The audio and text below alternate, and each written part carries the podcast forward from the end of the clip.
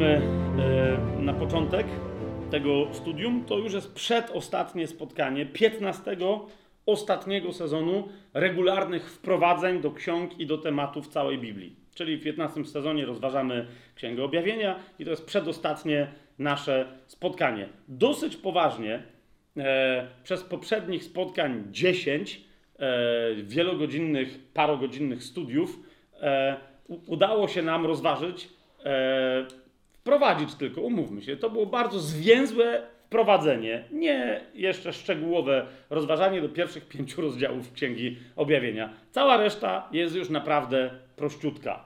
Okay? Dlatego mamy przedostatni, potem jeszcze tylko ostatni odcinek. Naprawdę zobaczymy, jak w momencie, kiedy priorytety i pryncypia mamy poustawiane jak należy, to potem cała reszta jest naprawdę prosta w Księdze Objawienia.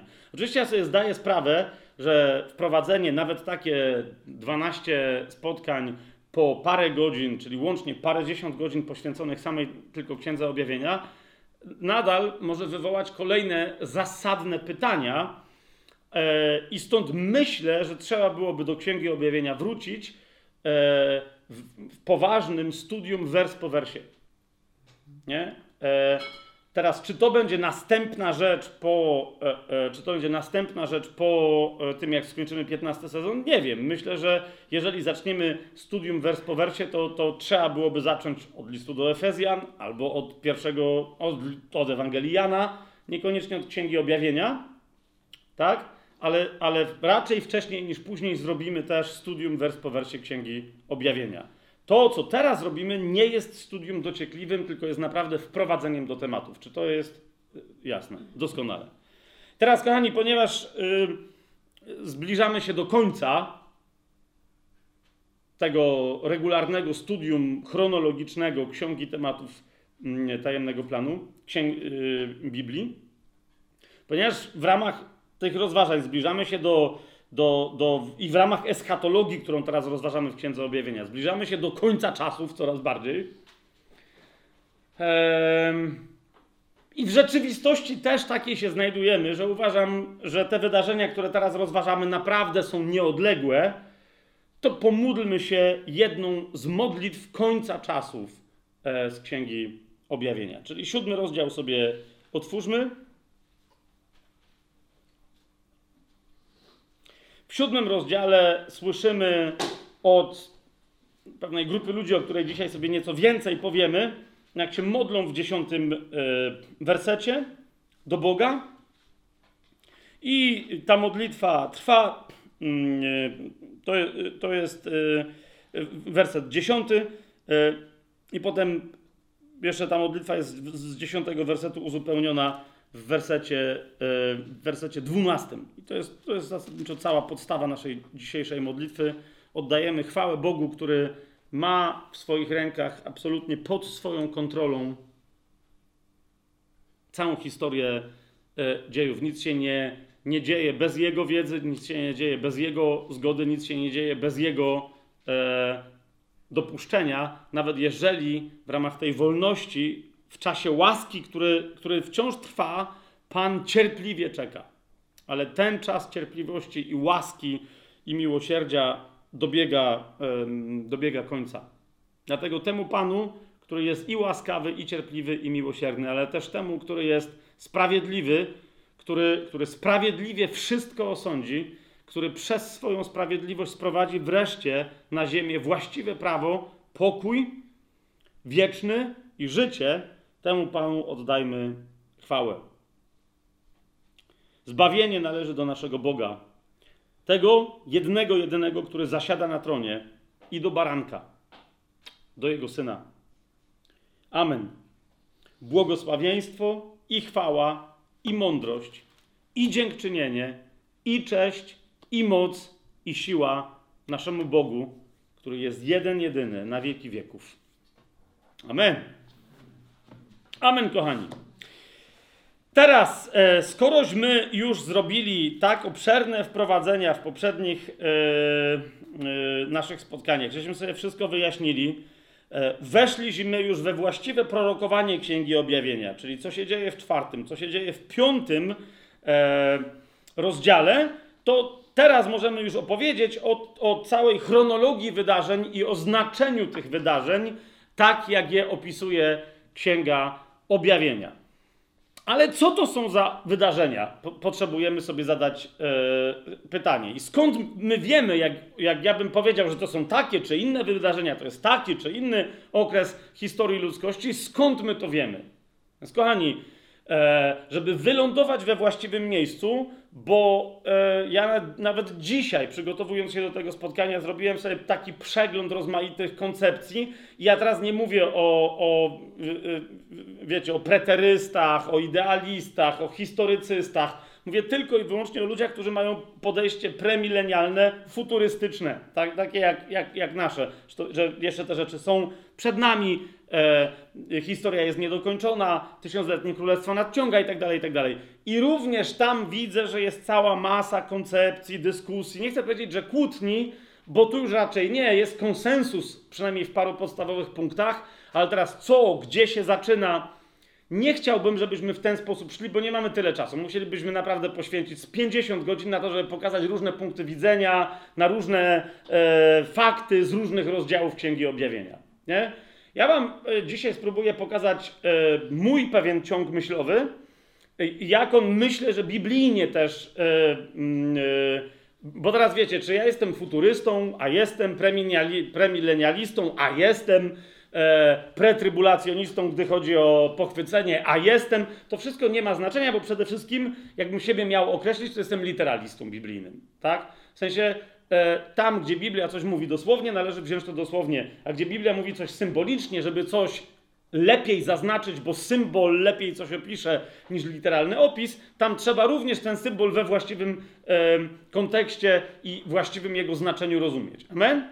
Więc z tego punktu widzenia, nie, to nie chodzi mi o to, że ja się skłaniam teraz i teraz będę bronić takiej czy innej opcji teologicznej, tylko E, bo nawet w ramach tych opcji, o których tu do tej pory mówiliśmy, są potem różne tam, wiecie, roztrząsania. Powiem wam mniej więcej, jak wygląda, e, gdzie, gdzie nie ma kontrowersji, gdzie jest konsensus, a gdzie się pojawiają kontrowersje i jak pewne fragmenty Księgi Objawienia niektórzy różnie rozumieją.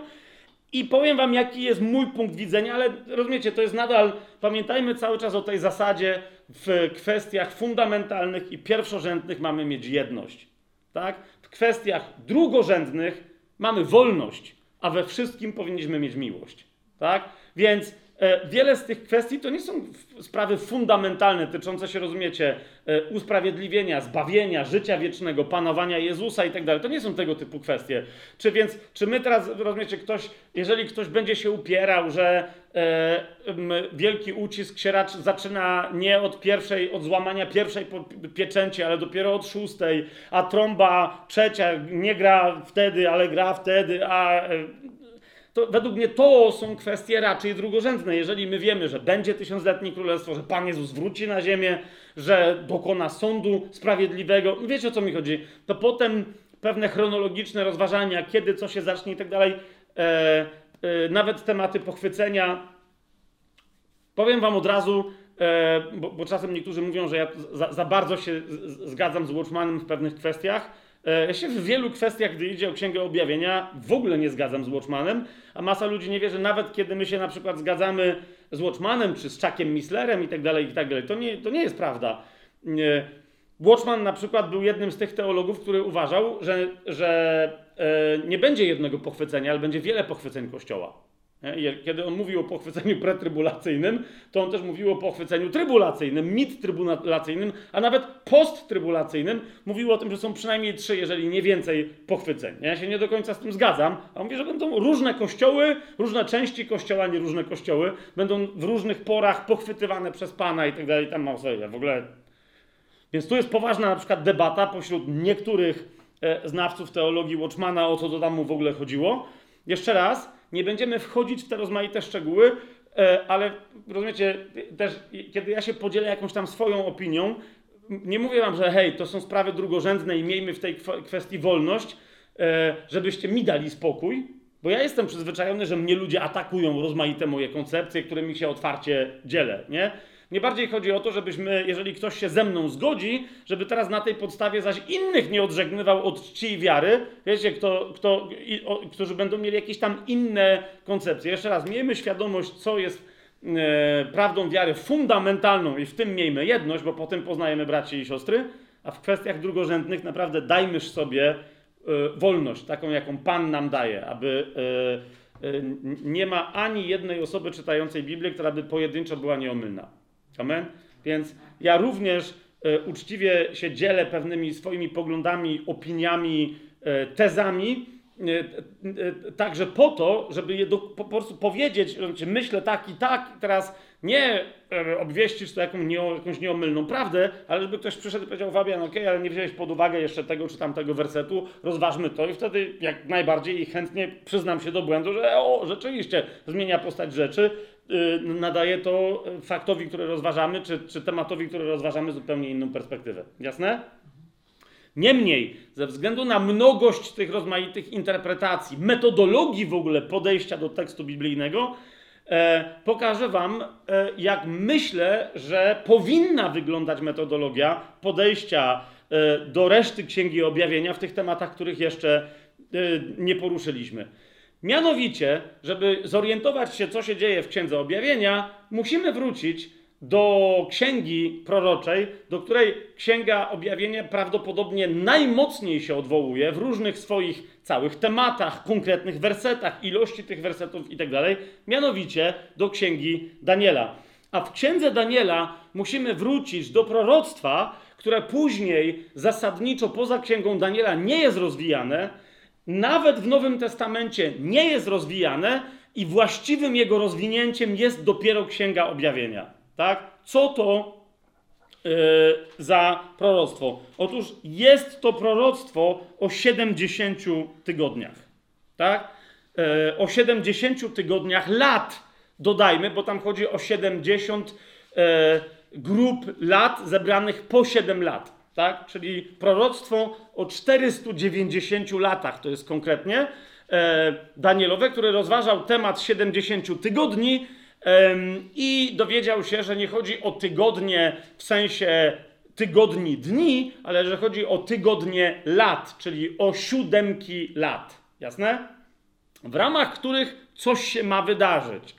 Teraz, jeżeli ktoś z Was chciałby, bo nie pamięta, nie zna zagadnienia i tak dalej, tu akurat jak po Was patrzę, to wszyscy raczej myślę, że raczej znają niż nie znają i raczej ze szczegółami cały temat, ale gdyby ktoś nie znał, bo nie wiem, słucha teraz tego nagrania i, i nie wie, co się dzieje, to mm, rozważaliśmy bardziej szczegółowo kwestię tego proroctwa przy okazji chociażby księgi Daniela. Zatem wystarczy wejść na stronę tajemnyplan.pl tam jest taki dział, który się nazywa tematy, wyszukiwarka tematów. W wyszukiwarce tematów prawdopodobnie proroctwo o 70 tygodniach powinno się znaleźć w takiej czy innej formie. Nie wiem, jak to jest opisane, ale jak to będzie publikowany ten materiał, to już prawdopodobnie to możemy dać pod spodem w komentarzu do tego filmu, e, jakie hasło najlepiej znaleźć, żeby wszystkie poprzednie nasze nauczania z poprzednich lat na temat tego proroctwa w księdze Daniela dokładnie pokazać.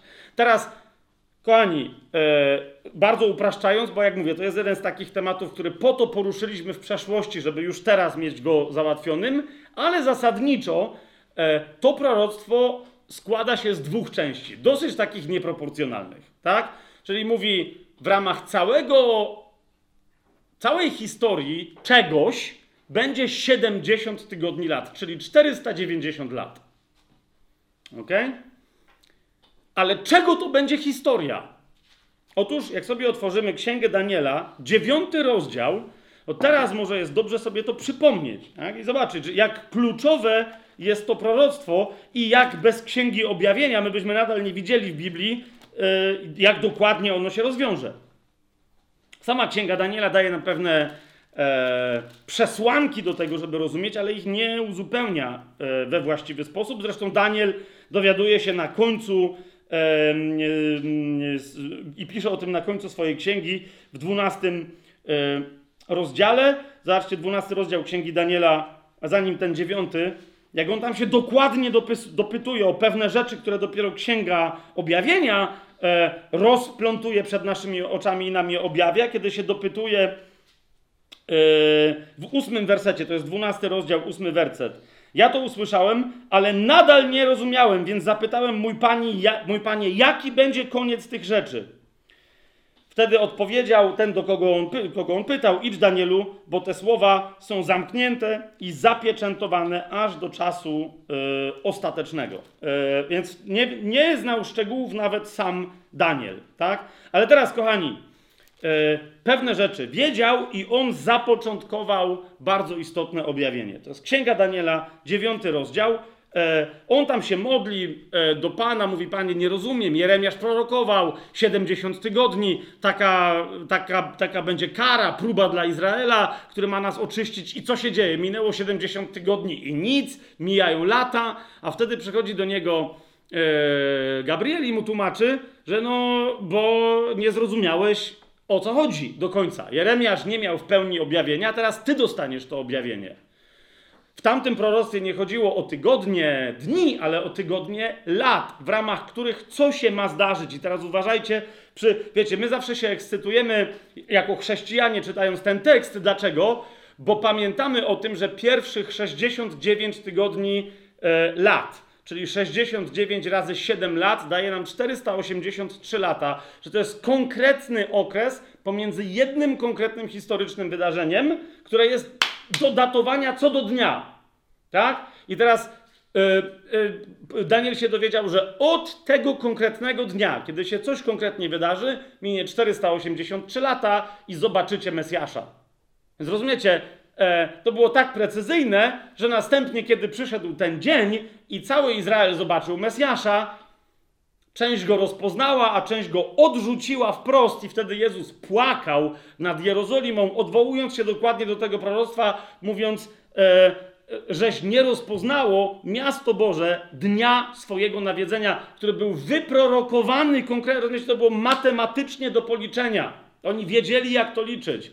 My teraz możemy mieć problemy z kalendarzami, jak który miesiąc liczyć, czy liczyć gregoriańskim, czy juliańskim, czy żydowskim, pobabilońskim, czy biblijnym. Wiecie o co mi chodzi? O tych liczeniach jeszcze będziemy, ale oni wtedy wiedzieli. I oni wiedzieli, jakie to było wydarzenie, które zapoczątkowało e, tych 70 tygodni i kiedy to skończył się 69 tydzień lat 483 lata. Dokładnie wtedy wystąpił Jezus, dokładnie wtedy wjeżdża do Jerozolimy i dokładnie wtedy oni go nie rozpoznają i dokładnie wtedy, zgodnie z Danielowym proroctwem, Mesjasz zostaje, jak on zaprorokował, odcięty.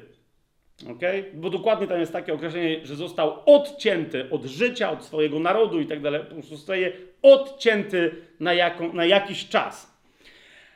A potem ma przyjść jeszcze, to jest dokładnie to, rozumiecie, czyli jest jedno yy, i wszyscy się tym ekscytują, bo to jest niesamowite, rozumiecie? Czyli padło proroctwo, my wiemy doskonale, że to proroctwo jest zapisane i wyprzedzało o kilkaset lat Chrystusa. Więc to jest jeden z biblijnych dowodów, e, po pierwsze, że Biblia jest prawdziwa, że jest natchniona przez Boga i że proroctwa w niej, rozumiecie, no kto może znać przyszłość tak precyzyjnie? A Bóg to dokładnie zapowiedział, to się stanie za 483 lata, od tego wydarzenia do tego zobaczycie Mesjasza, bach. Nawet jeżeli oni, Żydzi potem mówią, że no, ale tu jeden występował, tam inny jako Mesjasz, po pierwsze, nie w tych okolicach w ogóle czasowych, a tu jeszcze Jezus dokładnie co do dnia wtedy E, kiedy e, Daniel zapowiedział, że powinien się pojawić. Rozumiecie? Nie, nikt żaden inny tego dnia nie wystąpił, zwłaszcza, że Jezus wtedy zrealizował masę innych proroctw, tak? Pamiętacie, wjechał do Jerozolimy na osiołku i no tam jest cała masa, jest parę dziesiąt proroctw, które Jezus e, realizuje. Prawdopodobieństwo, że ktoś sobie wymyśli abstrakcyjnie, że jednego dnia, czy też w ciągu jednego tygodnia, codziennie jedna osoba zrealizuje ileś tam zmyślonych proroctw, jest żadne. Rozumiecie? Jezus mnóstwo proroctw na swój temat zrealizował co do słowa, a ściślej rzecz ujmując, to mnóstwo, mówię mnóstwo, ale w sensie wszystkie, które były na jego temat e, wcześniej spisane w Księdze Objawienia. Księga Daniela, to, to proroctwo o 69 tygodniach wskazywało na niego, jest absolutnie niepodważalne. Trzeba się mocno namęczyć intelektualnie, żeby znając Biblię nie zauważyć, że to chodzi o Jezusa. Ale na co chcę Wam zwrócić uwagę? Kiedy przeczytamy w dziewiątym rozdziale wstęp do tego proroctwa, to zauważcie, e, że ono mówi o znaczeniu wszystkich 70 tygodni, a nie 69. Dopóki nie dopełni się 70 tydzień, to proroctwo jest niedokończone. Więc przy całej naszej ekscytacji, że ono do 69 tygodnia doszło i wszystko się wypełniło co do joty, nadal to nie zmienia faktu, że to proroctwo jest niewypełnione, że to jest jasne. Nie? Więc teraz, kochani, zresztą zauważcie, że no, my dzisiaj wiemy, nawet po śmierci, po zmartwychwstaniu Pana Jezusa, po Jego wniebowstąpieniu, my wiemy, że to proroctwo jest niedokończone, kiedy przeczytamy jego opis w dziewiątym rozdziale Księgi Daniela w 24 wersecie. Tak? Spójrzcie. E, tłumaczy e, anioł, który przyszedł, e, Gabriel, Danielowi, e, e, w odpowiedzi na jego modlitwę, że on nie rozumie o co tu chodzi, tłumaczy mu 24 werset. 70 tygodni wyznaczono nad Twoim ludem i Twoim świętym miastem na zakończenie przestępstwa, na zgładzenie grzechów. Tutaj chodzi o kompletne zgładzenie grzechów i na przebłaganie za nieprawość, na wprowadzenie wiecznej sprawiedliwości, na opieczętowanie widzenia i proroctwa oraz na namaszczenie Najświętszego. Widzicie to? Na przykład, to mogą być różne teraz koncepcje teologiczne, ale nie wiem, no, z której strony ktoś by miał koncepcję teologiczną, że już na ziemi, bo teraz zauważcie, że to jest proroctwo, które się tyczy Twojego ludu i Twojego świętego miasta. Widzicie to? Tu chodzi o Izraela i chodzi o Jerozolimę. Nie? Chodzi o 70 tygodni związanych z Izraelem i z Jerozolimą. Po prostu. Pewne rzeczy się muszą wydarzyć w związku z Izraelem i z Jerozolimą. Nie z Babilonem, nie z żadnym innym świętym miastem, nie z Rzymem, nie z Licheniem, z Częstochową, tylko z Jerozolimą. Czy to jest jasne? Nie? Jeżeli ktoś z Was był teraz w Jerozolimie, e, rozumiecie, dopóki Jezus nie wróci na ziemię, to nie da się powiedzieć, że w Izraelu i w Jerozolimie doszło do wprowadzenia wiecznej sprawiedliwości. Czy rozumiecie o co mi chodzi? A zatem, a zatem dopiero kiedy się dopełni 70 tygodni, dopełni się to proroctwo. Jasność? Teraz, kochani, pierwszych 69 tygodni jest opisanych dalej w, roz, w wersetach 25 i 26a, że tak powiem, nie?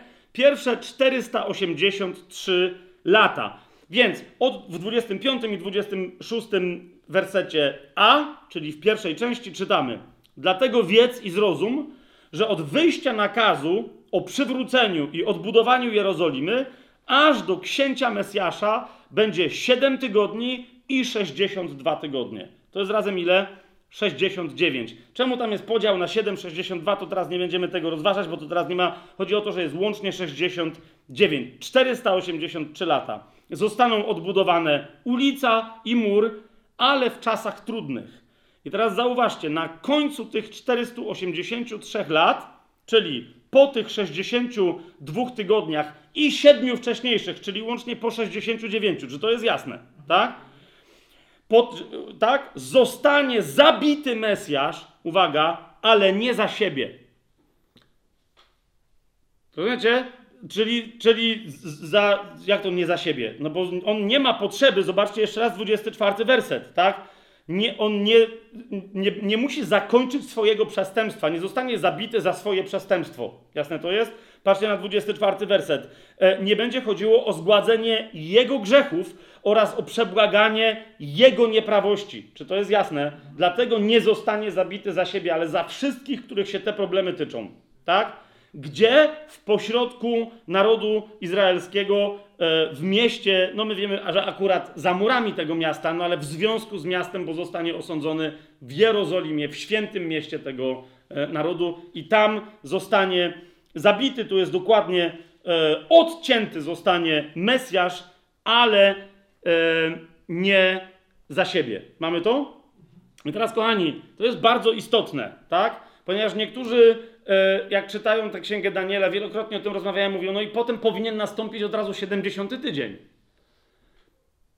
Po, po pierwsze, tak nie ma w tekście, Okay? Tekst zazwyczaj jest tak tłumaczony, jakby widzicie, jest takie Mesjasz, ale nie za siebie, jest kropka. Tam, a lud księcia, który przyjdzie i tak dalej. Nie, nie, nie. Chodzi o to, że tutaj ten łącznik jest takim łącznikiem, że później, nie wiadomo jak długo później, nie?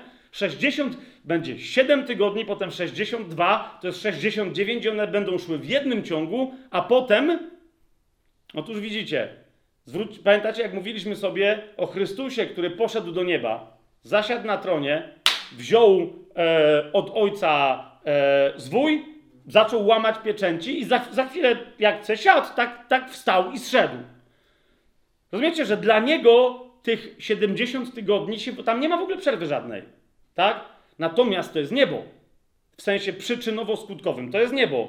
Na ziemi między końcem 69 tygodnia a początkiem 70 tygodnia upływa cały ten czas, który jest okresem łaski, który jest danym ludzkości, okresem cierpliwości wypracowanym przez Pana. Jasne? Aby e, ci wszyscy, którzy będą podpadać pod nieprawość, pod grzech, pod karę za swoją niesprawiedliwość, aby mogli doświadczyć usprawiedliwienia z łaski przez wiarę, nie z żadnych swoich uczynków, tylko i wyłącznie na bazie zasług, zasługi, jednej wielkiej zasługi i wszystkich zasług, które na tą zasługę się składały Jezusa na krzyżu. Amen? Jest, jest to jasne? I teraz, kochani, e, kiedy się zaczyna ostatni tydzień tego proroctwa? To jest bardzo istotne. Mamy w 26 wersecie i od tego zaczniemy, od, czyli druga część 26 wersetu i 27 e, werset. E, tu się zaczynają właśnie pewne kontrowersje, ja o nich powiem później, ale teraz zwróćcie na to uwagę. Księga Daniela mówi wyraźnie, że ostatni tydzień e, tego proroctwa i jednocześnie, od razu wam mówię, kochani, ostatni tydzień, w sensie tydzień lat, czyli ostatnich 7 lat wypełnienia tego proroctwa, to jest również, od razu mówię, ostatnich 7 lat czasu łaski, miłosierdzia i cierpliwości Boga.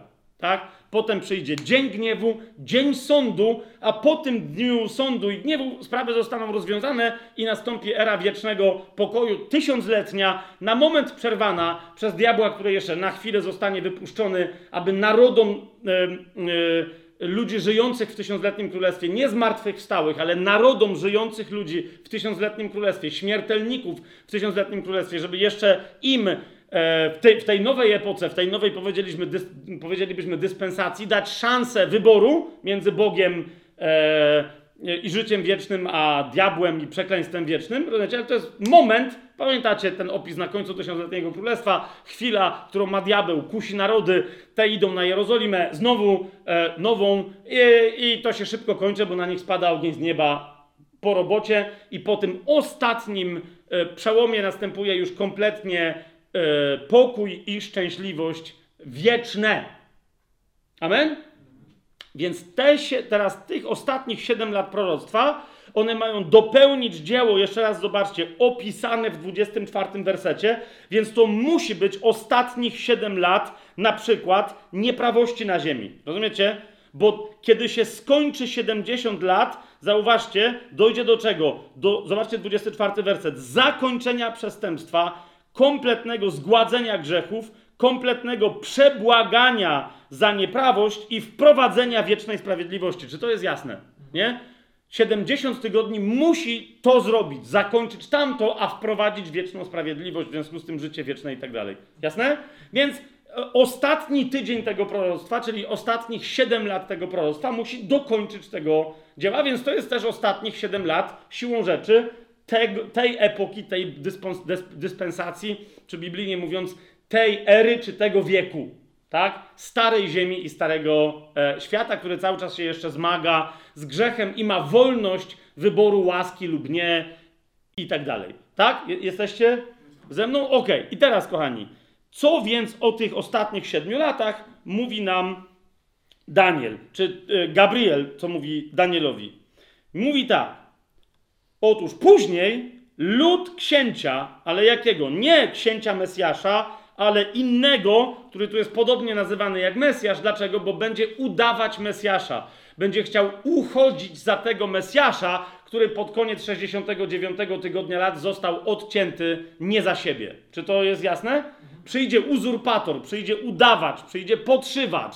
Skoro Mesjasz to jest Chrystus, to przyjdzie antychrystus, tak? Ktoś, kto próbuje wejść w miejsce i w rolę Chrystusa, nie będąc nie będąc nim, tak? I on przyjdzie z jakimś tam konkretną ekipą swoją, a lud księcia, który przyjdzie, zniszczy miasto i świątynię, i jego koniec nastąpi wśród powodzi, i do końca wojny są postanowione spustoszenia. Więc widzimy, że będą wojny, będzie spustoszenie, będzie niszczone miasto święte, a w środku tego miasta będzie świątynia, która też będzie zniszczona. Spustoszenie w tym wszystkim jest niezwykle istotne. Teraz, czego się dowiadujemy o tym księciu? 27 werset.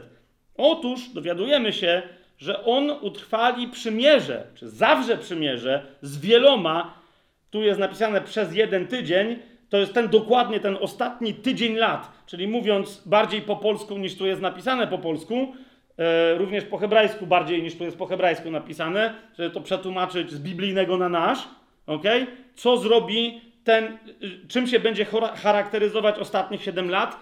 To będzie 7 lat, które się zaczną w pewnym sensie trochę z inicjatywy antychrysta, który zawrze umowę i objawi się światu, dlatego będzie udawać przez jakiś czas, rozumiecie, Mesjasza, ponieważ objawi się światu jako ten, który wprowadził na całej ziemi pokój, tak? Zwłaszcza na Bliskim Wschodzie. Wprowadzi przymierze między wieloma, niektórzy mówią, że między wieloma pokoleniami Izraela, raczej wydaje mi się, że między wieloma narodami skłóconymi na Bliskim Wschodzie i między wieloma narodami całego świata. Rozumiecie, że dojdzie do pokoju. Swoją drogą, jak się przyjrzycie, bo to łatwo sprawdzić, tak? Jesteśmy bardzo blisko pewnych historycznych wydarzeń, bliżej niż kiedykolwiek się nam wydawało, niż na przykład mi się wydawało 20 lat temu, że ja w ogóle dożyję czegoś takiego. Teraz widzę to na własne oczy, tak? E, mamy Sanhedryn kompletnie odrestaurowany w Jerozolimie. Mamy przygotowane wszystkie naczynia i szaty do obsługi świątyni, której jeszcze nie ma, ale mamy wszystko. Rozumiecie? Wszystkie naczynia, sprzęty, które są opisane E, w księdze prawa, w torze, wszystkie instrumenty, które są potrzebne do grania, naczynia do obmywania, wiecie, e, tą menorę, świeczniki i tak dalej, trąby do grania, wszystko z właściwego wykonane srebra, miedzi, złota, dosłownie Szaty są przygotowane, są nawet, one są cały czas zmieniane, ponieważ się zmienia zestaw lewitów, którzy, gdyby dzisiaj ktoś powiedział, teraz zaczynamy obrzędy, to oni się muszą nie ubrać, rozumiecie? Więc w momencie, kiedy zmienia się zestaw tych lewitów, to się zmieniają rozmiary tych szat, żeby były na, na, na każdą rotę tych, którzy będą, rozumiecie? Oni już zresztą składają w Jerozolimie ofiary całopalne, tylko to się dzieje nieregularnie, ale już od, y, od paru ładnych lat jest wyznaczony arcykapłan, który je składa regularnie w, w, w odpowiednich momentach. I teraz co jest istotne? Nie ma świątyni. Tak? Jest ważne, żeby ona została zbudowana. I, i, I, teraz zdziwiłby się ktoś, bo oczywiście jest plan, wiadomo jak ona wygląda, na wybijanych szeklach świątynnych, bo twierdzę, że to są szekle świątynne srebrnych, którymi się myślę, że będzie ostatecznie płacić za, za e, ofiary, tak jak niegdyś bywało w świątyni, e, wiecie, zwłaszcza za grzeszne, e, jest pokazany jak model tej świątyni, więc jasne, że jeżeli to mają być szekle do tej świątyni, to też na tych szeklach musi ta świątynia wyglądać tak, jak oni chcą ją odbudować. Jak zobaczycie na, na stronach Instytutu Świątynnego w Jerozolimie, lub też jak będziecie w Jerozolimie, bo nie wiem, czy tam z powrotem otworzyli e, Instytut Świątyny, tam mieli taką wystawę, gdzie można było dokładnie sobie pewne rzeczy, te, te, konkretnie te sprzęty, o których Wam mówię, obejrzeć. Nie do końca dało się je dotknąć, bo one są za takimi specjalnymi tam pleksami ochronnymi i tak dalej, ale dosłownie można je otworzyć i kto potrzebuje się ubierze, jak jest świątynia, wchodzi i działają. Na końcu, jak ja pamiętam, byłem w Instytucie Świątynnym. Na samym końcu e, jest takie, taki, takie mała taka sala kinowa i pokazują e, plany, jak będzie wyglądać świątynia i takie wizualizacje, gdzie ona chcą, żeby była wybudowana i jak ona będzie wyglądać na tle dzisiejszej Jerozolimy, kiedy już będzie wybudowana. Jasne? A teraz, kochani, o co mi chodzi? Jeżeli wejdziecie na stronę Instytutu Świątynnego, Okay? Bo, bo, bo, bo, bo, bo to jest jedno z największych zdziwień, jakiego doświadczają dzisiaj ludzie. Że przecież Żydzi, gdyby odbudowywali świątynię, to by chcieli odbudować świątynię dla kogo albo dlaczego? No dla Jahwe, ale w ramach kultu judaistycznego, no bo przecież Żydzi są wyznawcami judaizmu, zgadza się? Więc rzucam wam wyzwanie, wejdźcie i znajdźcie mi ultraortodoksyjny judaizm w momencie, kiedy wejdziecie na stronę świątyni, która ma być budowana Jaka tam jest ideologia? Słuchajcie, masa ludzi jest szokowanych, kiedy nagle czyta, że Żydzi, rabini, Sanhedryn, uczeni w piśmie, wszyscy dzisiejsi żydowscy mówią, że chcą, aby odbudowana świątynia była świątynią, uważajcie na to, zjednoczenia wszystkich narodów świata. To oczywiście Żydzi są, są pierwszym z narodów, ale żeby wszystkich 70 narodów świata tam było, to ma być świątynia pokoju, bezpieczeństwa, jedności wszechświatowej. Czy to jest jasne? Tak? I oni naprawdę mówią, my tam będziemy składać ofiary, ale jakby nie chcemy epatować innych naszą religią. To ma być takie miejsce wręcz religijne, ale trochę ponadreligijne, żeby ludzie z wszystkich religii tam się odnaleźli, żebyśmy po prostu razem oddawali cześć Bogu ogólnie, no bo wszyscy, nieważne jaką religię wyznają, to jakby w zasadzie w sumie e, Bóg jest jeden, to on se to zbiera, jakby to nie ma, wie, wiecie, cały ten taki synkretyzm religijny, taki, e, ta, taki, taki indyferentyzm religijny tam pobrzmiewa w sposób absolutnie szokujący, nie? Przygotowywanie miejsca wręcz, tronowania dla kogoś, żeby się wtedy ogłosił Bogiem w tym miejscu, rozumiecie? I powiedział, to ja was zjednoczyłem, wszystkie ludy ziemi, jest wręcz teraz już, ja nie wiem na ile oni są świadomi, a nie, na ile są nieświadomi tego, co się dzieje, ale jest dosłownie teraz przygotowywane. Jasne? Więc kochani, co mówi Księga Daniela? Że pojawi się jakiś książę, jakiś władca i on dokona niemożliwego zawiąże historyczne, epokowe przymierze między wieloma, im więcej tych narodów będzie, tym lepiej, ok? E, I ono będzie e, mieć jakiś, jakąś swoją sygnaturę, jakiś swój znak, e, być może nawet będzie podpisane właśnie w Jerozolimie, ok? E, więc albo będzie się tyczyć Bliskiego Wschodu, albo, albo nawet całego świata, Zresztą wiecie, jeżeli Bliski Wschód się uspokoi, to się cały świat może na jakąś chwilę uspokoić, tak? I on obieca światu, że to jest na 7 lat, to jest bardzo istotne, tak? Teraz nie będzie ten pokój trwać 7 lat, ale, ale ten, to ogłoszenie będzie de facto oznaczać ostatnich 7 lat starej epoki. Czytamy 27 y, werset, więc ten książę co zrobi? Zawrze przymierze, trwałe przymierze, to jest e, mm, ironicznie e, albo sarkastycznie tu wręcz powiedziane, wobec tego, co on za chwilę robi, tak? E, utrwali przymierze z wieloma na jeden tydzień lat, bo tutaj chodzi o, czy na siedem lat, to chodzi o tydzień lat. Uwaga! A w połowie tego tygodnia lat sprawi, że ustanie ofiara spalana i ofiara z pokarmów, a przez mnóstwo obrzydliwości uczyni spustoszenie aż do końca i wyleje się to, co postanowione, na tego, który ma być spustoszony. Nie? Czyli kiedy minie 3,5 roku, dokładnie tu jest tak powiedziane, i to jest później bardzo istotne, bo drugiej części tych siedmiu lat Biblia się trzyma, znaczy mówi, że dokładnie on w, w, połowie, czyli minie 3,5 roku. Ile jeszcze zostanie? 3,5 roku. I dzisiaj będziemy do tej e, liczby lat, miesięcy, dni, będziemy dzisiaj non-stop wracać. W każdym razie ten 70 tydzień w połowie, co zrobi? Ujawni prawdziwe oblicze tego księcia. Nie?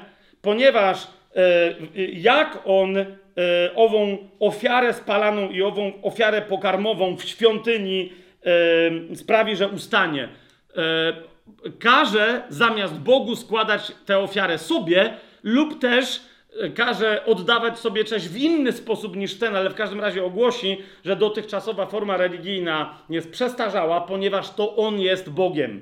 I o tym w wielu innych, Biblia, e, w wielu innych miejscach Biblia nam mówi, o czym za chwilę. Teraz tylko po, potrzebujemy sobie przypomnieć temat 70 tygodnia który wypełnia proroctwo o 70 tygodniach lat z księgi Daniela. Mamy jasność? Więc tu jest to proroctwo o 70 tygodniach. Ostatni tydzień to jest tydzień, kiedy pojawia się na świecie antychryst, ale świat go nie rozpoznaje. Może niektórzy go rozpoznają, e, ale większość ludzi go nie rozpoznaje albo nie wierzy w chrześcijańskie, w cudzym słowie, e, e, w cudzysłowie. Ktoś mnie poprosił, żebym nie mówił w cudzym słowie. Błędem jest mówienie w cudzym słowiu, ale zgadzam się, że należy mówić po polsku, jest taki tak utarte w, w cudzysłowie, a nie w cudzym słowie, wszystko grając. W cudzysłowie, tak? E, yy, brednie chrześcijańskie o tym, że, że jakiś antychryst, że coś tam, ale kto ma wiedzieć, ten wie i kto będzie miał wiedzieć, ten będzie wiedział. tak? Kiedy on się pojawi, zawiąże to przymierze dla tych, którzy wiedzą, znają Słowo Boże, mają Ducha Świętego. Gdyby jeszcze wtedy byli na ziemi, będzie to dla nich jasne, albo szybko stanie się dla nich jasne, kiedy się narodzą z Ducha. E, mamy to? Teraz, e, kochani, dziewiąty rozdział Księgi Daniela uzupełnia pewne rzeczy, o których już Daniel wcześniej wiedział. Na przykład w siódmym rozdziale się e, dowiedział. Więc na zasadzie reminiscencji, teraz wróćmy się do siódmego rozdziału, e, bo tutaj Daniel, co w siódmym rozdziale otrzymał, to w dziewiątym rozdziale pamiętał, a my niekoniecznie wiemy, więc teraz wróćmy się do siódmego rozdziału, bo tam mamy więcej e, szczegółów. W księdze Daniela w siódmym rozdziale sobie otwórzmy, e, spójrzmy na werset dziewiętnasty. I od 19 wersetu będziemy czytać aż do 27 szybciutko, bo to jest e, ten sam temat, ten sam czas, tych samych 7, e, 7 lat. Wtedy pragnąłem poznać prawdę o czwartej bestii, mówi e, Daniel, która różniła się od wszystkich innych. Straszna nadmiarę, której zęby były żelazne, a pazury z brązu i tak dalej, i tak dalej, która deptała resztę swoimi nogami, a także o tych dziesięciu rogach, które były na jej głowie. Nie, macie, mamy ogromną bestię z dziesięcioma rogami, tak? I o innym, który wyrósł, o jedenastym rogu, widzicie, tak? To jest antychryst. Yy, znów, kochani, my dzisiaj specjalnie tematu antychrysta nie będziemy poruszać. Dlaczego? Bo go już poruszaliśmy. Mieliśmy ileś tam spotkań na ten temat i znowu będzie osobny, osobna playlista podana pod nagraniem do tego, do tego naszego dzisiejszego studium, gdzie sobie dokładnie cały ten temat. Yy, ja tylko dzisiaj przypominam o 70 E, tygodniu z proroctwa Daniela, a nie będziemy każdego z tych tematów roztrząsać. Po to, żeśmy to zrobili wcześniej, żeby już dzisiaj właśnie mieć to e, załatwione. Więc e, on jest nazywany ósmym rogiem, inaczej, jest nazywany jedenastym rogiem, bo jest kolejnym z dziesięciu, ale on usunie trzech z tych dziesięciu, zostanie siedmiu, więc wtedy on siłą rzeczy zostaje ósmym z siedmiu, tak? na różne sposoby antychryst jest nazywany. Jest nazywany bestią czy zwierzęciem w Księdze Objawienia, e, która ma siłę od pewnej bestii, czyli zwierzęcia duchowego, czyli no ale to jeszcze raz, więcej o tym mówiliśmy przy okazji samego antychrysta. Kto potrzebuje to zgłębić, to niech przejdzie do tamtego naszego studium. Tu tylko szybko sobie czytamy, że Daniel chciałby się dowiedzieć o tych dziesięciu rogach, dwudziesty werset, które były na głowie bestii i o innym, który wyrósł, przed którym upadły trzy, o tym właśnie rogu, który miał oczy i usta mówiące wielkie rzeczy, a wyglądał na większy od innych rogów, chociaż my wiemy, że wcześniej był mniejszy i dlatego był nazywany rożkiem, czy małym wręcz rożkiem, tak? I przypatrywałem się, a oto ten róg walczył ze świętymi i przemagał ich. Widzicie to?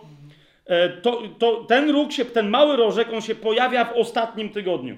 Tak? To jest cały czas temat ostatniego tygodnia lat, ostatnich siedmiu lat na ziemi. On walczy ze świętymi i przemaga ich, tak? 22 werset. Aż przyszedł odwieczny i oddano sąd świętym Najwyższego i nadszedł czas, aby święci otrzymali królestwo. Kiedy upada mały rożek, jedenasty róg, ósmy róg, e, zwierzę e, ziemskie, antychryst, kiedy upada, po nim następuje tysiącletnie i wieczne królestwo. Nie ma, nie ma dalej historii starej ziemi. Jasne? I teraz interpretacja, którą on otrzymuje, e, jest następująca, następująca w 23 wersecie. Chociaż już z tego, co tu czytamy, znając resztę Biblii, już mamy mnóstwo informacji, ale mamy jeszcze rozwinięcie tych informacji od 23 wersetu. I powiedział mi tak: Czwarta bestia oznacza czwarte królestwo na ziemi, które będzie różniło się od wszystkich królestw i pożre całą ziemię, podepcze i zmiażdży ją. Mówiąc najprościej, kochani, istnieje pewna siła polityczna, czy też duchowe ustrukturyzowanie polityki światowej, które spowoduje, że powstanie takie królestwo, e, czwarte królestwo, i teraz myśmy to sobie mm, e, zgodnie z Biblią zresztą rozczytali, że jest to imperium rzymskie. Okay? Które kiedy upadnie, będzie się wydawało w historii, to nie upadnie, bo Biblia mówi wyraźnie, że ono będzie mutowało i z niego powstanie potem e, pakt, czy też sojusz, e, alians, unia dziesięciu państw czy dziesięciu królestw jakiegoś rodzaju, okay? i z nich te, ten, ten sojusz da siłę jedenastemu, czyli antychrystowi.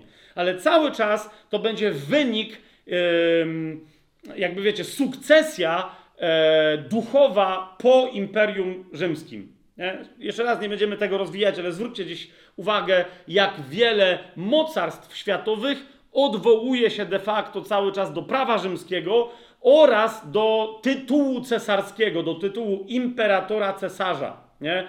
E, w symbolice, w ustawodawstwie, w prowadzeniu polityki, w tytulaturę, w tytulaturze itd., tak itd. Tak nie? Popatrzcie na, na Stany Zjednoczone z ich rozumieniem republiki, senatu, z ich rozumieniem prezydenta. E, e, nawet stolica, e, e de facto stolica, czyli Waszyngton, e, od początku Stanów Zjednoczonych był, była budowana jak Rzym. Jak sobie sprawdzicie, Rzym nie jest jedynym miastem na świecie, który celowo był budowany, które celowo było budowane na siedmiu wzgórzach czy Rzym był celowo budowany, czy nie, to jest inna sprawa, ale Waszyngton celowo był budowany tak, żeby wyglądał, że jest miastem na siedmiu wzgórzach, tak? E, z, z, naczelnym wzgórzem kapitolińskim i tak dalej, i tak dalej. Wszystkie budynki, wszystko tam jest stylizowane na Rzym, sami y, to, y, sami zobaczcie, tak? Orzeł amerykański, cała symbolika jest rzymska w Senacie, w Izbie Niższej, Wyższej Parlamentu Amerykańskiego i tak dalej, i tak dalej. Z drugiej strony spójrzcie na Rosję. Okay? Spójrzcie na Rosję, która cały czas, pamiętacie, że Imperium Rzymskie się rozpadło na Cesarstwo Rzymskie Wschodnie i Zachodnie, tak? Rosja cały czas sobie uzurpuje, nie wiem czy sobie uzurpuje, ale twierdzi, że ma prawo do właściwej sukcesji po Bizancjum e, i religia na to wskazuje i tak dalej, do tego, żeby być właściwym Rzymem. Oni mają te, te władzę. Z jeszcze innej strony Unia Europejska e, bardzo delikatnie i nie wprost, ale sugeruje, że jak ktoś tu ma kontynuować właściwą misję Rzymu, to jest właśnie Unia Europejska. Z jeszcze innej strony, jak się przyjrzycie Chinom, to okazuje się, że Chiny nagle są w zasadzie od zawsze właściwym Rzymem w swoim rozumieniu, bo są w środku świata i tak dalej, i tak dalej, i tak dalej. E, jest, jest masę sił na świecie, które bardzo chcą mieć władzę, którą kiedyś dano mieć Imperium Rzymskiemu. Rozumiecie, o co, o co idzie? I teraz, e, więc mamy najpierw polityczną siłę. Niektórzy mówią, że Rzym oznacza też e, siłę religijną. Pamiętajcie, kochani, o e, misterium, o tajemnicy Babilonie Wielkim. Tak? O mieście Babilon i o wielkiej nierządnicy babilońskiej. Jasne? Ona reprezentuje magię, czary, duchową stronę e, diabelstwa zorganizowaną na ziemi, więc to ta postać symbolizuje wszystko to, co jest związane z bezbożną religijnością. Jasne? A nie, że y, mamy dwie siły, siłę polityczną i siłę religijną, zwłaszcza, że zwracam wam uwagę, że ta ekipa, która wyprowadzi do władzy antychrysta, dokładnie ta ekipa następnie zniszczy nierządnicę Babilonu. Rozumiecie? Więc Y, ta siła polityczna, nazwijmy ją Imperium Rzymskiego, nie może być tożsama z nierządnicą babilońską. Czy to jest jasne, co ja teraz y, mówię? Tu trzymajmy Księgę Daniela założoną, ale gdyby to nie było jasne, albo gdybyście nie pamiętali, do czego się y, odwołuje, to otwórzmy sobie Księgę Objawienia, żeby to szybciutko zobaczyć. Księgę Objawienia w 17 mm, rozdziale. Dokładnie Księga Objawienia mówi to samo, co Księga Daniela, że będzie tych dziesięciu władców, którzy doprowadzą do władzy yy, antychrysta, który potem zniszczy trzech z nich i tak dalej, i tak dalej. Ale uważajcie, oni to, bo rozumiecie, 17 rozdział e, opisuje od początku, zobaczcie 17 rozdział, pierwszy werset, choć pokażę ci sąd nad wielką nierządnicą. Widzicie to? To jest sąd nad nie, nie, nierządnicą babilońską. I teraz zobaczcie, kto się wydatnie przyczyni, żeby nie rzec wręcz, że stanie się narzędziem sądu nad nią. Dokładnie ci, na których ona jeździła. Tak? Oni się odwrócą przeciwko niej. W 17 rozdziale, spójrzcie, czytamy yy, 16 werset. A dziesięć rogów, które widziałeś na bestii, oni znienawidzą nierządnicę i sprawią, że będzie spustoszona i naga i będą jeść jej ciało i spalą ją w ogniu. Widzicie to? Więc jeszcze raz, oni nie spalą sami siebie, to, będzie, to jest inna jakby instancja. Tak? Mamy to? Wracamy do Księgi Daniela, siódmy rozdział. A zatem, tam czytamy w 24 wersecie, dziesięć rogów oznacza, że z tego królestwa tego czwartego królestwa w 23 wersecie, tak? Jesteście cały czas ze mną? czyli z tego wykwitu, którym wiemy, że jest Imperium Rzymskie, zapowiedziane, bo my widzimy w księdze Daniela następujące po sobie kolejno imperia e, Babilon, e, Persję, Grecję i Rzym. Pamiętacie? Tak więc to jest jasne, że tam dochodzi do Rzymu. Wszystkie cechy Daniel Rzymu zapowiada, które potem się sprawdzają, jakby historia później się sprawdza, co do Joty, którą Daniel usłyszał, że się wydarzy. Tak? I teraz na końcu dziejów w duchu Imperium Rzymskiego podniesie się dziesięciu władców i oni, e, i oni są jakby na głowie tej, tej, tej, tej, tej bestii, tak? Czwartej. 24 werset. Dziesięć rogów oznacza, że z tego królestwa powstanie dziesięciu królów, a po nich powstanie inny, który będzie różnił się od pierwszych i poniży trzech królów. On to będzie mówił słowa przeciwko Najwyższemu, on to będzie wytracał świętych Najwyższego. Będzie zamierzał zmienić czasy i prawa, gdyż będą wydane w jego ręce, uważajcie na to, aż do czasu, czasów i połowy czasu. W języku hebrajskim oznacza to rok, dwa lata i pół roku. Ok? Czyli e, zwróćcie uwagę, mimo że on zapoczątkuje siedem ostatnich lat tym przymierzem, to de facto objawienie się jego mocy, jakby pozwolenie, pozwolenie mu na to, żeby on działał w pełni tajemnicy nieprawości, to jest dopiero ostatnie 3,5 roku. Jasne? On wtedy dopiero będzie miał siłę, żeby walczyć ze świętymi, pełną siłę i żeby ich zwyciężać. Wszystko będzie wytracać świętych, będzie mówić słowa przeciwko Najwyższemu, tak? Będą, y, wszystko to będzie wydane w jego ręce aż do czasu, czasów i połowy czasu, tak? Liczba pojedyncza, liczba mnoga oznacza tutaj dwa i połówka y, oznacza, czyli raz plus dwa plus pół, trzy i pół, tak? Od tej pory, pamiętajcie, kochani, kiedy mówimy zwłaszcza o końcu czasów, ale są tacy egzegeci, którzy twierdzą, że każda liczba, która jest tożsama, nie liczba, liczba e, oznaczająca chronos w Biblii, czyli liczba oznaczająca 3,5 roku, 42 miesiące albo 1260 dni, tak? Jeżeli się pojawią te liczby oznaczające 3,5 roku, 42 miesiące, czyli 3,5 roku albo 1260 dni, jeżeli macie takie liczby, to one są tacy egzegeci, którzy twierdzą, że za każdym razem taka liczba dni, miesięcy lub lat oznacza wyłącznie ostatnie 3,5 roku tej ziemi, tego świata yy, i tej epoki. Nic innego. Nie? Więc jak gdzieś w Biblii znajdziecie te liczby, wielu egzegetów mówi, jeżeli nawet ci się wydaje, że tam chodzi o coś innego, to musi być związane z ostatnimi dniami, y, latami, dniami, miesiącami y, tej epoki i tego wieku. Ale zwłaszcza jak mamy teksty w Księdze Daniela czy w Księdze Objawienia, których sobie więcej dzisiaj pokażemy, to zauważycie, schodzi dokładnie o ten czas. Nie o pierwsze 3,5 roku, o jakieś nie wiadomo jakie 3,5 roku, chodzi zawsze o drugie, e, drugą połowę ostatniego tygodnia lat tej epoki, tego wieku. Mamy jasność? Czas, dwa czasy i połowę czasu. I jak ten, te, te 3,5 roku się dopełnią, 26 werset, zobaczcie, potem zasiądzie sąd i tam odbiorą mu władzę temu antychrystowi, aby została zniszczona i wytracona aż do końca. A królestwo, władza i wielkość królestwa pod całym niebem zostaną oddane ludowi świętych Najwyższego, którego królestwo będzie królestwem wiecznym, a wszystkie zwierzchności będą mu służyć i tylko i wyłącznie jego słuchać. Amen?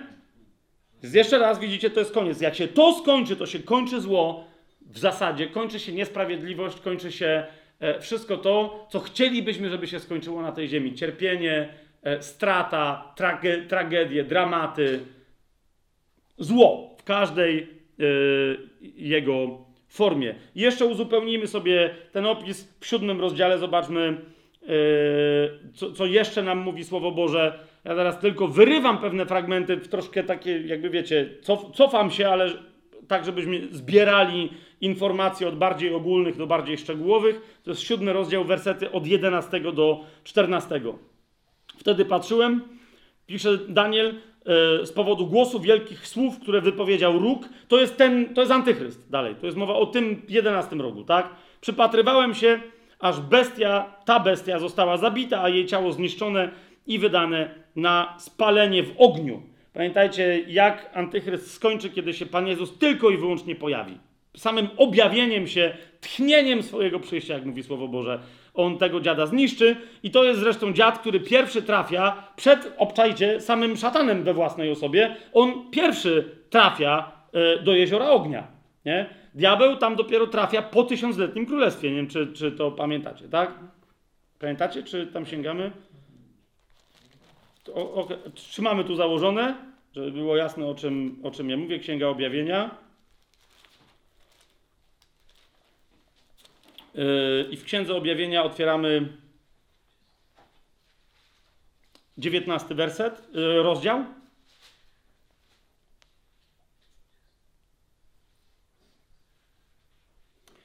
I tam o postaci Antychrysta, jak wiecie, ona cała na ziemi próbuje zrobić y, karykaturę groteskową, parodię Trójcy Świętej, więc Antychryst na ziemi de facto to też jest trójca przeklęta, trójca demoniczna. Nie? To jest, to jest y, zwierzę, to jest fałszywy prorok, który też jest zwierzęciem i wizerunek zwierzęcia, lub też jak tłumaczą inni, to jest bestia, to jest prorok bestii i wizerunek bestii, który bestia ożywia e, tak, żeby on przynajmniej wyglądał, jakby był żywy. Wszyscy wierzą, że to coś było martwe, a jest żywe, i tak powstaje fałszywa trójca. Tak? Jasne to jest, to jest w 13 rozdziale Księgi Objawienia opisane, ale w 19 mamy napisane i zobaczyłem e, w 19 rozdziale, w 19 wersecie i zobaczyłem bestie i królów ziemi i ich wojska zgromadzone, by stoczyć bitwę z tym, który siedzi na koniu i z jego wojskiem, czyli z Jezusem i z nami. To my jesteśmy, tak? Wracający e, z Jezusem i z aniołami z nieba na ziemię. I co się dzieje? 20 werset. I schwytana została bestia, a z nią fałszywy prorok, który czynił przed nią cuda, jakimi zwiódł tych, którzy przyjęli znamie bestii i oddawali pokłon jej wizerunkowi. I co się stało? Oboje zostali żywcem wrzuceni do jeziora ognia płonącego siarką, czyli do Gehenny, czyli do piekła właściwego. Nie do, nie do Hadesu, nie do Tartaru, tylko do jeziora ognia, do Gehenny. Czy to jest jasne? Nie?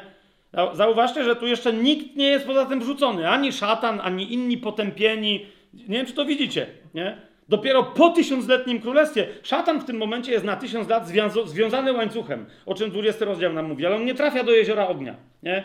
Pierwsi delikwenci, więc teraz wracamy do księgi Daniela, siódmy rozdział, bo on nam to też y, o tym mówi, tak? Że ta bestia, kiedy zginęła, 11, 7 rozdział, 11 werset. Zobaczcie, przypatrywałem się, aż bestia została zabita, a jej ciało zniszczone i wydane na spalenie w ogniu. To jest dokładnie opis wyrzucenia jej do jeziora ognia. Widzicie, nie?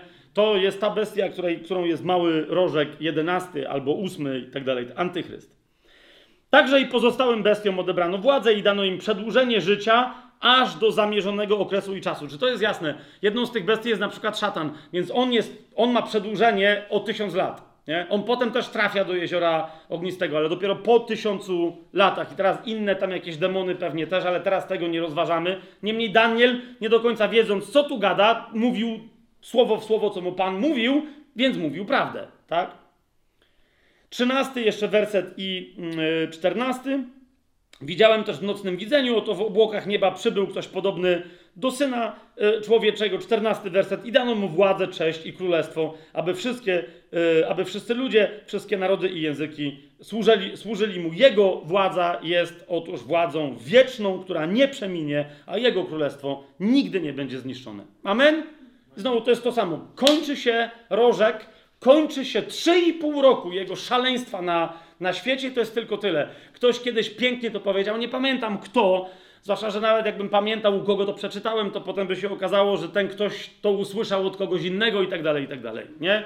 Mianowicie w, tym, w, tym, w tej kulminacji wszechdziejów ludzkości, genialnie to jest powiedziane, zaraz po tym, jak diabeł przez 3,5 roku, przez wcielonego diabła, czyli antychrysta, zrobi swoje najgorsze, co kiedykolwiek mógł zrobić, zaraz potem na wieki Bóg zrobi najlepsze co zawsze dla nas zamierzył.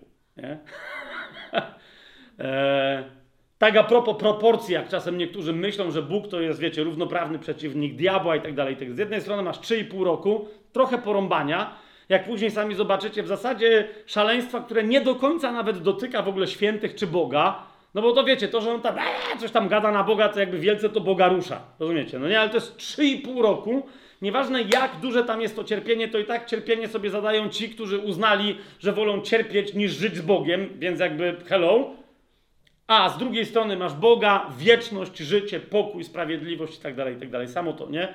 Trzy i pół roku. Najgorsze, co Bóg i jego opętani ludzie mogą sobie nawzajem zrobić na ziemi, a zaraz później najlepsze, co Bóg chce, bo zamierzył zrobić wraz z ludźmi na ziemi. Księga Objawienia, szybciutko sobie przeskoczmy, e, powiada nam 13 rozdział.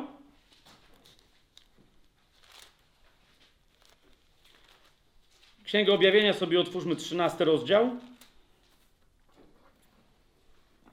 Widzimy, e, że ta bestia zidentyfikowana w księdze Daniela z dziesięcioma rogami na głowie, z których wyrasta potem jedenasty, ona się w księdze objawienia pojawia wprost, jest opisana wprost jako taka w trzynastym rozdziale, w pierwszym wersecie. I zobaczyłem bestię wychodzącą z morza, mającą siedem głów i dziesięć rogów, a na jej rogach było dziesięć koron, a na jej głowach imię bluźnierstwa. Każdy z tych rogów jest, widzicie, ukoronowany na swój dziwaczny sposób. To są ci, e, to są ci władcy, e, ten, ten, ten, ten sojusz, ten pakt, ta unia tych dziesięciu, którzy już w księdze Daniela byli mm, opisani, spośród których powstanie jeden, tak? Ale teraz co jest istotne?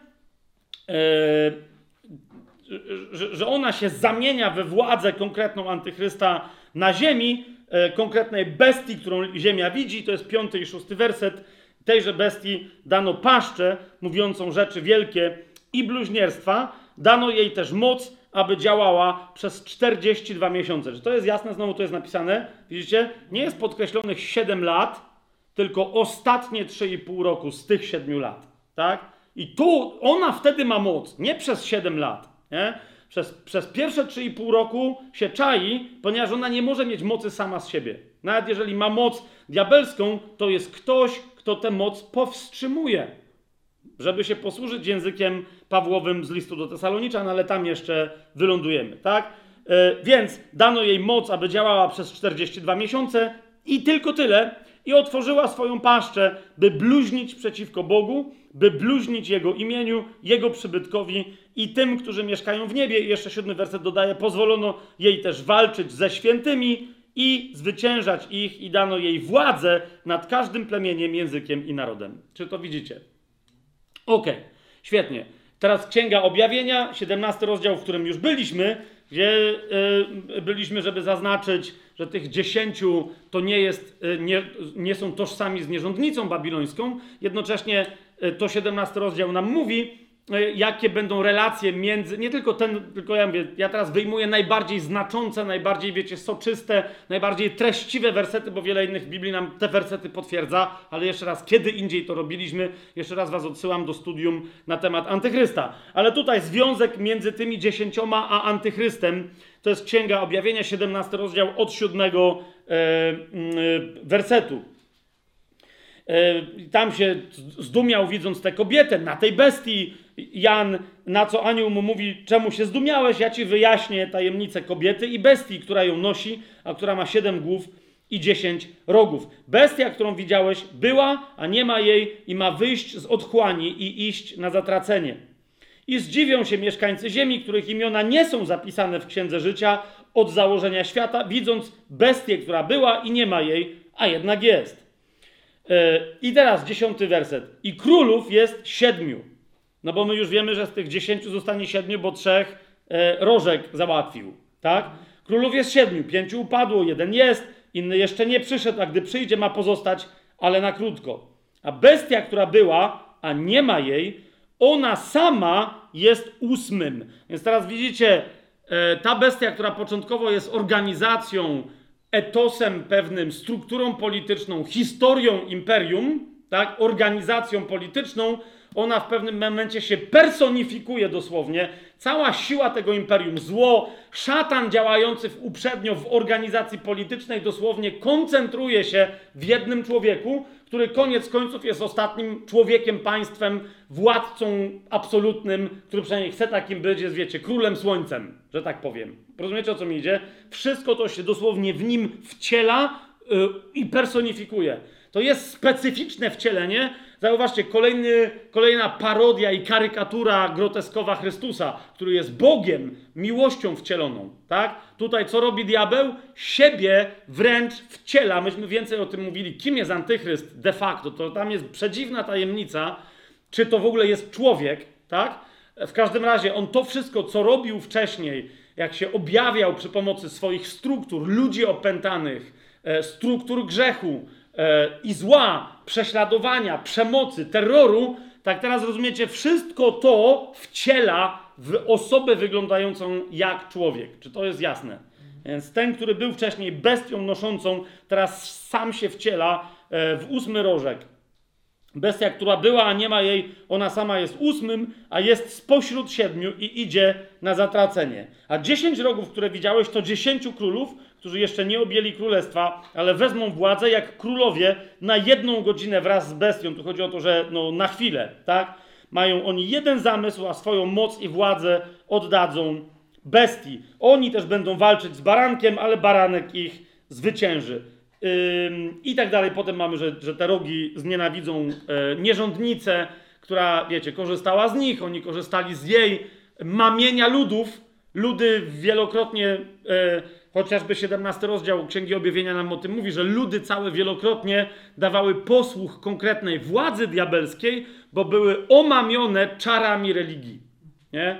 To nierządnicy babilońskiej, która, który, której czarami, obrzędami, religią, magią e, e, upajała ta e, nierządni, dziwaczna kobieta, nierządnica tajemnicza, którą upajała całe, całe ludy e, i narody, a częścią tych czarów było między innymi zawsze zabijanie świętych bożych, nie? wyznawców e, Jezusa, świadków, e, świadków e, Chrystusa. Jasne to jest? Dobrze. Teraz, kochani,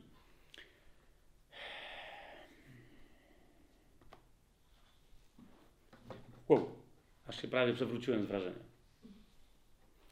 Dlaczego zrobiłem ten, e, ten wstęp? Bo teraz jest, mamy pytanie. Co się dzieje na Ziemi i co z tego, wiecie, e, jak będziecie szukać tych rozmaitych opisów, ja nawet to dzisiaj zrobiłem, tak? Jak wielu tych, którzy się zajmują eschatologią, łączą proroctwo 70 tygodni z Księgą Objawienia, tak żeby było wiadomo, co kiedy się dzieje.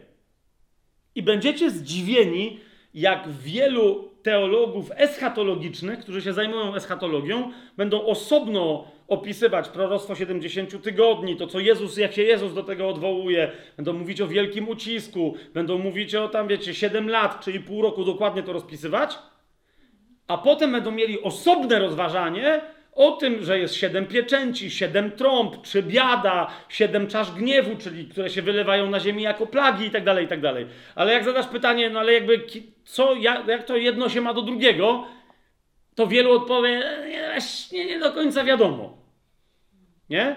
Teraz sęk w tym, że jak nie do końca wiadomo, to w ogóle ani nie do końca wtedy wiadomo, co się dzieje w proroctwie 70 tygodni według mnie, ani co się dzieje w Księdze Objawienia. Nie? to znaczy, to musi być jakoś ze sobą powiązane. Coś gdzieś musi być przyczynowo, skutkowo ze sobą połączone. To jest niemożliwe. Tak? Więc ja rozumiem, że ze względu na mnogość teorii, wielu teologów się boi, bo nie chcą wejść w konflikt z innymi, którzy podobnie jak oni są e, futurystami, premilenialistami to i tak dalej, więc żeby nie było, że się jednak w czymś nie zgadzają, to mówią, o to tu nie wiemy. Nie? Jak któryś tam się z czymś zapędzi i tam coś chlapnie, to potem inni którzy są po nim, już nie chcą komentować, nawet jak się nie zgadzają. Natomiast, kochani, potrzebujemy przynajmniej jakąś tezę sobie postawić roboczą. Rozumiecie o co mi idzie? Żeby wiedzieć, co się dzieje w księdze objawienia. Słowem, kiedy baranek zaczyna łamać pieczęci, dzieją się pewne rzeczy na ziemi. Tak? Pytanie moje brzmi, co w którym momencie, czyli on łamie pieczęci w niebie i wtedy to wywołuje pewne rzeczy na ziemi. Co wywołują te pieczęci w niebie, tak? Czy to jest, i teraz niektórzy mówią, że pierwsze początkowe te pieczęci, tak? E, one w ogóle, y, y, Jezus poszedł do nieba i zaczął łamać pieczęci na księdze życia, na księdze Nowego Przymierza od razu. I dlatego pojawiło się na świecie wielu antychrystów, no bo wiecie, y, pierwszy jeździec, który się pojawia przy pierwszej pieczęci, zaraz sobie później o tym więcej opowiemy, tak? Ale pamiętacie to, że pierwsza pieczęć jest złamana, baranek ją łamie i to wywołuje, e, e, że się tak wyrażę, jeźdźca na białym koniu na ziemi, który nie jest Chrystusem. No było, było trochę bez sensu, że Jezus łamie pieczęci w niebie i jednocześnie sam już jedzie na ziemi na koniu, a nie skończył, wiecie, rozłamywać tych pieczęci w niebie, tak? Począwszy od tego. Dalej, on nie ma korony na głowie, on nie ma miecza wychodzącego z ust, ma łuk, którym się Jezus nie posługuje i tak dalej, i tak dalej. To, że ma białego konia, to jest ktoś, kto udaje Jezusa, ale nim nie jest. To jest antychryst. Jasne?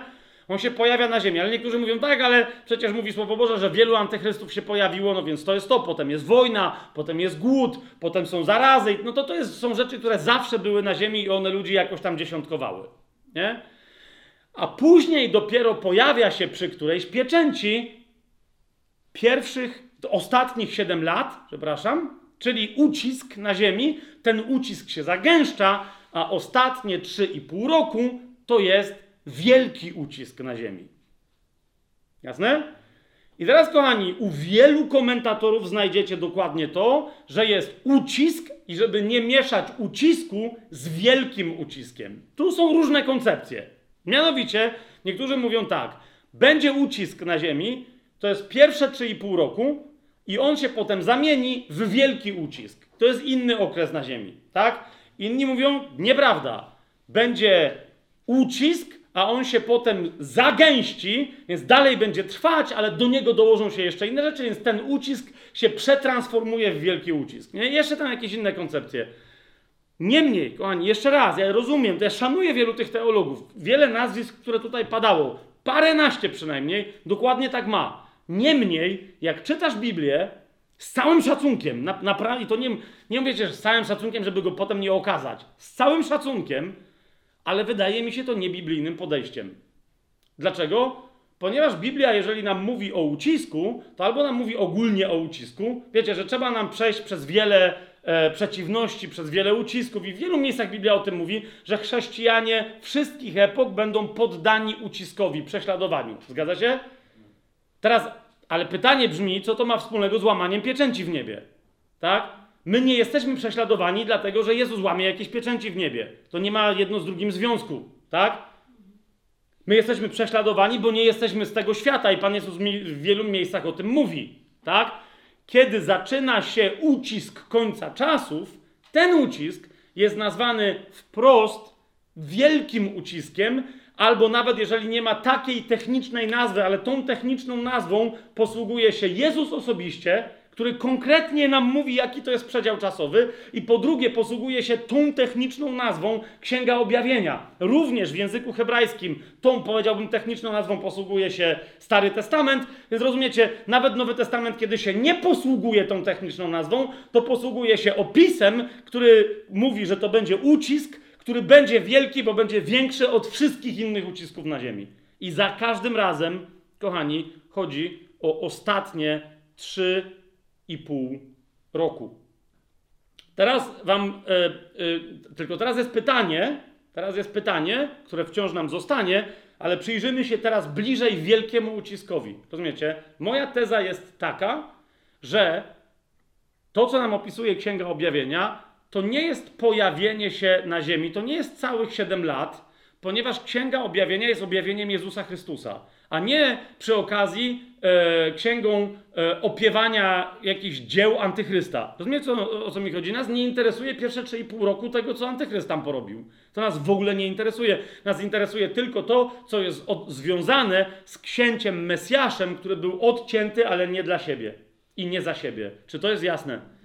Więc moja teza jest taka, że kiedy Księga Objawienia nam pokazuje, co się będzie działo znowu na ziemi, to jest związane, związane z, z czym? Z tym, co robi, co jest, co jest wynikiem bezpośrednich działań Boga czy też baranka w niebie, co się zamienia w konkretną e, rzeczywistość na ziemi. Jasne? Moja teza jest taka, że kiedy łamią się pieczęci, to pierwsze te pieczęci to nie, rozumiecie, to nie jest całe 2000 lat. Nie? To również, uważajcie na to, później się bliżej temu przyjrzymy, tak? Ale to również nie jest, bo niektórzy powiadają, to jest 7 lat.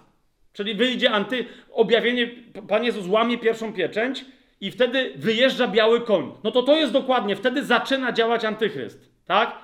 Ale zwróćcie uwagę, moc, aby wszystkich zwyciężać na ziemi, jak sobie zaraz przeczytamy, ten, co jedzie na koniu, ma, dostaje władzę, jedzie, e, aby zwyciężać i zwycięża. Rozumiecie? A Biblia mówi wyraźnie, że taką władzę, taką pewność może mieć na chwilę e, antychryst, a ta chwila trwa 3,5 roku, a nie 7 lat.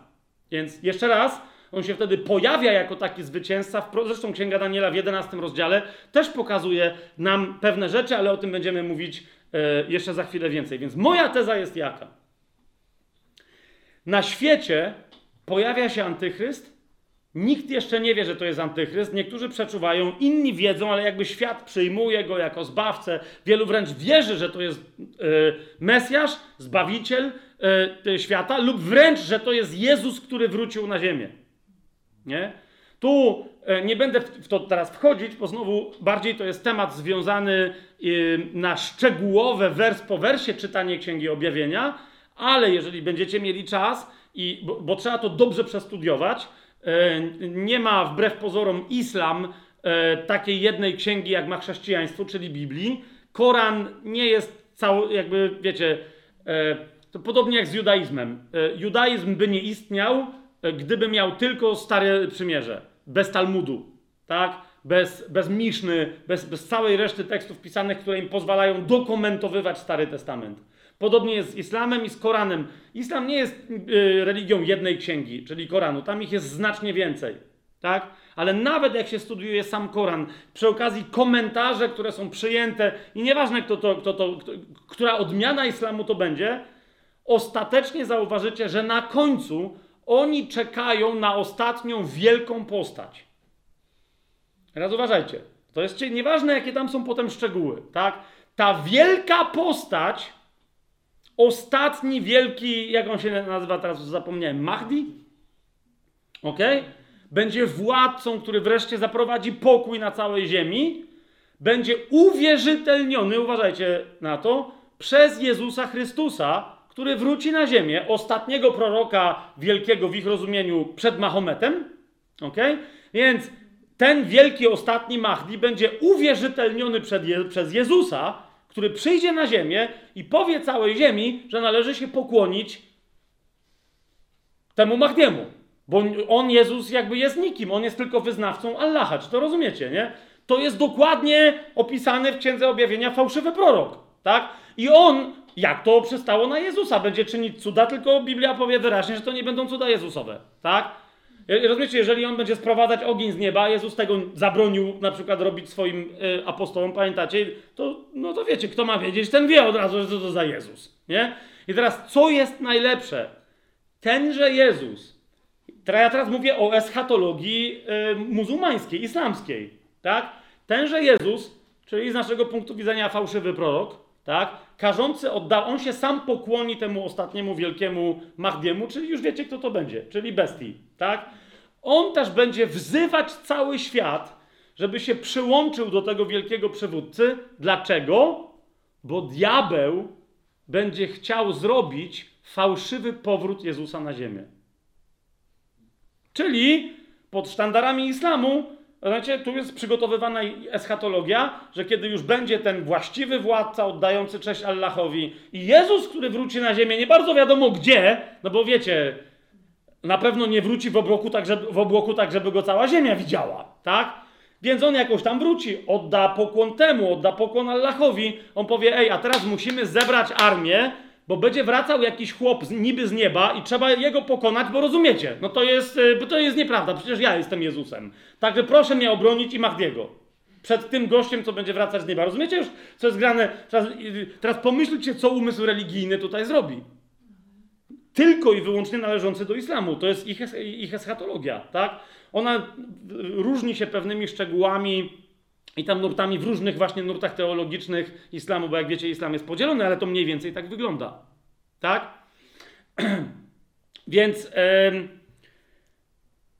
okej, okay, ale teraz te ostatnie yy, lata ziemi, moja teza jest taka, że kiedy Jezus łamie pieczęć w niebie, pierwszą, ok, to pozwala wreszcie podnieść się antychrystowi w jego właściwej, rozumiecie, formie, prawdziwym obliczu, a więc kiedy Jezus łamie pierwszą pieczęć, to jest połowa siedmiu lat, kiedy antychryst mówi, to teraz mogę złamać e, to przymierze.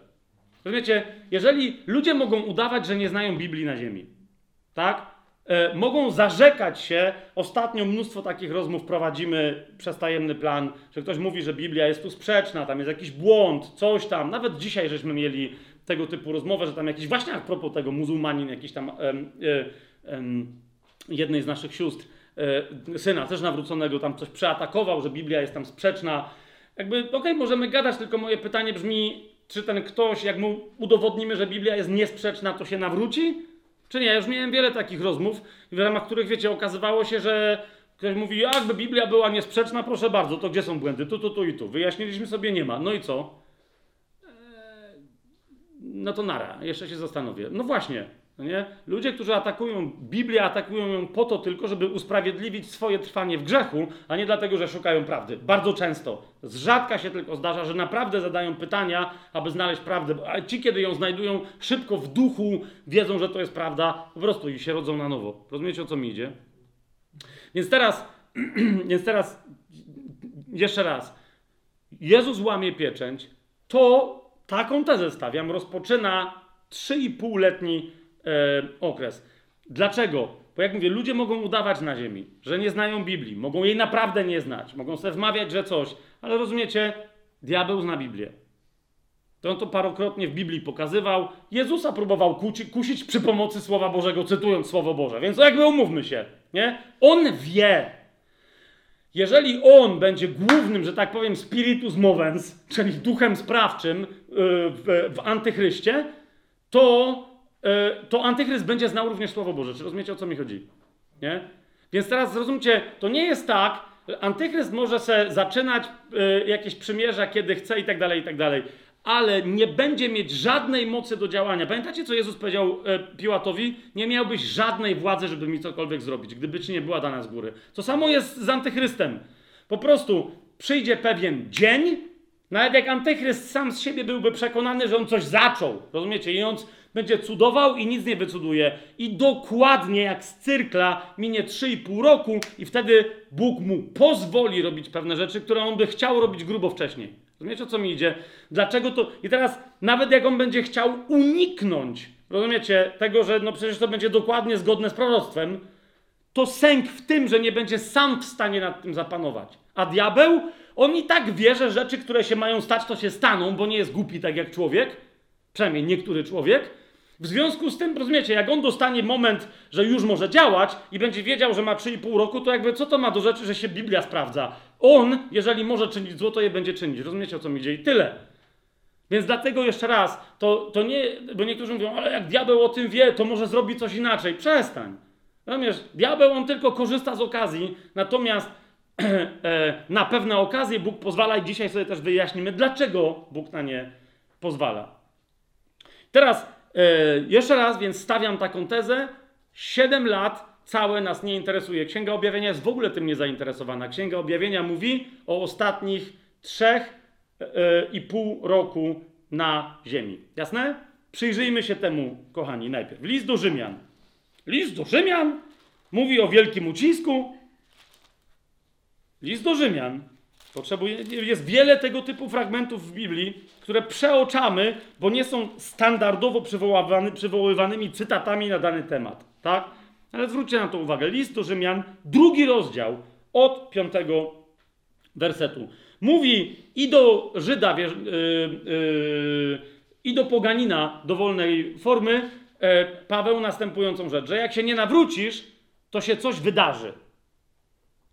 Od piątego wersetu mówi: Ty jednak przez swoją zatwardziałość i niepokutujące serce gromadzisz sobie samemu, w sensie człowieku, tak, który się nie nawracasz, gromadzisz sobie samemu gniew na dzień gniewu i objawienia sprawiedliwego sądu Boga, który odda każdemu według jego uczynków. Tym, którzy przez wytrwanie w dobrym uczynku szukają chwały, czci i nieśmiertelności, odda życie wieczne. Natomiast swardliwym i nieposłusznym prawdzie, lecz posłusznym niesprawiedliwości, odda zapalczywość i gniew.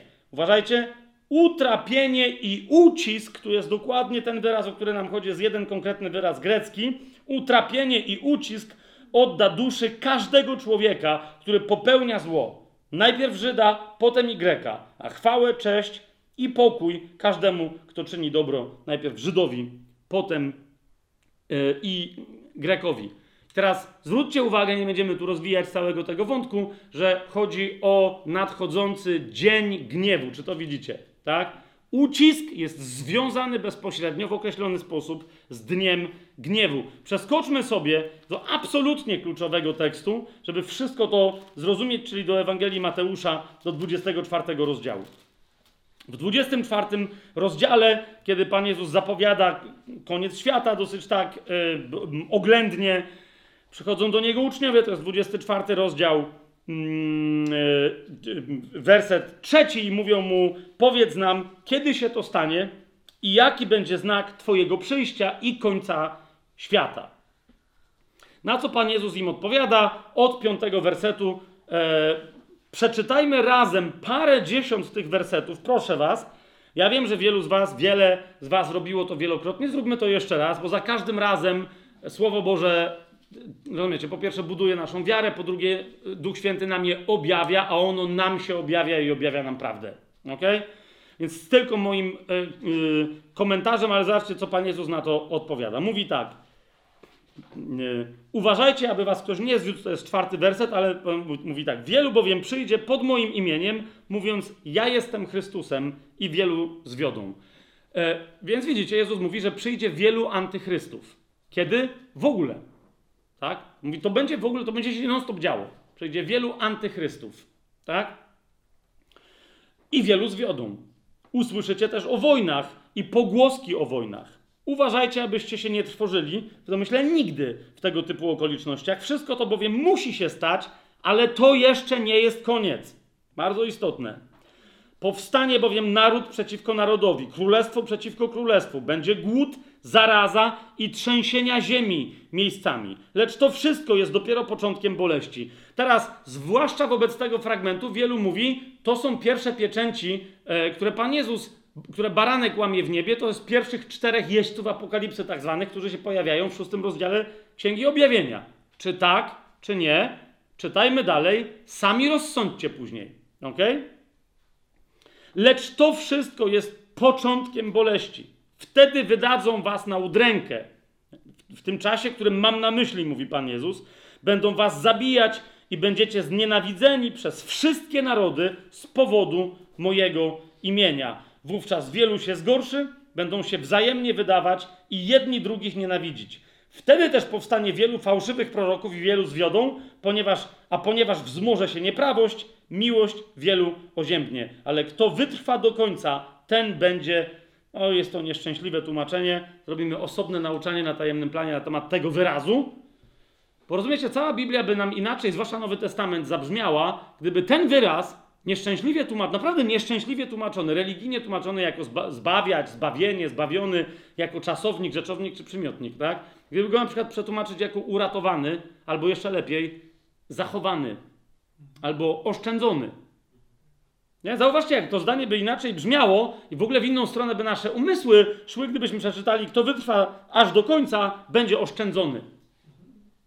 Wiesz o co mi idzie? Tu nie chodzi o zbawienie wieczne, tu nie ma w ogóle o tym mowy. Jezus tu nie o tym mówi. Od, przed, czym, przed czym będzie, od czego będzie oszczędzony?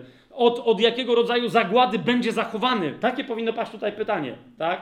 Zresztą za każdym razem, kiedy Biblia mówi, zauważcie, jak mamy na przykład e, e, kto uwierzy i przyjmie chrzest, będzie oszczędzony. Byśmy mieli tam taki wyraz, nie? Sercem bowiem wierzy się ku sprawiedliwości, a ustami wyznaje ku zachowaniu. Co? Ale dokładnie to jest równoprawne tłumaczenie. Rozumiecie o co mi idzie? Zamiast zbawiony wszyscy mówią, a, to wiemy o co chodzi. Serio? Wiesz o co chodzi? A jakby było oszczędzone, to nagle nie wiesz, no nie? Więc może przy tym zbawieniu też nie wiesz. Pomyślmy, nie?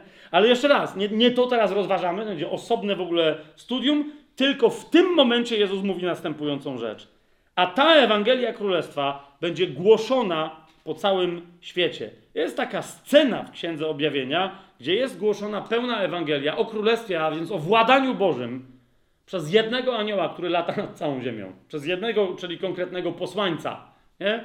Więc ja nie wiem, czy ten fragment koniecznie mówi o tym, że Pan Jezus nie wróci na ziemię, dopóki my nie roześlemy ewangelistów do wszystkich narodów ziemi. Rozumiecie o co chodzi? Jezus mówi, że to się stanie. Ta Ewangelia będzie głoszona. Ja akurat do tego wierności Kościoła nie potrzebuję. Teraz nie mówię, że Kościół nie powinien tego robić. Rozumiecie o co mi idzie? Tylko nadal, no wyobraź sobie, że jesteśmy dzisiaj, nie wiem, czy 100 lat temu ktoś by, e, komuś by się udało wysłać ewangelistów do wszystkich ludzi na ziemi. Po czym Jezus by nie wrócił i masz następne pokolenie, no i co? No znowu trzeba byłoby się starać, żeby, wiesz o co chodzi, w jednym pokoleniu się udaje nawracać, w innym się nie udaje. W jednym pokoleniu jedno miejsce ma, jedno miejsce ma przebudzenie, a w następnym pokoleniu to przebudzenie się kończy. Rozumiecie o co mi idzie? Natomiast przyjdzie taki dzień, kiedy nie ze względu na naszą wierność lub niewierność Ewangelia po całym świecie będzie głoszona lub nie. Tylko Jezus mówi, Ewangelia Królestwa będzie głoszona. Po prostu. To będzie jednym ze znaków. Pamiętacie tego anioła, gdzie to jest? Dobra, już nie będziemy tam przeskakiwać. Czytamy dalej Ewangelię Mateusza, 24 rozdział. I teraz uważajcie, Jezus mówi, i wtedy przyjdzie koniec. Niezależnie od tego, co nazwiemy końcem, rozumiecie, koniec w Biblii to jest albo ostatnich 7 lat, albo wręcz ostatnie 3,5 roku. Czy rozumiecie, co się dzieje? Więc teraz Jezus mówi tak, wtedy przyjdzie koniec. I teraz co on ma na myśli? 15 werset. Kiedy więc zobaczycie obrzydliwość spustoszenia. W innych na, e, tłumaczeniach mamy też ohydę spustoszenia. Coś, co jest ohydne, wzbudza skrajne, skrajne obrzydzenie. Tak? Więc mamy tu obrzydliwość albo ohydę spustoszenia. Więc Jezus, zauważcie, mówiąc o stricte o końcu, mówi koniec w moim rozumieniu, zaczyna się, kiedy zobaczycie ohydę spustoszenia. Od ohydy spustoszenia. A nam już Księga Daniela zaznaczyła, i dzisiaj więcej o tym poczytamy, że kiedy się, kiedy się pojawia ochyda spustoszenia? Kiedy w połowie siedmiu lat przymierza antychryst robi coś w świątyni, ok? Kończy składanie tam ofiar i robi tam coś, czyli krótko mówiąc, ogłasza się tam Bogiem. jest dokładnie 3,5 roku. Nie? Więc Jezus mówi, wtedy przyjdzie koniec. Kiedy? Kiedy zobaczycie obrzydliwość spustoszenia, o której mówił prorok Daniel. My zaraz przejdziemy jeszcze do innych fragmentów Daniela, żebyśmy to jeszcze lepiej zobaczyli, dobrze? E, ale wiecie, ze względu na mnogość rozmaitych teorii potrzebujemy po kolei teraz sobie porządkować materiał, tak? Więc co Jezus mówi? Zobaczycie obrzydliwość spustoszenia, nie jakąś, którą wy sobie wymyśliliście. Żydzi sobie w pewnym momencie wymyślili ohydę spustoszenia, pamiętacie, opisaną w księgach machabejskich, tak? Związaną z e, Antiochem Epifanesem, ale, ale to jest w ogóle bez, Jezus mówi, dlatego on mówi wyraźnie, nie jakieś wasze teorie, ale tą ohydę spustoszenia, o której mówi prorok Daniel, stojącą w miejscu świętym. I zwróćcie uwagę, jeszcze raz podkreśla, kto czyta, niech rozumie. Co? Daniela, nic więcej. Żadne dodatkowe książki, które nie są natchnione, tylko Daniela. Tak? Wtedy, mówi, jak to zobaczycie, Ci, którzy będą w Judei, niech uciekają w góry. Kto będzie na dachu, niech nie schodzi, żeby coś zabrać ze swojego domu aby, a kto, kto będzie w polu, niech nie wraca, żeby wziąć swoje szaty. Biada brzemiennym i karmiącym w tych dniach. Módlcie się też, aby wasza ucieczka nie wypadła w zimie albo w szabat. Wtedy bowiem, i tutaj zobaczcie, pada wtedy bowiem, tak? Czy ja nigdzie nie widziałem, żeby poprzednie 3,5 roku w takim czy innym kontekście było nazywane uciskiem, ale jest jeden konkretny y, czas od pojawienia się ohydy spustoszenia, czy też obrzydliwości spustoszenia, Jezus mówi, wtedy, od tego momentu, co będzie? Będzie wielki ucisk. I on się tu posługuje dokładnie tym technicznym terminem, jakiego nie było od początku świata aż dotąd i nigdy więcej nie będzie. Czy to widzicie? To jest 3,5 roku. Jakie inne są uciski na ziemi, czy, były, czy będą wielkie, czy małe, czy intensywne, czy jakieś, czy, czy jak się antychryst pojawi na ziemi, to już będą uciskani wszyscy. Nie wiem, Jezus nie rozróżnia, czy przez pierwsze 3,5 roku panowania antychrysta gdzieś tam, czy ucisk wtedy wobec świętych będzie, wiecie, gorszy niż w XVII wieku albo w drugim. Rozumiecie o co mi idzie? Idzie tylko, że ostatnie 3,5 roku nie dla chrześcijan, tylko dla wszystkich na całej ziemi to będzie ucisk, jakiego świat nigdy do tej pory nie doświadczył. A, 22 werset. Gdyby te dni nie były skrócone, żadne ciało nie byłoby zbawione. Lecz ze względu na wybranych, dni te zostaną skrócone. Może jeszcze dzisiaj nieco o tym powiemy, może jeszcze więcej następnym razem e, podczas naszego ostatniego spotkania e, w tym sezonie. I teraz uważajcie, Jezus mówił, że wcześniej będą różni antychrystowie. Pamiętacie to? Ale teraz uważajcie, Jezus mówi o tym okresie, te 3,5 roku. On mówi, jeżeli wtedy, w tym okresie, ktoś wam powie, oto tu jest Chrystus, albo tam, nie wierzcie. Dlaczego? Potem Księga Objawienia wyraźnie nam powie, nie będziemy tego w ogóle dotykać. Ja o tym mówiłem w paru miejscach e, tajemnego planu naszych rozważań. Księga Objawienia mówi, że ludzie czasem, rozumiecie, w, w, w okresie e, łaski, w epoce, w erze panowania łaski i miłosierdzia Bożego, bywa, że mają większość, możliwość e, nowonarodzenia, uwierzenia Jezusowi aż do momentu śmierci. Tak? Jezus mówi w tym czasie, te ostatnie 3,5 roku, pamiętajcie, nacisk będzie tak wielki, i to jest część tego ucisku, że kto w tym czasie, Księga Objawienia o tym mówi wyraźnie, kto w tym czasie nie uwierzy Jezusowi, najprawdopodobniej, znaczy najprawdopodobniej, z całą pewnością odda się bestii. Jedyni ludzie, którzy się wtedy nie oddadzą bestii, to będą ci, którzy oddadzą życie dla Jezusa, bo bestia będzie zabijać tych, którzy, pamiętacie, nie oddadzą pokłonu wizerunkowi bestii, nie przyjmą znamienia albo liczby bestii, albo imienia bestii. Jasne? Więc i teraz zwróćcie uwagę, nie będziemy teraz w ogóle dzisiaj tego rozważać, ale Księga Objawienia mówi wyraźnie, że ci, którzy przyjmą znamie bestii, liczbę, którzy oddadzą jej pokłon choćby tylko raz, świadomie, to nie może chodzić o coś, że wiesz, idziesz, ktoś podbiegnie i ci wszczyknie tam, wiesz, i o, znamie bestii. Rozumiesz? Bestia będzie chciała, żebyśmy my to zrobili świadomie. Nikt ci nie może tego sprzedać pod pozorem szczepionki na C19, K47, B12 czy jeszcze coś innego. Rozumiesz o co idzie? To nie może być podstępnie ci przekazane. Nie bójmy się tego. Nie bójcie się tego. Tak? Ale teraz uważaj. Księga Objawienia mówi wprost, a Jezus też to mówi, mówi, nie wierzcie. Zwróćcie uwagę, wcześniej mówi, wielu zwiodą, nie? doprowadzą do błędu, ale tu mówi, nie wierzcie. Dlaczego? Bo jeżeli wtedy uwierzycie, to to będzie równoznaczne z takiego czy innego rodzaju oddaniem czci bestii. A z jakiegoś powodu ucisk wtedy, o tym powodzie więcej później sobie powiemy, ucisk będzie tak wielki, że to będzie jak, jak coś takiego jak dla wierzących ludzi chrzest wodny. Rozumiecie? On dla nas, nowonarodzonych, w duchu, kiedy przystępujemy do chrztu wodnego, przystępujemy do symbolicznego, ale realnego w świecie duchowym, bo chodzi o to, że woda tu jest symbolem, ale co my robimy? Decydujemy się, by od tej pory nasze ciało nie czekać się na śmierć fizyczną ciała, ale żeby od tej pory, żyjąc w tym ciele, żyć tak, jakby ono było martwe. Jasne to jest? Wygląda na to, że te 3,5 roku częścią tego ucisku będzie co? Że kto wtedy, jako żyjąca osoba, przyjmie znamie bestii, to będzie, rozumiecie, skończy się jego możliwość to będzie ostatnia decyzja. Kapujecie? To będzie ostatnia decyzja. Ja zresztą osobiście nie będę teraz o tym mówił, ale parokrotnie słyszałem y, niezbyt nagłośnionych, bo to są zawsze, zwłaszcza w Stanach Zjednoczonych, wiecie, ludzie się boją takich proroctw, ale dokładnie o, o tym y, słyszałem ze trzech różnych proroków, którzy o tym mówili. Jeden, nawet nie wiem, czy był prorok, tylko to był człowiek jeszcze w 90, 80 latach, który się dzielił. Y, snem swoim. To był jakiś tam zwyczajny taki biznesmen i on dokładnie o tym mówił, że widział ludzi, którzy stawali jakby przed takim sądem, czy czymś, nie wiem na ile to było symboliczne, na ile to było prawdziwe i oni dostawali pytanie, jeżeli e, e, jedyne, co mogło uchronić ich przed popadnięciem w rodzaj opętania, jakby takiego wręcz transu, to było wyznanie Jezusa. I on, tam była taka dramatyczna jego wypowiedź, bo on mówił, że przed nim stała jego żona. Nie?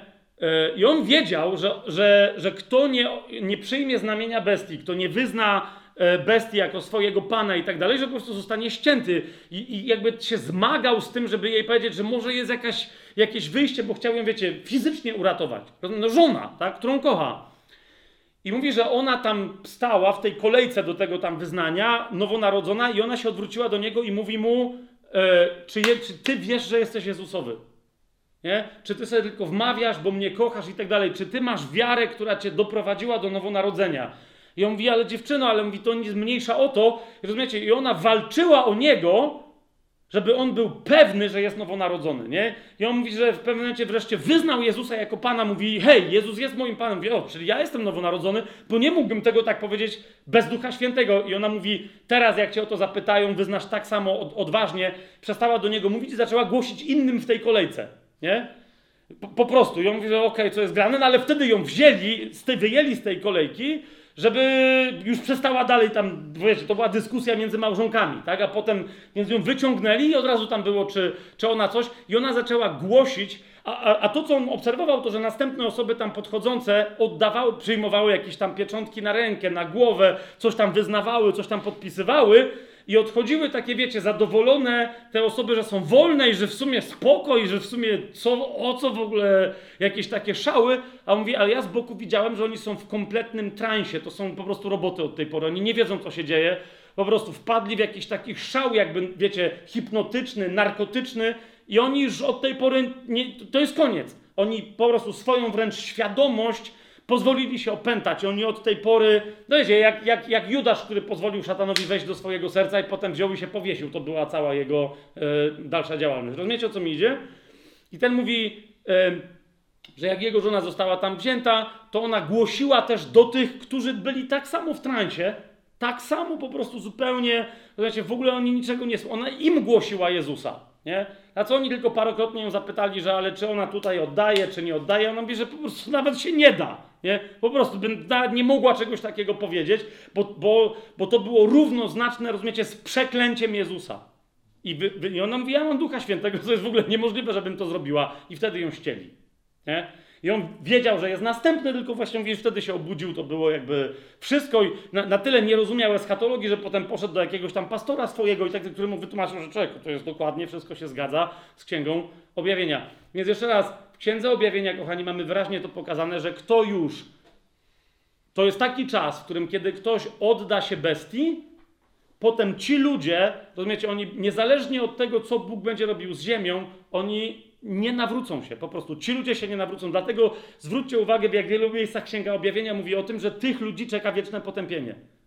Oddanie się bestii jest równoznaczne z wyborem wiecznego potępienia. Niektórzy może dokonają takiego wyboru, dokonu, dokonywali, dokonują teraz. Wiecie, umierają niewierzący i w godzinie śmierci, wiecie o co mi chodzi? Dokonują takiego wyboru. Ale wtedy, nie, bo dopóki ktoś nie umarł, my wiemy, że głosimy mu nadal. Natomiast w tym czasie będzie to jasne, że nie będzie inna rzecz, że czy będzie jeszcze na ziemi ktoś poza dwoma świadkami, którzy, wiecie, jeszcze będą głosić Ewangelię, ale zwróćcie uwagę, co się dzieje, czy ci świadkowie Boga, czy oni głoszą Ewangelię w tym ostatnim 3,5 roku, nie? Co się wtedy dzieje, nie? Jeszcze raz, pomyślcie dobrze, co się wtedy dzieje, nie?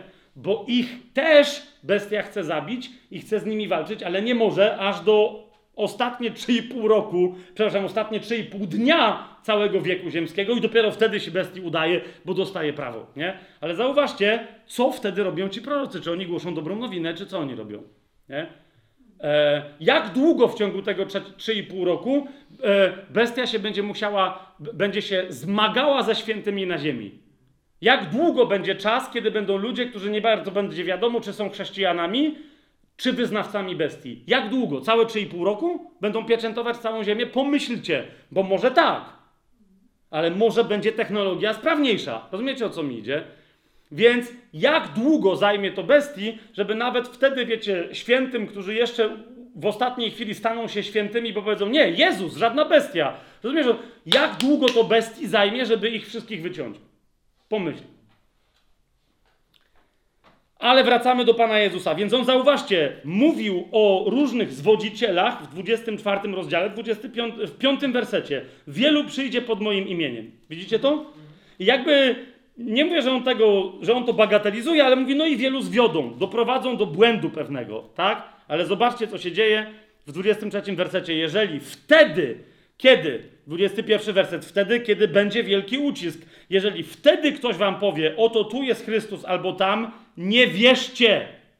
Wtedy, rozumiesz, albo ty wiarą wyznajesz mnie, albo wyznasz kogoś, rozumiesz, to będzie wręcz przeciwne wyznanie. Albo wyznajesz życie, to będzie dokładnie, kładę przed tobą życie albo śmierć. Błogosławieństwo i przekleństwo. Wybieraj. Nie dajcie sobie wmówić, że ktoś, kto nie jest mną, a powie, że jest życiem, że wam da życie. Bo to będzie wasza wina, nikogo innego. Nie? To będzie zawiniona, zawiniona ignorancja. E, zawiniona niewiedza. Powstaną bowiem fałszywi Chrystusowie i fałszywi prorocy i będą czynić wielkie znaki i cuda, żeby zwieść, o ile można, nawet wybranych. Oto wam przepowiedziałem. Znaczy Jezus mówi wyraźnie i te, to, rozumiecie, to musi być część naszego głoszenia, zanim my zostaniemy pochwyceni. Oto wam powiedziałem. Oto wam przepowiedziałem. Nikt na ziemi nie zostanie bez tej wiedzy. Jezus zrobi wszystko, żeby wszyscy o tym wiedzieli, zanim przyjdzie do tego ostatniego czasu i ktoś będzie, rozumiecie, stał przed wyborem, czy przyjąć znamię bestię, czy się pokłonić jej wizerunkowi. Jeżeli więc wam powiedzą, oto jest na pustyni, nie wychodźcie, oto jest wewnątrz domu, nie wierzcie. Nieważne, co się stanie, nie wierzcie, nie dajcie temu wiary.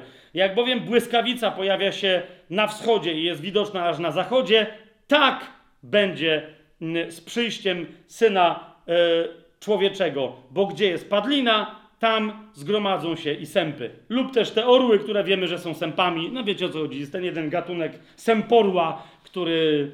Okej. Okay. I teraz bardzo istotne, y, ostatnich jeszcze parę wersetów. Zwróćcie uwagę, nie wiem czy kiedykolwiek wcześniej zwróciliście uwagę. Więc Jezus mówi o tym, że będzie wielki ucisk. I teraz uwaga, bo potem do tego wrócimy wersetu. Jezus mówi, a zaraz po ucisku owych dni Słońce się zaćmi, księżyc nie da swojego blasku, gwiazdy będą spadać z nieba, a moce niebieskie zostaną poruszone. Wówczas ukaże się na niebie znak Syna Człowieczego. Wtedy będą lamentować wszystkie ludy ziemi, ujrzą Syna Człowieczego, On pośle swoich aniołów z głosem trąby i tak dalej, i tak dalej. Jasne to jest? Wielki ucisk zaczyna się od ohydy spustoszenia lub, lub też od obrzydliwości spustoszenia i kończy się zaćmieniem słońca yy, i księżyca i zaćmieniem gwiazd. Jasne? Plus yy, yy, poruszeniem mocy niebieskich. Ewangelia Marka y, zasadniczo nam, nie będziemy jej teraz w całości cytować, ale jakbyście sobie chcieli porównać, ona nie posługuje się terminem wielki ucisk. Otwórzmy sobie Ewangelię Marka, 13 rozdział ale opisowo mówi nam wyraźnie, że to będzie wielki ucisk. To jest 13 rozdział Ewangelii Marka, 14 werset. Pan Jezus tam mówi: Gdy więc zobaczycie obrzydliwość spustoszenia, o której mówił prorok Daniel, stojącą tam, gdzie stać nie powinna, kto czyta, niech rozumie, wtedy ci, którzy będą w Judei, niech uciekają w góry, kto będzie na dachu, niech nie schodzi, i tak dalej, i tak dalej. 19 werset. Będą to bowiem dni, takiego ucisku, jakiego nie było od początku stworzenia, którego dokonał Bóg aż dotąd i nigdy nie będzie. Widzicie to? Jeszcze raz, nie ma terminu wielki ucisk, ale jest za to e, definicja opisowa czegoś, co jest równoznaczne i tożsame e, z wielkim uciskiem. I znowu dalej e, e tam czytamy, że gdyby Pan nie skrócił tych dni i tak dalej, i tak dalej, i tak dalej. Kochani, jeszcze jedna bardzo istotna rzecz. Otóż wielki ucisk będzie uciskiem dla całej Ziemi. To jest, to jest bardzo istotne. Dla całej Ziemi nikt tego nie uniknie. Będzie również szczególnym czasem e, oczyszczania w tyglu e, e, i ostatecznej próby zbawienia Izraela. Pamiętacie, po co jest całe 70 tygodni? I uratowania prawdziwej Jerozolimy, prawdziwego świętego miasta, czy objawienia prawdziwego świętego miasta. Zatem wielki ucisk jest prawie że tożsamy. Chodzi mi tylko o to, że wielki ucisk spadnie na całą ziemię, ale on będzie mieć szczególny charakter dla narodu Izraela i on w Biblii jest nazwany uciskiem Jakuba lub też kłopotem Jakuba. Ma tam rozmaite swoje nazwy. Tak? Myśmy również o tym osobno mówili, ten temat poruszali na e, tajemnym planie pod chyba hasłem kłopoty Jakubowe, kłopot Jakuba albo kłopot Jakubowy, czy ucisk Jakuba, czy utrapienie Jakuba. No, no właśnie, nie pamiętam, bo tam są różne tłumaczenia. Niemniej tutaj tylko jeden cytat przywołam, bo myśmy wtedy mnóstwo cytatów przywołali, ale to jest księga Jeremiasza, oczywiście, bo cała ta nazwa od Jeremiasza pochodzi. To jest księga Jeremiasza, 30 rozdział, siódmy werset i dalej. Biada, ta biada może mieć znaczenie, czyli jaką częścią wielkiego ucisku będzie utrapienie Jakuba, lub też kłopot Jakuba, lub też ucisk Jakubowy. Biada bo wielki jest ten dzień, y, jeszcze raz Jeremiasza, 30 rozdział, 7 werset. Biada, bo wielki jest ten dzień, że nie będzie mu równego. To jest czas utrapienia Jakuba, ale będzie z niego wybawiony. Pamiętajcie list do Rzymian, 11 rozdział, jak Paweł pisze o tym, że, że niezależnie od tego, jak daleko zboczyli od prawdy y, Żydzi, Izrael będzie zbawiony, a przynajmniej jego resztka. I o reszcie Izraela będzie cały Stary Testament on mówi o tym. A kluczem oczywiście Joel, Amos, oczywiście Zachariasz, rozumiecie, 11, 12, 13 rozdział, o, cały czas o tym mówi. To jest dokładnie to utrapienie Jakuba, ale z którego reszta Izraela wyjdzie absolutnie oddana swojemu Mesjaszowi, Jezusowi Chrystusowi. Tak? A więc pamiętajcie, że, że jest pewien aspekt wielkiego ucisku, którym jest utrapienie yy, Jakubowe. Teraz, kochani, wróćmy, wróćmy sobie do księgi Daniela, żebyśmy jeszcze bliżej się temu, yy, jeszcze bliżej się temu yy, wielkiemu uciskowi przejrzeli. W siódmym rozdziale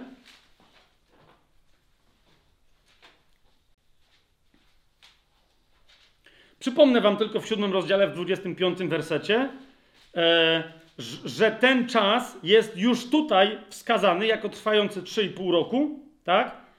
Dostanie moc antychryst na walkę, przeciw, mówienie słów przeciwko Bogu, wytracanie świętych itd., tak itd., tak na czas, dwa czasy i połowę czasu.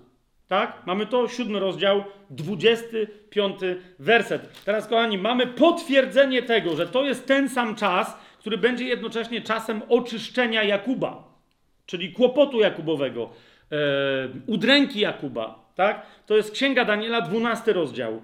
Werset pierwszy. W tym czasie powstanie Michał, wielki książę, który wstawia się za synami Twojego ludu, czyli wielki książę Izraela. Tak? Archanioł, ale który się wstawia za synami ludu Daniela, czyli za Izraelem. Mamy to jasne? I teraz nastanie czas ucisku, jakiego nie było, odkąd narody zaczęły istnieć aż do tego czasu. W tym czasie Twój lud zostanie wybawiony, każdy, kto znajdzie się zapisany w księdze. My już wiemy w jakiej księdze.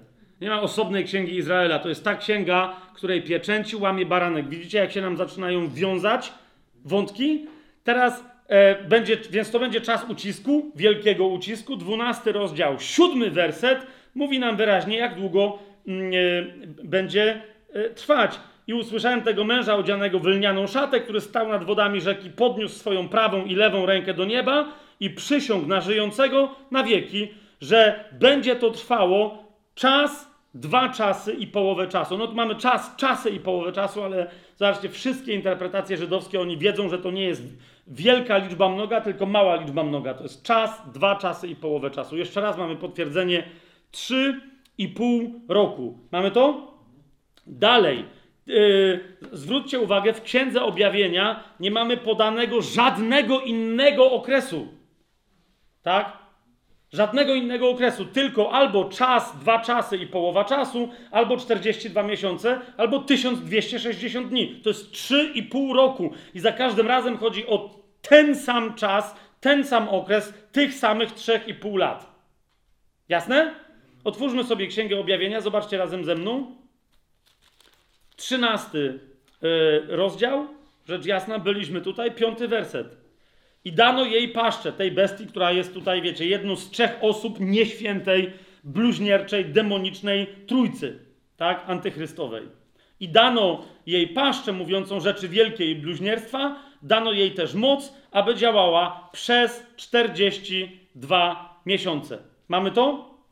Księga Objawienia, 11 y, rozdział. Dokładnie to jest czas, kiedy antychryst przez, kiedy działa, pozwala też deptać wszelkie świętości świętego miasta, świątyni, która będzie odbudowana, nawet jeżeli wielu, wielu Żydów odbuduje ją w dobrej wierze. Rozumiecie? Dla Jahwe to antychryst, kiedy wprowadzi tam ohydę spustoszenia, kompletnie zmieni charakter tego miejsca, to będzie, rozumiecie, to będzie centrum czczenia diabła, centrum czczenia jego stworzenia na ziemi jako Boga. Tak? Dlatego jedenasty rozdział nam powtarza, w drugim i trzecim wersecie, e, że dziedziniec zewnętrzny świątyni wyłącz i nie mierz go, to jest rada dla proroka Jana, nie będziemy teraz roztrząsać, co to znaczy, gdyż został on dany poganom i będą deptać święte miasto przez 42 miesiące. Znowu, widzicie to, nie? I dokładnie wtedy też pojawią się świadkowie Boga na ziemi, którzy będą nietykalni, Zauważcie, dam również władzę dwóm moim świadkom, którzy będą prorokować przez 1260 dni ubrani w wory. Czemu to jest 42 e, miesiące? Ponieważ chodzi o dokładne e, biblijne miesiące. W Biblii każdy miesiąc ma 30 dni. Okay? One nie są zależne te miesiące od księżyca, bo to by było 28 dni. One nie są te miesiące czasu Bożego liczone słonecznie, bo wtedy mają albo 30, albo 31, albo 28, albo 9. Wiecie o co mi chodzi? To jest za każdym razem 30 dni. 42 miesiące razy 3 to jest 1260 e, dni. Ten sam okres. W tym czasie, w wielkim ucisku na ziemi, jeżeli ktoś jeszcze będzie reprezentować Boga, to będą ci dwaj świadkowie, a zobaczcie, co oni będą robić. Okay? Dalej w Księdze Objawienia w 12 rozdziale czytamy o kobiecie jakiejś, która w czasie wielkiego ucisku, e, i to nam również powinno wiele o niej powiedzieć, ale to o tym będziemy mówić następnym razem, ale również, tak, kiedy cała ziemia będzie uciskana, e, to coś, ten ktoś ci ludzie, którzy są reprezentowani tutaj pod, przez symbol tejże kobiety, będą uchronieni w czasie wielkiego ucisku na ziemi. Zobaczcie, 12 rozdział, 6 werset. A kobieta, ta kobieta, o której tu jest mowa, uciekła na pustynię przed kim? Przed rudym smokiem lub też przed czerwonym smokiem, tak? O którym tu jest mowa wcześniej. Uciekła na pustynię, gdzie ma miejsce przygotowane przez Boga, aby ją tam żywiono przez 1260 dni. Czy to widzicie?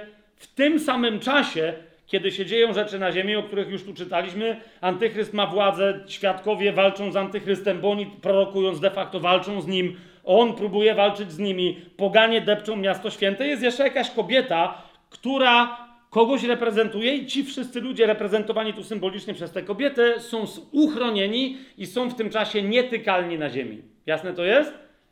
Dobrze? I teraz jeszcze w 12 rozdziale w czternastym wersecie czytamy o tej samej kobiecie, jeszcze raz, powtórzone w inny sposób. Dano tej kobiecie dwa skrzydła wielkiego orła, aby poleciała na pustynię, na swoje miejsce, gdzie jest żywiona. Zauważcie, znowu wracamy do języka księgi Daniela przez czas i czasy i połowę czasu z dala od węża. Tego węża, którym jest szatan, wąż starożytny, czerwony smok. Czy to jest jasne? Jeszcze raz, wszędzie, gdzie się mamy, zwłaszcza w Księdze Objawienia, w całej reszcie Biblii, jak mamy te e, liczby, 1260 dni, 42 miesiące, 3,5 roku, ja się zgadzam z większością tych egzegetów, którzy mówią, zawsze chodzi o ten jeden konkretny okres w dziejach ludzkości. ludzkości ostatnie 3,5 roku przed powrotem Pana Jezusa na ziemię. Okay? Teraz niektórzy już teraz, więc musimy to szybciutko sobie na to odpowiedzieć. Niektórzy mogą podnieść, rzecz jasna, z księgi Daniela, powiedzą fajnie, fajnie, 3,5 roku, 42 miesiące. Twórzcie sobie księgę Daniela, 12 rozdział, 42 e, miesiące, 1260 dni. To co jest tutaj napisane? Nieomylność Biblii jest naruszona. 1200 E, okej, okay, 12 rozdział księgi Daniela mówi następującą rzecz w 11 i 12 wersecie Gabriel Danielowi. A od tego czasu, kiedy zostanie zniesiona ofiara codzienna i będzie postawiona obrzydliwość spustoszenia, upłynie 1290 dni. Co? To wtedy są 43 miesiące, a nie 42. Tak? Ale dodaje jeszcze jedną bardzo interesującą rzecz. I błogosławiony, kto doczeka i dojdzie do 1335 dni. Ty, to jest jeszcze 45 dni ekstra, czyli jeszcze półtora miesiąca. To jest 2,5 miesiąca ekstra. Rozumiecie o co idzie? No to jakie 3,5 roku? Bo otóż, kochani, kiedy minie 3,5 roku, wtedy z całą, to będzie 3,5 roku, wtedy z całą pewnością skończy się władza antychrysta. Rozumiecie? Ale o czym mówi Gabriel do, do Daniela? Ale wciąż pozostaną ludzie na ziemi, jacyś, ok, którzy, właśnie to jest dobre pytanie, którzy to będą ludzie, ale zostaną ludzie na ziemi, którzy przetrwają Armagedon, którzy, czy oni będą mieli znamie bestii na sobie, czy nie? Którzy to będą? Czy to będą ci, co się chowali na pustyni? Którzy to będą? Ale zostaną jacyś ludzie, którzy będą reprezentować swoje narody. Ok? I nad nimi musi odbyć się sąd. Teraz jest pytanie. Dalej będzie Jezus zbuduje swoją wreszcie milenialną świątynię i ustanowi nas, świętych. Rozumiecie, wszyscy przejdziemy przez trybunał i, i zostaną rozdzielone, zostanie rozdzielona zapłata i nagrody, tak? Kto będzie wierny, tego nad wieloma miastami postawię. Pamiętacie na przykład taką obietnicę Pana Jezusa? Więc, bracia i siostry, Syberia czeka. I inne dystrykty na ziemi. Nie wiem, co tam się wtedy będzie działo. Ale w każdym razie wiele osób mówi, i słusznie zwraca uwagę, że tu jest mowa o tym, że szczęśliwi ci, którzy przetrwają aż do końca tych sądów. Czy rozumiecie, co, co ja mówię? Jak Jezus wróci na ziemię, załatwi sprawę Armagedon, to jest moment. No nie? Antychryst to jest moment. Te wszystkie armie to jest moment. Tam będą ptaki żarły dłużej niż przez 2,5 miesiąca. Ciała tamtych, co polegną. Ale ludzie, którzy przeżyją, śmiertelnicy, którzy przeżyją na ziemi, nad nimi odbędzie się sąd. Nie indywidualny, bo to jest sąd, rozumiecie, który, tak? Na końcu sąd z uczynków ludzkich, sąd Białego Tronu po tysiącletnim królestwie, tak? Ale odbędzie się sąd nad narodami, które z narodów mają prawo wejść do, przynajmniej żeby, wiecie, fizycznie żyć, fizycznie się roz, rozmnażać, żyć w błogosławieństwie, które z narodów mają prawo wejść do tysiącletniego królestwa, a które już nie mają. Rozumiecie, o co mi idzie? I to jest, to się dzieje po Armagedonie, to się dzieje po 42 miesiącach. To może zająć miesiąc, albo dwa i pół miesiąca, albo dłużej. Nie? Są tacy, którzy mówią, Jezus powiedział, że gdyby ten czas nie został skrócony, pamiętacie Ewangelia Mateusza, Ewangelia Marka, więc oni mówią, ten czas oryginalnie miał być może 1335 dni, może 1290, ale ostatecznie został skrócony do 1260. Jeszcze raz, osobiście nie widzę potrzeby takich dziwnych kombinacji. Co Pan Jezus powiedział, to powiedział. My wiemy, że 1260 dni, a tu jest mowa o tym, że szczęśliwi będą ci ludzie, a zwłaszcza Żydzi, bo zauważcie, 12 rozdział jest skierowany do Daniela, mówi mu o Żydach. Czy rozumiecie, co się tu dzieje? Tak? O nikim innym. On mu, on mu tu mówi o Żydach. Więc on, nawet jeżeli mówi o reszcie ludzkości, to mówi z waszego punktu widzenia, to nie będzie tylko 200, 1260 dni, 1290, bo wy musicie być dobrze osądzeni. Musicie zobaczyć ostatecznie swoją nagrodę, chwałę, kto jest prawdziwym Żydem, i to może zająć nawet 1335 dni. Jasne? Gdzie jest mowa o tym? Otwórzmy sobie Ewangelię Mateusza szybciutko. Zobaczcie, jak Mateusz mówi w 24, znaczy Mateusz, Pan Jezus mówi, tak? Tylko Mateusz to zapisuje w 24 rozdziale. Ewangelia Mateusza, 24 rozdział. Pamiętacie, dopiero co tam byliśmy. Nie? Cały ten tak zwany dyskurs na górze oliwnej Jezusa, o końcu świata, o tym wszystkim, o wielkim ucisku. Nie? On potem mówi, żebyśmy czuwali i tak dalej. W 25 rozdziale mówi w przypowieściach o, o tym, że oblubieniec będzie wracał, o pannach, które czekają, pamiętacie, głupich i mądrych. Widzicie to, nie? Ale mówi, że, czyli mówi, ja wrócę, panny rozliczę. Widzicie to? To jest 25 rozdział, który mówi już po tym, co się będzie działo po yy, wielkim ucisku i kiedy on już wróci na ziemię. 24 rozdział jest o końcu tej epoki i tego świata. 25 rozdział o początku królowania Jezusa na ziemi. Ewangelia Mateusza, tak? Więc mamy, wtedy Królestwo Niebieskie będzie podobne do 10 dziewic, 25 rozdział, pierwszy werset. Widzicie to? 14 werset 25 rozdziału. Królestwo Niebieskie bowiem podobne jest do człowieka, który odjeżdżając zwołał swoje sługi i powierzył im swoje dobra. Widzicie to? Ok, i potem tam mówi, co z tymi sługami będzie, więc mamy mowę o rozliczeniu się z ludźmi wierzącymi, którzy wtedy z martwych staną do życia wiecznego, do tysiącletniego królestwa. Tak? Ale teraz uważajcie, będą też wtedy na ziemi ludzie, którzy fizycznie przetrwają. Nie wszyscy umrą. Oni fizycznie przetrwają, będą w taki czy inny sposób zachowani. I wtedy co z nimi? To jest 25 rozdział Ewangelii Mateusza, 31 werset. I tu jest konkretnie mowa, rozumiecie, pod postacią pewną symboliczną, ale to nie jest przypowieść. Zwróćcie uwagę, to nie jest przypowieść. Tylko Jezus w przypowieści powiedział dwie przypowieści o głupich, mądrych pannach, o sługach, którzy czekali albo nie czekali, czuwali lub nie, nie czuwali, jasne? Po czym mówi, gdy Syn Człowieczy przyjdzie w swojej chwale i wszyscy święci aniołowie z Nim wtedy zasiądzie na tronie swojej chwały, który tronem chwały Syna Człowieczego jest, jest tron Dawida na ziemi, tak? I wtedy co się stanie? I będą zgromadzone przed Nim wszystkie narody. Widzicie to? Które fizycznie przeżyją. A on odłączy jedne od drugich, jak pasterz odłącza owce od kozłów i postawi owce po swojej stronie prawej, a kozły po stronie lewej. Mamy jasność? Mamy jasność? Doskonale. Więc teraz, kochani, jeszcze Ezechiela sobie otwórzmy. Księgę Ezechiela, 20 y, rozdział. Więc odbędzie się sąd nad y, narodami. Ezechiel w 20 rozdziale.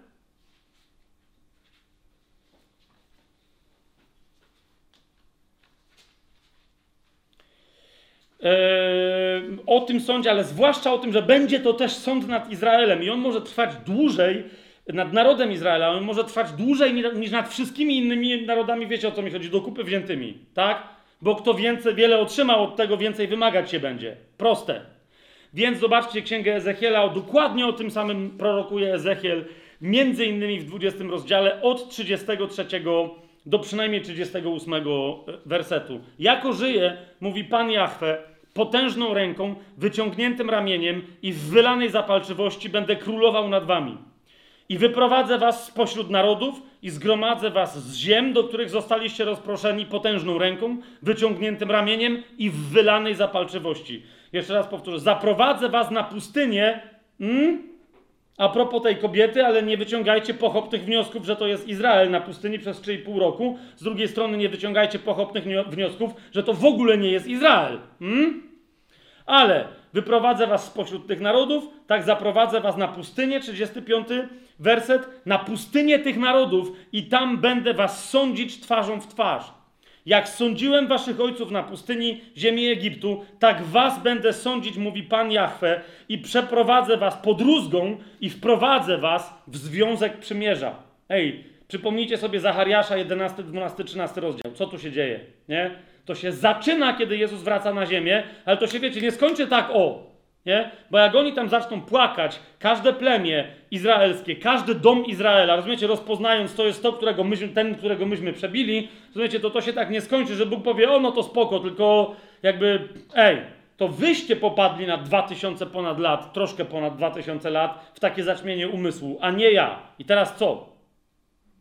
Nie? Więc przeprowadzę was pod rózgą i wprowadzę was w związek przymierza i oddzielę od was buntowników, i tych, którzy grzeszą przeciwko mnie, wyprowadzę ich z ziemi, gdzie przebywają, lecz do ziemi Izraela nie, we, nie wejdą i poznacie, że ja jestem Jahwe. To, jest, to będzie też sąd, które, wiecie, do których z narodów e, obcych, pogańskich do tej pory zostaną, zostanie wyrzucona część Izraela, która przeżyje w miłosierdziu Bożym, ale nie będzie uznana za prawdziwy Izrael. Rozumiecie, o co mi chodzi? Zostanie rozproszona znowu, już na zawsze, no nie?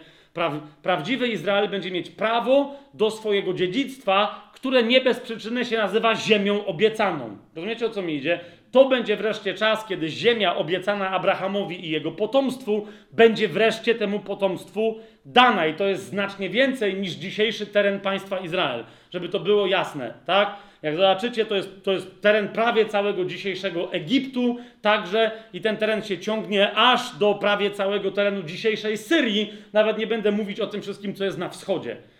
Poczytajcie, jaka ziemia jest obiecana Abrahamowi. Więc jak ja dzisiaj słyszę, że już Bóg oddał całą obiecaną ziemię Izraelitom dzisiaj, to jest naprawdę, rozumiecie? Ja nawet to od niektórych Żydów słyszałem, że dobra, już jakby jest. Jest ziemia, nie? To nie. Bóg jak coś obiecał, dopóki ci tego nie da, to nie mów, że to już jest to, co on obiecał, bo nie jest. Jasne?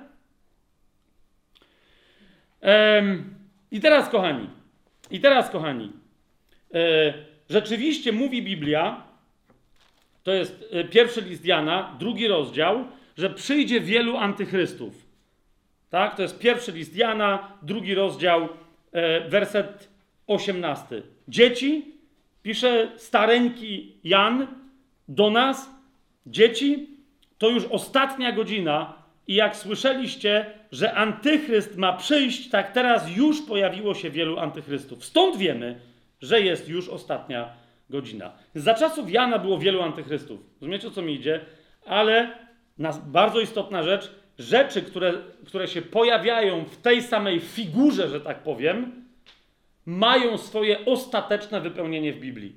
Tak? Pojaw, rozumiecie, by, by, było paru, paru namaszczeńców, którzy, czyli namaszczonych, pomazańców, Chrystusów, jakoby, którzy mieli pewne cechy ostatecznego Chrystusa, ale dopiero ostateczny Chrystus wszystkie te cechy miał i był wypełnieniem wszystkich proroctw, e, które w sobie poprzednicy zawierali. E, jasne jest to, co mówię? A więc figurą Chrystusa jest na przykład Izaak, składany przez Abrahama, swoją drogą dokładnie na tym miejscu, na którym później Jezus umarł. Tak? Jeżeli ktoś z Was jeszcze nie zauważył, to ta góra Moria to jest dokładnie późniejsza Golgota. Tak? Znów nie będziemy teraz robić tego połączenia, ale to jest to. Nie? Dokładnie na tym miejscu e, mówi Jehowa Irech, Abraham, Bóg znajdzie se zaopatrzenie, Bóg se znajdzie Bóg sobie znajdzie ofiarę w tym miejscu i co sobie znajduje? Baranka. Mówi mu zamiast baranka, zamiast swojego syna zabij baranka. Tak?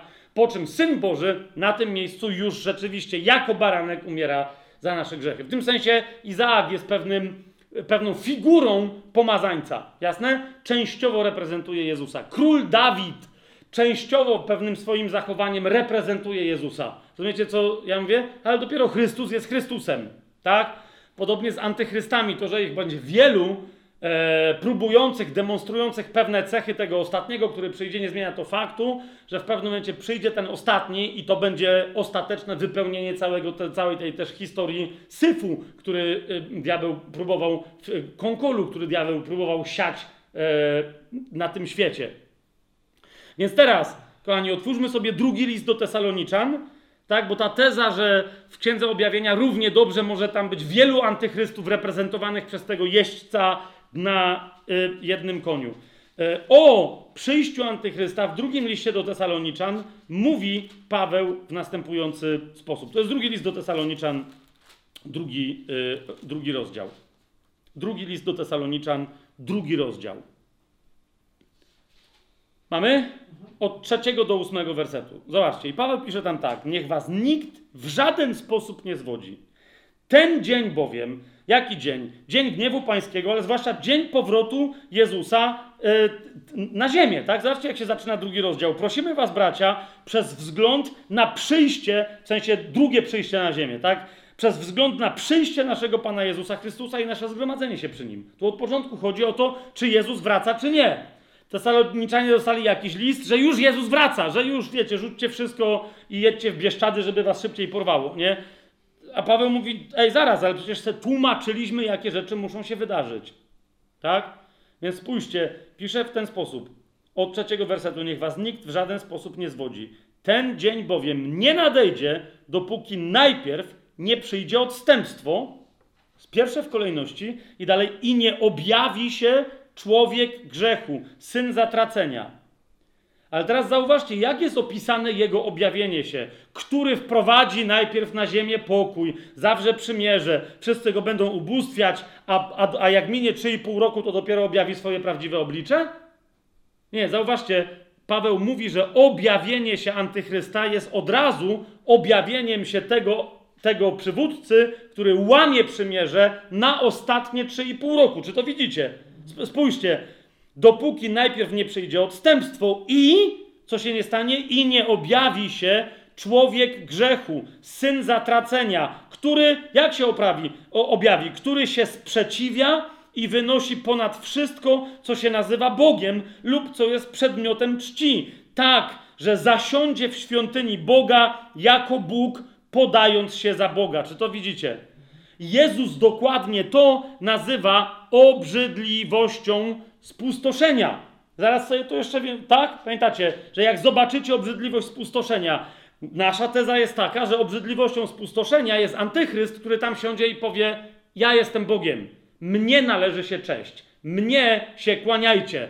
Każe przyjąć z całej ziemi, jeżeli ktoś nie może przyjechać do Jerozolimy, żeby mu się pokłonić, każe stworzyć wizerunek, któremu się każe kłaniać. Na dowód tego, że się jest sługą bestii, każe przyjmować ludziom znamiona, znaki, numery itd., tak itd. Tak Jasne to jest? Patrzcie dalej. I, I mówi, czy nie pamiętacie, że jeszcze będąc u was mówiłem o tym? A teraz wiecie, to jest to takie dziwne zdanie, które dzisiaj myślę, że będzie już dla nas znacznie jaśniejsze. Mówi, no tłumaczenie mamy takie, czy nie pamiętacie, y, czy, a teraz wiecie, co przeszkadza, tak, że się objawi w swoim czasie. Tajemnica nieprawości bowiem już działa. Cały czas tajemnica nieprawości działa. I fałszywy antychryst, kiedy zawrze przymierze, dalej będzie działać, rozumiecie, w tej samej tajemnicy nieprawości, która działa. Ale kiedy ona wyjdzie na wierzch, spójrzcie na to. Tylko, że ten, który teraz przeszkadza, będzie przeszkadzał, aż zostanie usunięty z drogi. I teraz, kochani, nie, yy, nie wierzcie mi na słowo, ale nie wierzcie też tutaj tłumaczowi na słowo, sami sobie sprawdźcie. Po pierwsze, mamy tu jeden wyraz od szóstego wersetu, który nie mówi o tym, że ktoś tu przeszkadza, tylko o tym, że ktoś powstrzymuje albo że się powstrzymuje. To jest pierwsza bardzo istotna, e, bardzo istotna rzecz. Czy rozumiecie, co, co, co jest grane? A więc, jeszcze raz, nie, nie będę ja teraz, jesteśmy w przygotowaniu, ja się mocno przygotowuję do tłumaczenia i to nie będzie od razu, wiecie, linearne tłumaczenie, że będę tłumaczyć od Ewangelii Mateusza do Księgi Objawienia, być może Ewangelię Jana, a potem na przykład teksty związane z nadejściem Jezusa, a potem dopiero uzupełnimy, wiecie, Ewangelia Mateusza i tak dalej. To będzie jeden z pierwszych tekstów, które będziemy tłumaczyć, ale to teraz to nie jest moje oficjalne tłumaczenie żeby potem mi ktoś nie znalazł, wiecie, że ja coś gadałem, a potem napisałem co innego. Ja teraz robię to na chybcika. Jasne to jest? Tylko, że po, dla, dzisiaj roboczo dla naszego użytku dzisiejszego. Ale, kochani, to zdanie powinno, myślę, brzmieć mniej więcej tak. tak. A teraz wiecie, co stanowi przyczynę powstrzymania, albo co powstrzymuje. Co powstrzymuje co? Co powstrzymuje objawienie się antychrysta? Ostateczny wypływ tajemnicy nieprawości. Tak? Która dlatego jest tajemnicza, bo nie pokazała swojego ostatecznego oblicza. Wiecie, co albo kto to powstrzymuje. Tak, że do, jak przestanie powstrzymywać, to w ostatnim czasie to ona się dopiero objawi. Tak? Tajemnica nieprawości, siódmy werset, bowiem już działa, tylko że ten, który teraz powstrzymuje lub też powstrzymuje się, rozumiecie o co chodzi? Tutaj jest napisane, no, że przeszkadza, aż zostanie usunięty z drogi. Z całym szacunkiem wiecie, kto to jest? To jest Bóg. Tak? Kto ma usunąć Boga z drogi? E, więc e, ten, który powstrzymuje się lub powstrzymuje objawienie antychrysta, ok, on dosłownie zejdzie ze środka. Nie? Czyli on stoi na drodze temu objawieniu. Tu dosłownie o to chodzi, więc tu jest w miarę dobrze to przetłumaczone, tylko on nie musi być usunięty z tej drogi, tylko on po prostu da przejście. Rozumiecie? Przestanie powstrzymywać i pozwoli się tajemnicy nieprawości objawić do końca. Da jej przejście. No nie? Tu nie ma mowy o żadnej drodze. Dokładnie e, e, ten wyraz tu z, z greckiego który jest przetłumaczony jako, wiecie, że zostanie usunięty z drogi, jakby zejdzie z pośrodku czegoś, ze środka czegoś, nie? Czyli on zasłania przejście, krótko mówiąc, to jest ten pośrodek, który jest do przejścia, nie? Teraz, kochani, według mnie który moment tu jest opisany? Moment, w którym Jezus bierze zwój od ojca, rozumiecie, i zaczyna łamać pieczęci. Kapujecie, kto powstrzymuje? Powstrzymuje ojciec, dopóki trzyma w ręce ten zwój. On go nie otworzy. Tylko mówi, kto jest godzien, aby go otworzyć. Czy rozumiecie, co, co ja mówię? Wtedy pojawia się Jezus przy swoim niebo wstąpieniu i teraz niech będzie, że dwa tysiące lat trwa jego moment, że se zasiadł na tronie po prawicy swojego taty, wziął od niego ten zwój, tak? Bo tam nie ma czasu, ale to jest dokładnie to. Rozumiecie? Ten, który powstrzymywał się i powstrzymywał to objawienie, przestał się powstrzymywać, dał swojemu synowi, ale jeszcze jest drugie, zauważcie, nawet syn nie zna dnia. Pamiętacie to? On powiedział wyraźnie, że nikt nie zna tego dnia, jego powrotu, tylko ojciec, tak? Mamy to? Więc to jest dokładnie to. On bierze ten zwój od ojca, ale rozumiecie, musi spojrzeć, ponieważ siedzi po jego prawicy. Przepraszam, bo ja chciałem teraz patrzeć, bo ja mam małego syna, więc chciałem, ale jeszcze raz, ja teraz siedzę jako Jezus, więc siedzę po prawicy ojca, więc biorę z tej strony, przepraszam najmocniej, i patrzę mu w oczy w tą stronę. Tu siedzi mój ojciec, ja siedzę po jego prawicy, tak? Więc Jezus bierze w ten sposób, prawą ręką będzie prawdopodobnie łamał, ale zanim zacznie łamać, patrzy mu w oczy. Ojciec mu patrzy w oczy, Najpierw mu mówi, e, jeszcze wyślij Janowi objawienie do siedmiu kościołów i całe to objawienie. Jezus wysyła, takie rzeczy będą miały. Jan to pisze, kościoły dostają, my czytamy, a Jezus w tym momencie patrzy ojcu w oczy i ojciec pokazuje mu, okej, okay, teraz. Wiecie, co to znaczy? Jezus wie, że w niebie to, bo my, wiecie, na ziemi to będzie trwać E, na przykład jedna z trąb trwa przynajmniej 5 miesięcy na ziemi, jak Księga Objawienia to opisuje, tak? Ale w niebie, jakby Jezus, rozumiecie, to nie jest jakiś łamaga, jakiś upośledzony, to jest Bóg, to jest baranek, on jest doskonały, rozumiecie? Ile mu ma zająć w niebie złamanie siedmiu pieczęci? Rozumiecie, o co idzie? Jeżeli dostaje sygnał od Ojca teraz, to on to robi bam, bam, bam, bam, bam, bam. Siedem pieczęci, rozumiesz, siódma, pyk, jest, jest otwarte. Czy to jest jasne? Więc kiedy Jezus otrzymuje znak od Ojca, zaczyna łamać pieczęci. A zatem ten, który powstrzymywał, przestaje się powstrzymywać, bo daje synowi, a następnie przestaje jego powstrzymywać, bo daje mu znak, i wtedy, kiedy on przestaje powstrzymywać, co się dzieje? Zaczyna się otwieranie pieczęci. Taka jest moja teza. Ok? Jeszcze raz. A więc pierwsza pieczęć, złamanie pierwszej pieczęci oznacza nie w ogóle początek prześladowania chrześcijan, nie początek siedmiu lat, ale początek tego objawienia antychrysta, o którym już cały świat wie, że to jest zły antychryst. Rozumiecie o co mi idzie? E, czyli ostatnie trzy i pół roku. Zobaczcie, tylko że ten, który teraz powstrzymuje, będzie przeszkadzał do czasu, aż da przejście. Tak by należało to przetłumaczyć.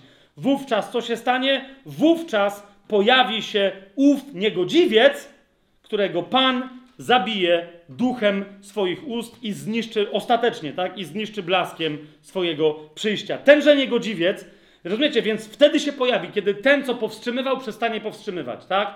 I będzie się mogło zacząć dzieło końca. Wtedy zauważcie, to jego pojawienie się, tu nie ma mowy o tym, że on przyjdzie i będzie zawiązywać jakieś pakty. Tu jest od razu mowa, że, spójrzcie, dziewiąty werset, przyjdzie za sprawą szatana z całą mocą, wśród z całą mocą, którą pamiętacie, ma na 42 miesiące, tak? Z całą mocą wśród znaków i fałszywych cudów, wśród wszelkiego zwodzenia nieprawości wobec tych, którzy giną, ponieważ nie przyjęli miłości prawdy, aby zostali zbawieni. Swoją drogą, tu też jest mowa o tym transie wtedy tych ludzi, dlatego Bóg zsyła im silne omamienie, tak, że uwierzą kłamstwu, aby zostali osądzeni wszyscy, którzy nie uwierzyli prawdzie, ale upodobali sobie niesprawiedliwość.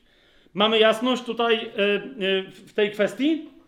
To teraz, kochani, jeszcze bardziej, żebyśmy. Otwórzmy sobie szósty rozdział Księgi Objawienia.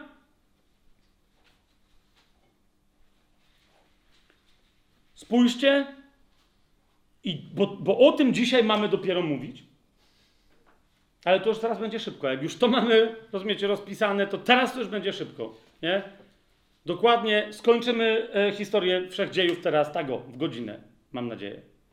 Bo dzisiaj musimy to zrobić. Ale je, jeszcze raz.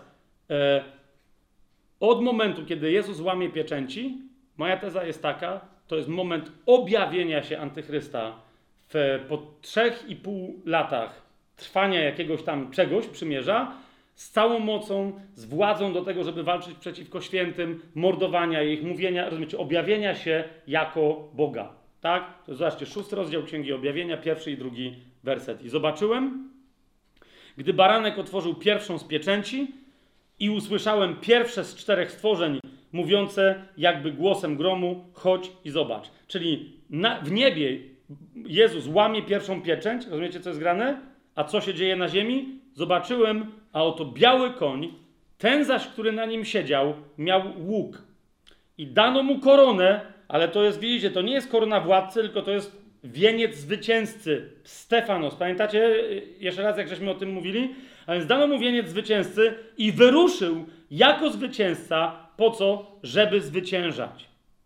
Nie? Zobaczcie, jak się to ma na przykład do Księgi Objawienia, do 13 yy, rozdziału, 5 wersetu. Dano jej, bestii, antychrystowi, 5, to jest 13 rozdział, 5 werset, dano jej też moc, aby działała przez 42 miesiące. Jak?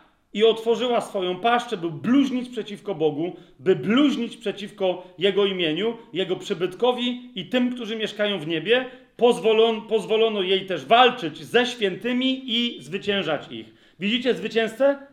Na ile? Na 42 miesiące. Tak? Gdyby jeszcze tego było mało, kochani. To jest, to jest pierwszy dowód, który myślę, że sobie przeprowadziliśmy, tak? E, pozbierajcie sobie te wszystkie teksty, zobaczcie. Szósty rozdział mówi o, ostat... o początku e, drugi... ostatniej, czyli drugiej połowy ostatnich siedmiu lat na Ziemi, czyli o ostatnich trzech i pół latach Ziemi. Tak? Jaki mamy inny dowód? Zobaczcie szósty rozdział Księgi Objawienia. W szóstym rozdziale Księgi Objawienia, kiedy baranek otwiera piątą pieczęć, to jest dziewiąty werset, baranek otwiera piątą pieczęć, Otwarcie piątej pieczęci powoduje usłyszenie e, powszechne wołania o sprawiedliwość. Kogo? Zobaczcie w jedenastym e, wersecie. E, wołają tam ludzie w dziesiątym wersecie: Panie, jak długo jeszcze e, nie będziesz sądził i nie pomścisz naszej krwi na mieszkańcach ziemi? Nie? E, I w jedenastym wersecie jest powiedziane: I dano każdemu z nich białą szatę, i powiedziano im, aby odpoczywali jeszcze przez krótki czas, aż dopełni się liczba ich współsług i braci, którzy jeszcze mają zostać zabici, jak i oni, gdzie na ziemi. Czy to jest jasne? Tak? Więc teraz rozumiecie, niektórzy mówią, no bo i to są właśnie święci, e, którzy przez pierwsze 3,5 roku byli zabijani przez Antychrysta. Jeszcze raz, nie, ja nie wiem, czy wy widzicie, ale to nie jest taki opis. Tu jest opis wszystkich, którzy byli niesprawiedliwie zabijani. Popatrzcie, każdemu z nich po pierwsze dano białą szatę. Co to oznacza? To są ludzie, którzy mieli, którzy mieli prawo do białej szaty od początku. Tak? Od, od pierwszych, którzy uwierzyli w Jezusa. Tak? I, i, którzy się skarżą, że e, byli zabici przez mieszkańców ziemi. Tak?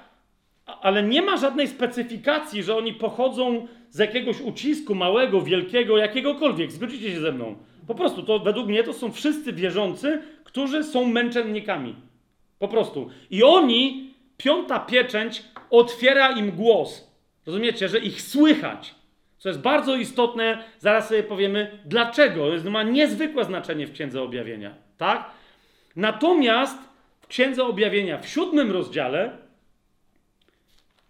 Słyszymy o ludziach, którzy stoją przed Bogiem.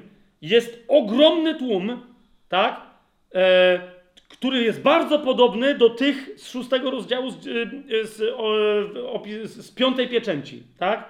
To jest siódmy rozdział, dziewiąty werset. Zobaczcie razem ze mną. Potem zobaczyłem, a oto wielki tłum, którego nikt nie mógł policzyć, z każdego narodu, plemienia, ludu i języka, który stał przed tronem i przed barankiem, ubrani w białe szaty, a palmy w ich rękach. Widzicie to? Spójrzcie jeszcze raz, szósty, yy, szósty rozdział, yy, jedenasty werset. Każdemu z nich białą szatę dano, powiedziano im, aby podpoczywali jeszcze przez krótki czas, aż dopełni się liczba współsług, którzy mają być zabici. Dopełni się liczba, jak się dopełni, będzie koniec, no nie? Jak ta liczba się skończy, to, jest, to nie ma więcej. tak? No to patrzcie teraz, siódmy rozdział, dziewiąty werset, oni tam stoją przed barankiem, białe szaty, palmy w ich rękach, zawsze oznaczające męczeństwo i wtedy w trzynastym wersecie jeden ze starszych pyta Jana, kim są ci, którzy są ubrani w białe szaty i skąd przybyli? Czternasty werset odpowiedziałem mu, panie, ty to wiesz i powiedział do mnie, to są ci, uważajcie, i tu się kolejny raz pojawia techniczne, dosłownie teologicznie sformułowanie, to samo, którym Jezus w Ewangelii Mateusza się pojawia.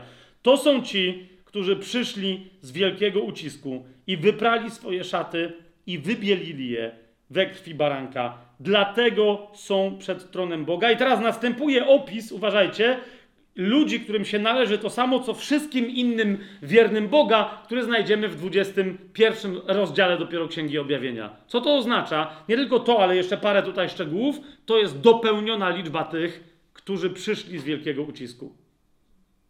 Rozumiecie o, co idzie? W piąt, kiedy Jezus łamie piątą pieczęć, ci, którzy tam już są męczennikami, dowiadują się, jeszcze będzie trwała rzeź wielkiego ucisku. Czy to jest jasne? Tak? Zwróćcie uwagę, siódma pieczęć jest otwarta dopiero w ósmym rozdziale. Czy to widzicie na początku? Gdy otworzył siódmą pieczęć, nastała w niebie cisza. Widzicie to? Czy widzicie to? Co to oznacza? Że dopełnioną liczbę męczenników z wielkiego ucisku mamy dopełnioną jeszcze przed siódmą pieczęcią. Ok? Przy piątej pieczęci tam ci wołają, jak długo jeszcze? Po szóstej pieczęci sprawa najwyraźniej jest już załatwiona. W sensie ta liczba się dopełnia. A zatem nie może wielki ucisk trwać w jakichś innych porach, ale musi trwać do siódmej pieczęci. Od kiedy? Nie widzę powodu, żeby to nie była ósma pieczęć, czy to yy, pierwsza pieczęć. Od, od tego momentu. I druga rzecz. W Księdze Objawienia w szóstym rozdziale, w dwunastym wersecie, popatrzcie na to, czytamy: Zobaczyłem, gdy otworzył szóstą pieczęć, a oto nastąpiło wielkie trzęsienie ziemi, i słońce stało się czarne jak włosiany wór, a księżyc stał się jak krew. Widzicie to? Jeżeli jeszcze komuś brakowało dowodu, to nie wiem, czy widzicie, że to jest koniec wielkiego ucisku. On się nie może tu gdzieś zaczynać. Czyli przy piątej pieczęci ci mówią, jak długo jeszcze. Rozumiecie? I przy piątej pieczęci otrzymują odpowiedź, musi się jeszcze dopełnić liczba waszych współsług, którzy będą zabici. W siódmym rozdziale ta liczba jest już dopełniona, widzicie to? Ale szósta pieczęć kończy wielki ucisk, więc nie może tu się, rozumiecie, więc ona, jeżeli szósta pieczęć kończy wielki ucisk, to logicznie pierwsza go zaczyna, po, po, po, po prostu. Skąd my wiemy, że szósta pieczęć kończy wielki ucisk, bo jest wyraźnie powiedziane, że gdy, jeszcze raz spójrzcie na to, dwunasty werset, otworzył szóstą pieczęć, nastąpiło wielkie trzęsienie ziemi, słońce stało się czarne jak włosiany wór, a księżyc stał się jak krew. Mamy to? To teraz, kochani, Izajasz 13 rozdział, jako pier... nie on jedyny, bo jest wiele miejsc, które mówią dokładnie o tym momencie, ale najpierw to jest Izajasz 13 e, rozdział od 9 wersetu. Oto dzień Jachwę nadchodzi, okrutny w zapalczywości i srogim gniewie, aby zamienić tę ziemię w pustynię i wytępić z niej grzeszników. Gwiazdy nieba bowiem i ich konstelacje nie będą jaśniały swoim światłem, słońce się zaćmi, gdy tylko wzejdzie, a księżyc nie zabłyśnie swoim światłem i ukaże świat za jego zło i niegodziwych za ich nieprawość, położę kres pysze zuchwałych i poniżę wyniosłość okrutników. To jest zapowiedź e, Dnia Pańskiego, który jest sądem. Powiecie, no zaraz, no ale wielki ucisk to już jest sąd, nie do końca i o tym za chwilę. Idzie tylko o to, że właściwy sąd zacznie się od momentu zaćmienia słońca, trzęsienia ziemi, zaćmienia słońca i księżyca. A Pan Jezus powiedział nam wyraźnie, jeszcze raz do tego wrócimy, chociaż mówiłem wam, żeby sobie zapamiętać, to jest Ewangelia Mateusza, 24 rozdział, powiedział nam wyraźnie, że wielki ucisk zacznie się od objawienia antychrysta, czyli od pokazania się e, ohydy spustoszenia e, w miejscu świętym, tak? Czyli w świątyni. No to już wiecie, co to jest Antychryst 3,5 roku w świątyni się objawia. Wtedy jest początek, tak? W Księdze Objawienia to jest złamanie pierwszej pieczęci. Jasne? a kiedy skończy się wielki ucisk? Zobaczcie Mateusza 24 rozdział 29 werset. Zaraz po ucisku tych dni. Macie to 20, Mateusz 24, 29. Ucisku jakich dni? 21 werset. Wtedy bowiem będzie wielki ucisk, jakiego nie było od początku świata aż dotąd. Czy to jest jasne? Tak? Wtedy, czyli kiedy? 24 rozdział, jeszcze raz 15 werset. Gdy więc zobaczycie obrzydliwość spustoszenia, o której mówił prorok Daniel, wtedy zaczną się dziać rzeczy. Tak? 21 werset. Wtedy będzie wielki ucisk. Tak? I jak długo on będzie trwać? Aż do momentu, kiedy się wydarzą pewne rzeczy. 29 werset. A zaraz po ucisku owych dni słońce się zaćmi i księżyc nie da swojego blasku, gwiazdy będą spadać z nieba i moce niebieskie w tym rozumieniu tutaj wszechświata zostaną poruszone. Widzicie to? Zatem, zatem w objawieniu, w księdze objawienia, zresztą przeczytajmy jeszcze Marka, um, na ostateczny dowód Ewangelia Marka, 13 rozdział, Ewangelia Marka, 13 rozdział, 20, yy, czwarty werset. Ale w tych dniach, po tym ucisku, zauważcie, tu jest dokładnie to samo powiedziane, tak? Po jakim ucisku? Yy, yy, 19 werset w 13 rozdziale Ewangelii Marka będą to bowiem dni takiego ucisku, jakiego nie było od początku stworzenia i tak dalej, i tak dalej. Więc 24 werset, ale w tych dniach po tym ucisku zaćmi się słońce i księżyc nie da swojego blasku, gwiazdy nieba będą spadać i moce, które są na niebie, zostaną poruszone lub też wstrząśnięte. Mamy jasność? Zatem, kochani, zatem, kochani, yy, możemy teraz wreszcie, jak sobie ustalić, bo myślę, że sobie to ustaliliśmy. I ja tylko, wiecie, podałem wam, możecie sobie sprawdzić wszystkie tak zwane cross-referencje, wszystkie, yy, wiecie, cytaty równoległe, które się odnoszą do tego samego, co te wersety, które wam podałem. I obraz stanie się, yy, wiecie, ja teraz pokazałem, dałem wam parę dziesiąt punktów i je połączyłem kreskami, nie?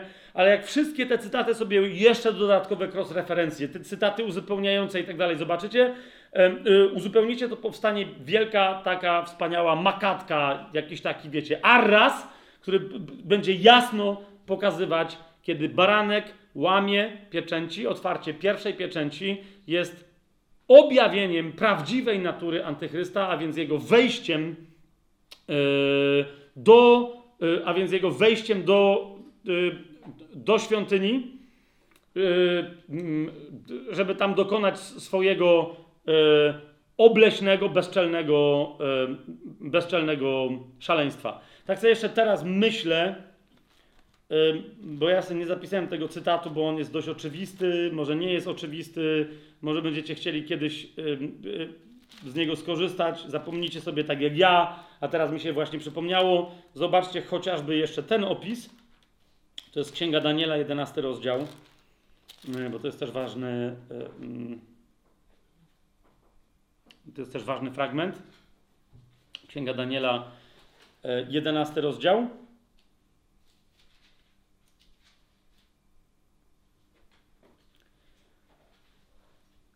Ta jest mowa o tym, że będzie toczyć jakieś tam walki w całym tym 11 rozdziale, antychryst, i o tym, jak doprowadzi do tego czegoś, co będzie wyglądać jak przymierze pokoju, tak? Ale w 11 rozdziale Księgi Daniela jest mowa dokładnie o tym szczegółowo, po jakich perturbacjach politycznych i militarnych yy, wprowadzi to przymierze, ale też potem, jak te 3,5 roku tego przymierza będą trwać, że to wcale nie będzie taki prawdziwy pokój na ziemi, ale jak będzie wyglądać w połowie złamanie tego przymierza. To jest Księga Daniela, 11 rozdział. W 30 wersecie czytamy, że no tak on będzie wprowadzać ten, ten pokój na ziemi, że między innymi jest napisane w 30 wersecie, przeciwko niemu bowiem wyruszą okręty z Kitim, czyli z Cypru, e, będzie przygnębiony, wróci i rozgniewa się na święte przymierze, tak będzie działał.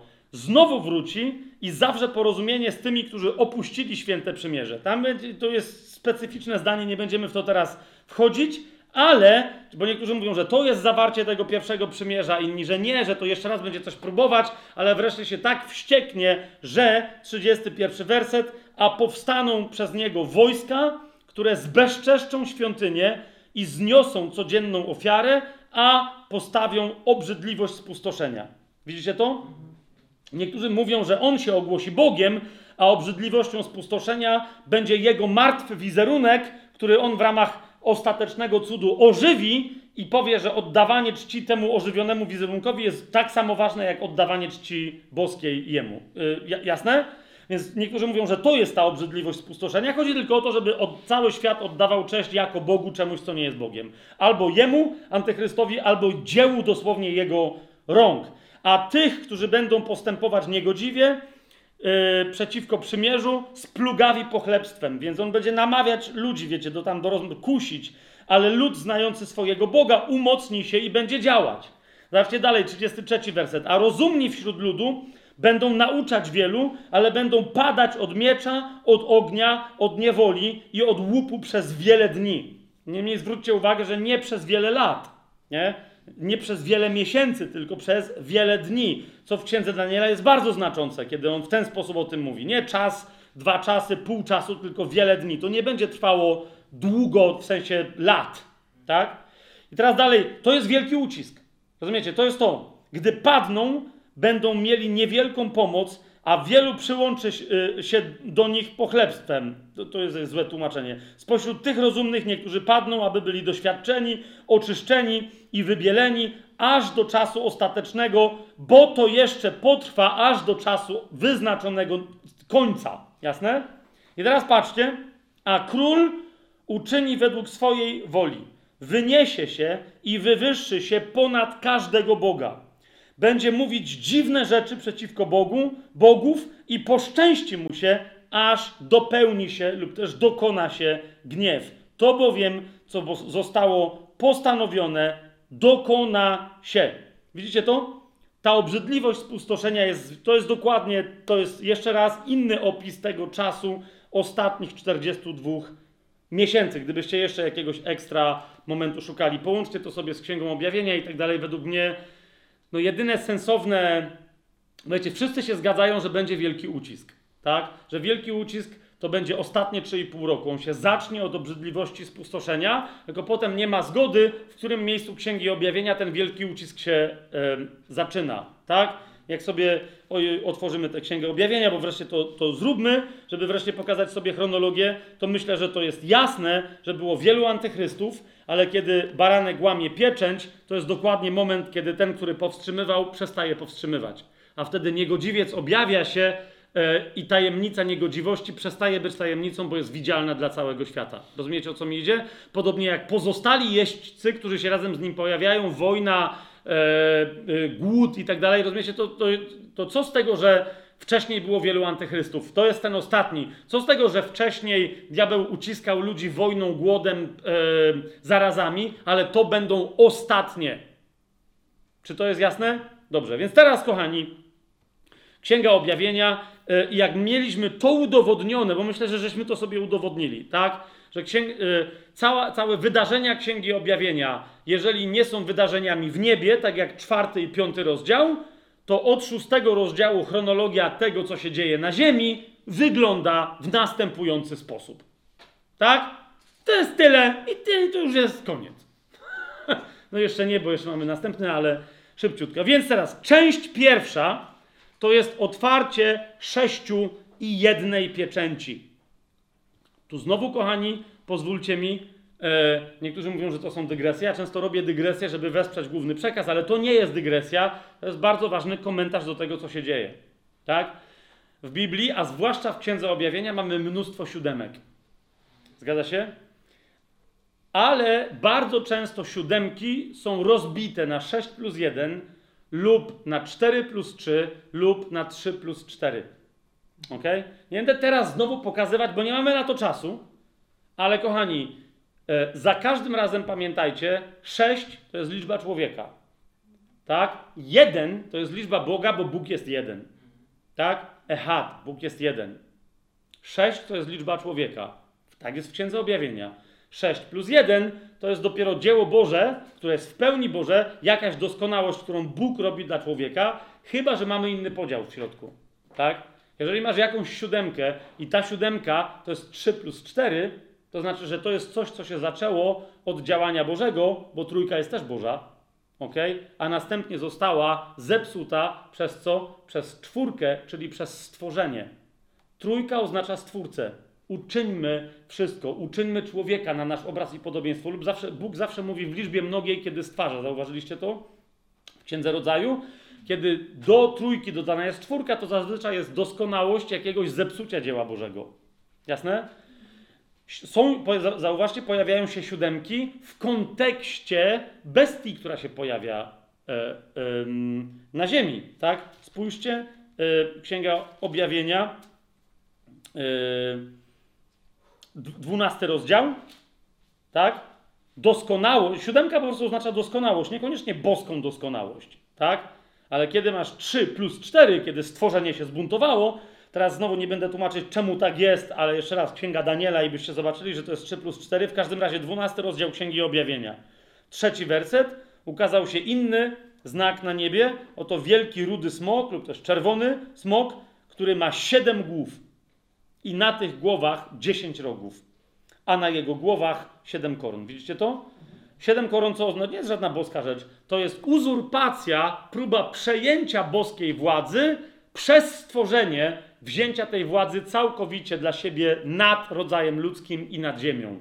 Widzicie to? Siedem głów, ale to jest siedem głów bestii. I w tym wypadku to jest 3 plus 4. 3 to jest stworzenie, które kiedyś było piękne. Tu chodzi o szatana, który 4 wyłamuje się, a więc siebie stawia w pozycji Bożej. 3 plus 4. Tak? Kiedy macie 4 plus 3, to jest stworzenie, które się poddaje Bogu. Tak? Niemniej, kochani, gdy chodzi o pieczęci, bo teraz tylko zrobiłem pewną e, tam dygresję w te 4 plus 3 lub 3 plus 4, bo, na, bo wam może rozjaśnić pewne kwestie, niekoniecznie, mm, e, niekoniecznie pieczęci, ale na przykład trąb. Niemniej, gdy chodzi o pieczęci, zwróćcie uwagę, tu mamy klasyczne 6 plus 1. Ok? 6 plus 1. 6 to jest liczba człowieka. Ok? Pierwszych 6 pieczęci jest związanych bezpośrednio z działaniem ludzi, oddziaływaniem ludzi na ludzi, jest dozwoleniem tego oddziaływania. Rozumiecie? Przyjęciem do wiadomości tego oddziaływania. Podczas gdy ta ekstra jedynka jest jedynką boską. Ok? Zwróćcie uwagę, pierwsze, mamy pierwszą tego rodzaju siódemkę, Księdze Rodzaju, sześć dni Bóg stwarza wszystko, aż szóstego dnia stwarza człowieka. Widzicie o co chodzi? To jest pierwszy moment w Biblii, gdzie szóstka jest przywiązana do człowieka. Wszystko jest stworzone dla człowieka, szóstego dnia jest stworzony człowiek. Siódmy dzień, dzień jest dniem Boga, bo siódmego dnia Bóg jest w centrum, to Bóg odpoczął i wszyscy od tej pory mają obchodzić szabat i siódmego dnia aż do momentu, wiecie, szabatu, który już my mamy, ale no wiecie o co mi chodzi, tak? Dopóki to jest prosty przekaz historii, to wszyscy siódmego dnia co siedem dni mają odpoczywać, żeby w ten sposób przypomnieć sobie jako ludziom, jako stworzeniu o Stwórcy, czyli o Bogu. Jest to jasne? I tu również, kochani, będziemy mieli e, podział na 6 plus 1, ale też na 4 plus 3. Nie? E, jednocześnie. Nie będę teraz tego już więcej komentował, tylko sobie sami sprawdźcie. Z sześć pieczęci, które baranek łamie, a potem jest siódma pieczęć, która, do, która, która jest po prostu, że tak powiem, wreszcie peł, pełnią wyrazu boskiej woli i wtedy niebo milknie na pół godziny. O tym za chwilę. Ale też mamy wewnątrz tych siedmiu pieczęci inny podział, czyli są cztery pieczęcie, które wywołują czterech tak zwanych jeźdźców apokalipsy na ziemi, a potem są pozostałe trzy pieczęci. Jasne? Więc jeszcze raz, tylko wam mówię, żebyście się, jeżeli się przyglądacie pieczęciom, to nie tylko co poszczególna z nich oznacza, o czym, o czym teraz powiemy za Księgą Objawienia, ale też, że jakby istnieją tu dwie grupy tych pieczęci. 6 plus 1 i, i sposób interpretacji też tych zbiorów oraz 4 plus 3. Tak czy siak na końcu, jak jest 4 plus 3, na końcu jest Bóg, i jak jest 6 plus 1, na końcu jest Bóg. To nie jest 1 plus 6, tak? To jest 6 plus 1. To jest, to jest Cała działalność związana z ludźmi, nawet i ludzi, ale na końcu, która jest przejęta i przywrócona do właściwego sensu przez Boga. Mamy to? Doskonale. I teraz, kochani, pierwsze, czyli Księga Objawienia, pierwsze cztery y, pieczęci. Nie będziemy tego szczegółowo robić. Dlaczego? Bo znowu mieliśmy osobną w ogóle serię y, wykładów, nauczań. Y, parę, to było cztery, pięć. Ile to było tych, tych, tych, tych spotkań? Pięć chyba, tak? Dokładnie na temat pierwszych czterech e, pieczęci, czyli tak zwanych czterech jeźdźców apokalipsy. Wtedy żeśmy mówili o antychryście i o pozostałych jeźdźcach, tak?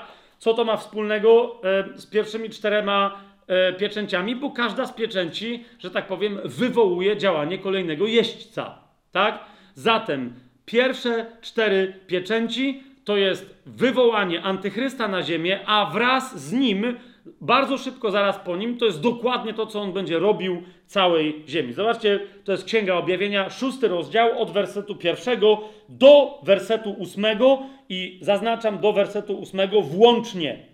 Tak? Czyli y, Księga Objawienia, rozdział szósty, werset pierwszy, baranek otworzył pierwszą z pieczęci. Widzicie to? Werset drugi, co to oznacza? Zobaczyłem, a oto biały koń, ten, który na nim siedział, miał łuk i on wyjeżdża na całą ziemię. Widzicie to? Dalej.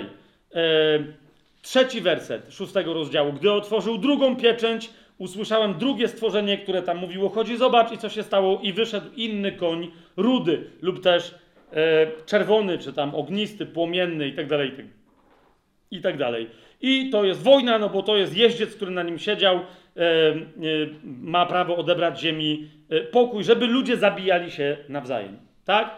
Trzecia pieczęć, piąty werset. Gdy otworzył trzecią pieczęć, usłyszałem trzecie stworzenie i co zobaczyłem? Czarnego konia i na nim znowu jeźdźca. I potem jest czwarta pieczęć, siódmy werset e, i pojawia się ten w UBG tak zwany koń płowy, a ten, który na nim siedział, temu, któremu na nim siedział, było na imię śmierć. Tak? Ten wcześniej tam ma różne nazwy, głód, no wiecie o co mi idzie. Jeszcze raz, wszystkich, którzy chcą zgłębić ten temat, myśmy go naprawdę, myślę, dobrze, nie wiem jaka jest wasza opinia, kto z was pamięta ten, ale wydaje mi się, że w miarę dobrze żeśmy ten temat pogłębili. Yy, jeszcze raz, to się chyba tak, jak tak się ten, ten cykl nazywał, Czterech jeźdźców apokalipsy, to było w zeszłe wakacje, tak? Wakacje 199. To się nazywało Wakacje 1939, tak? Tak, tak. No. Okej, to nie daj mi. Tak, tak, tak to się Ok- nazywa. Okej, dobra, to się tak nazywało. W każdym razie, nieważne teraz nie możemy dojść, jak się to nazywało, albo możemy, ale w każdym razie będzie to napisane pod nagraniem. Jeżeli to już odsłuchujesz jako nagranie, wideo czy audio, to gdzieś tam będzie też dodana informacja, gdzie można ten temat pogłębić. Pierwszych, cz- pierwsze cztery pieczęci to jest, to jest uwolnienie czterech jeźdźców apokalipsy na ziemi, tak? Teraz, kochani, piąta pieczęć wywołuje reakcję, to jest bardzo interesujące. Piąta pieczęć, kiedy baranek ją łamie, to jest, wywołuje ona wołanie o sprawiedliwość, ale w niebie. To jest ten fragment, który już przywołaliśmy, ale jeszcze raz go sobie przeczytajmy. Zobaczmy szósty rozdział, dziewiąty werset. A gdy otworzył piątą pieczęć, widziałem pod ołtarzem dusze zabitych z powodu Słowa Bożego i świadectwa, które złożyli. Tak? Teraz więc, dobra, no ale to ta piąta pieczęć nie wywołała faktu, że oni tam się znaleźli. To tylko Jan to zobaczył. Natomiast kiedy baranek złamał piątą pieczęć, co się stało? Te dusze zawołały donośnym głosem: Jak długo jeszcze, Panie święty i prawdziwy, nie będziesz sądził i nie pomścisz naszej krwi na mieszkańcach ziemi? Pani, dlaczego to jest ważne?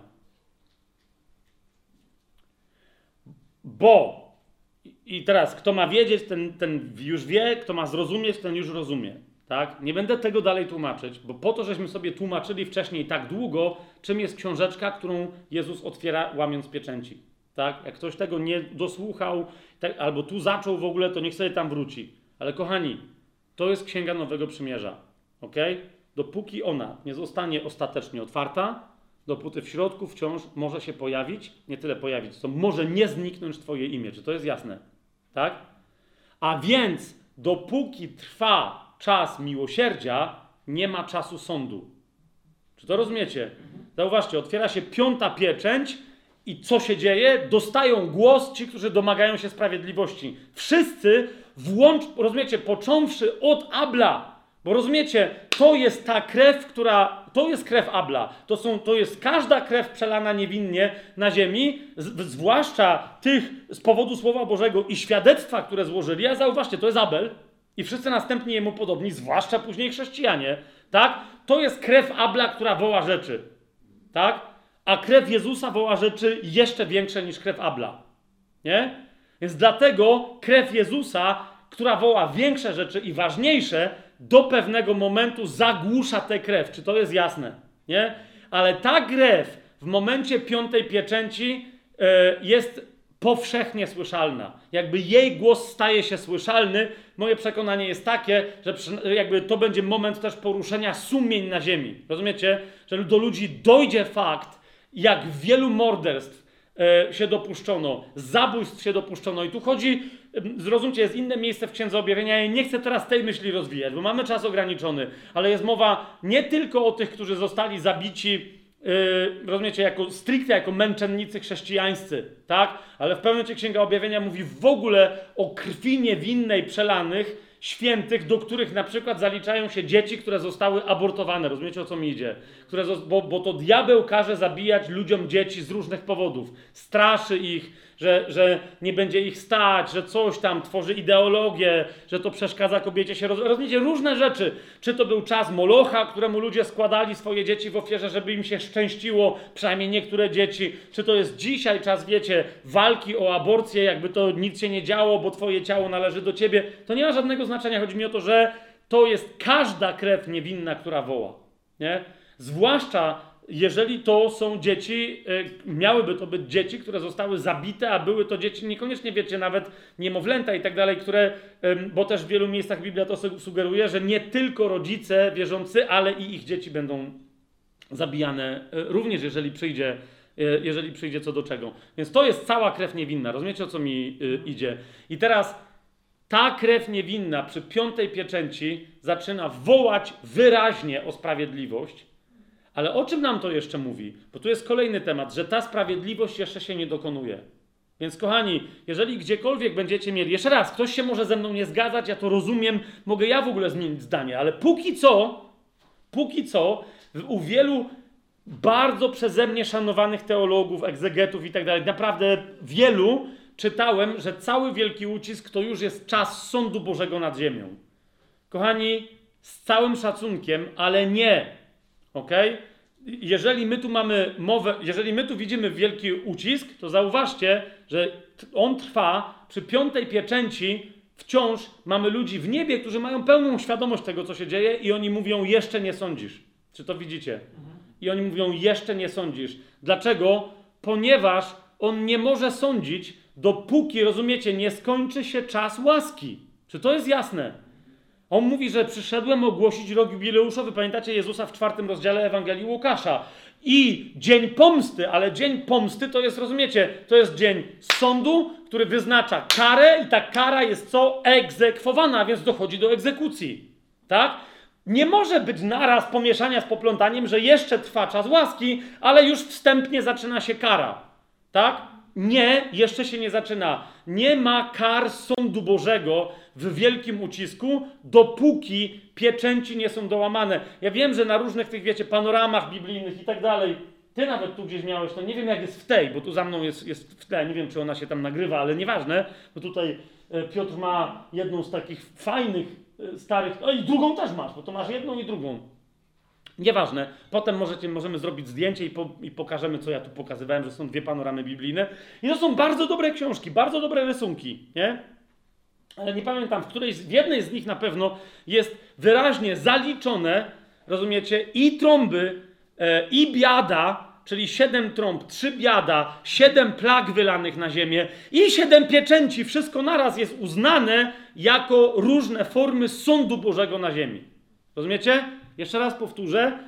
Wyraźnie do piątej pieczęci sądu Bożego nie ma na ziemi. I teraz zobaczcie, niektórzy mówią, no ale te straszne rzeczy. Ty, teraz też się dzieją straszne rzeczy. Nie ma jeszcze wielkiego ucisku. Antychryst się nie objawił. Rozumiesz o co mi chodzi? My jesteśmy poddani uciskowi, jesteśmy, ale dlatego my mamy cierpliwość Jezusa w sobie i Jezus w niebie ma cierpliwość, że nam się dzieją takie, że nam i nie nam, różnym niewinnym ludziom na ziemi się dzieje krzywda. Rozumiecie o co mi idzie? I w momencie, kiedy powstanie antychryst, będzie ucisk, jakiego nie było od początku y, świata, wojny, brak pokoju na ziemi, głód, zarazy i tak dalej, i to, to, lu- zauważcie, to ludzie będą robić ludziom nadal ujawni się tajemnica nieprawości, która działała w szatanie i zacznie działać w ludziach z całą otwartością, ale zwróćcie uwagę, Bóg dozwala wyjść naturze szatana i naturze nieprawości kompletnie na wierzch, ale to nie jest jego sąd. Rozumiecie? On tylko się cofnął, żeby tajemnica nieprawości przestała być tajemnicza. Nie? Zobaczcie chociażby na ten fragment yy, szósty, szóstego yy, rozdziału o tym, który ma prawo odebrać, odebrać ziemi pokój. Tak? Spójrzcie, czwarty werset. I wyszedł inny koń, rudy, a temu, który na nim siedział, pozwolono odebrać ziemi pokój. Aby co? Aby ludzie zabijali się nawzajem. Rozumiecie, w pewnym momencie to jest prawda, że zaczną spadać z nieba na ziemię kary sądu Bożego, ale na ziemi nie może wtedy już być nikogo. Stąd rozumiem też pewne koncepcje Watchmana Ni o kolejnych pochwyceniach e, kościoła e, różnych stanów, ponieważ kiedy Bóg będzie sądził ziemię, na ziemi albo nie może być już wtedy nikogo, kto by, rozumiecie, bo jest wyraźnie powiedziane, że my nie podlegamy pod gniew Boży. Tak? W wielu miejscach jesteście w stanie mi teraz szybko coś zacytować. Piąty rozdział chociażby listu do Rzymian. Piąty rozdział listu do Rzymian, zobaczcie razem ze mną szybciutko. Yy, ósmy werset i dalej. Bóg okazuje nam swoją miłość przez to, że gdy jeszcze byliśmy grzesznikami, Chrystus za nas umarł. Jest czas teraźniejszy. Bóg nam cały czas teraz okazuje swoją miłość przez to, że gdy byliśmy grzesznikami, Chrystus za nas umarł. Zgadza się? A jaka jest przyszłość? Z tym bardziej więc teraz, będąc usprawiedliwieni Jego krwią, będziemy przyszłości przez Niego ocaleni od gniewu. Czy to jest jasne? Kiedy przyjdzie dzień Jego gniewu, my musimy być od tego gniewu zachowani. Jasne? Lub też, jeżeli jeszcze na ziemi będzie ktoś, kiedy ziemia będzie karana, uważajcie na to, musi być niepodległy temu karaniu. Jasne? Musi być niepodległy temu karaniu. Nie może podlegać temu karaniu. Tak? I teraz, więc, więc zrozumcie, co jest grane. Piąta pieczęć nam mówi bardzo wyraźnie, to jeszcze nie jest sąd Boga. To tylko szatan robi wszystko, co może, najgorsze, co ma, i wy, ci, którzy wolą jego niż Boga, razem z szatanem. To na razie nie jest działanie Boga. Mamy jasność? Tak? To jest bardzo ważne, kochani. To nie są sądy Boże. Tak? Więc wołanie o sprawiedliwość. Teraz pieczęć szósta. Yy, to jest 12 do 14 yy, wersetu. I tu się dzieją właśnie bardzo istotne rzeczy. Tak? Pieczęć szósta, kochani, a więc przedostatnia. Ona ma znowu jakby takie podpunkty A, B i C. Tak? Yy, Gosiu, powiedz mi, ile to jest trzecia godzina już minęła, czy? Właśnie.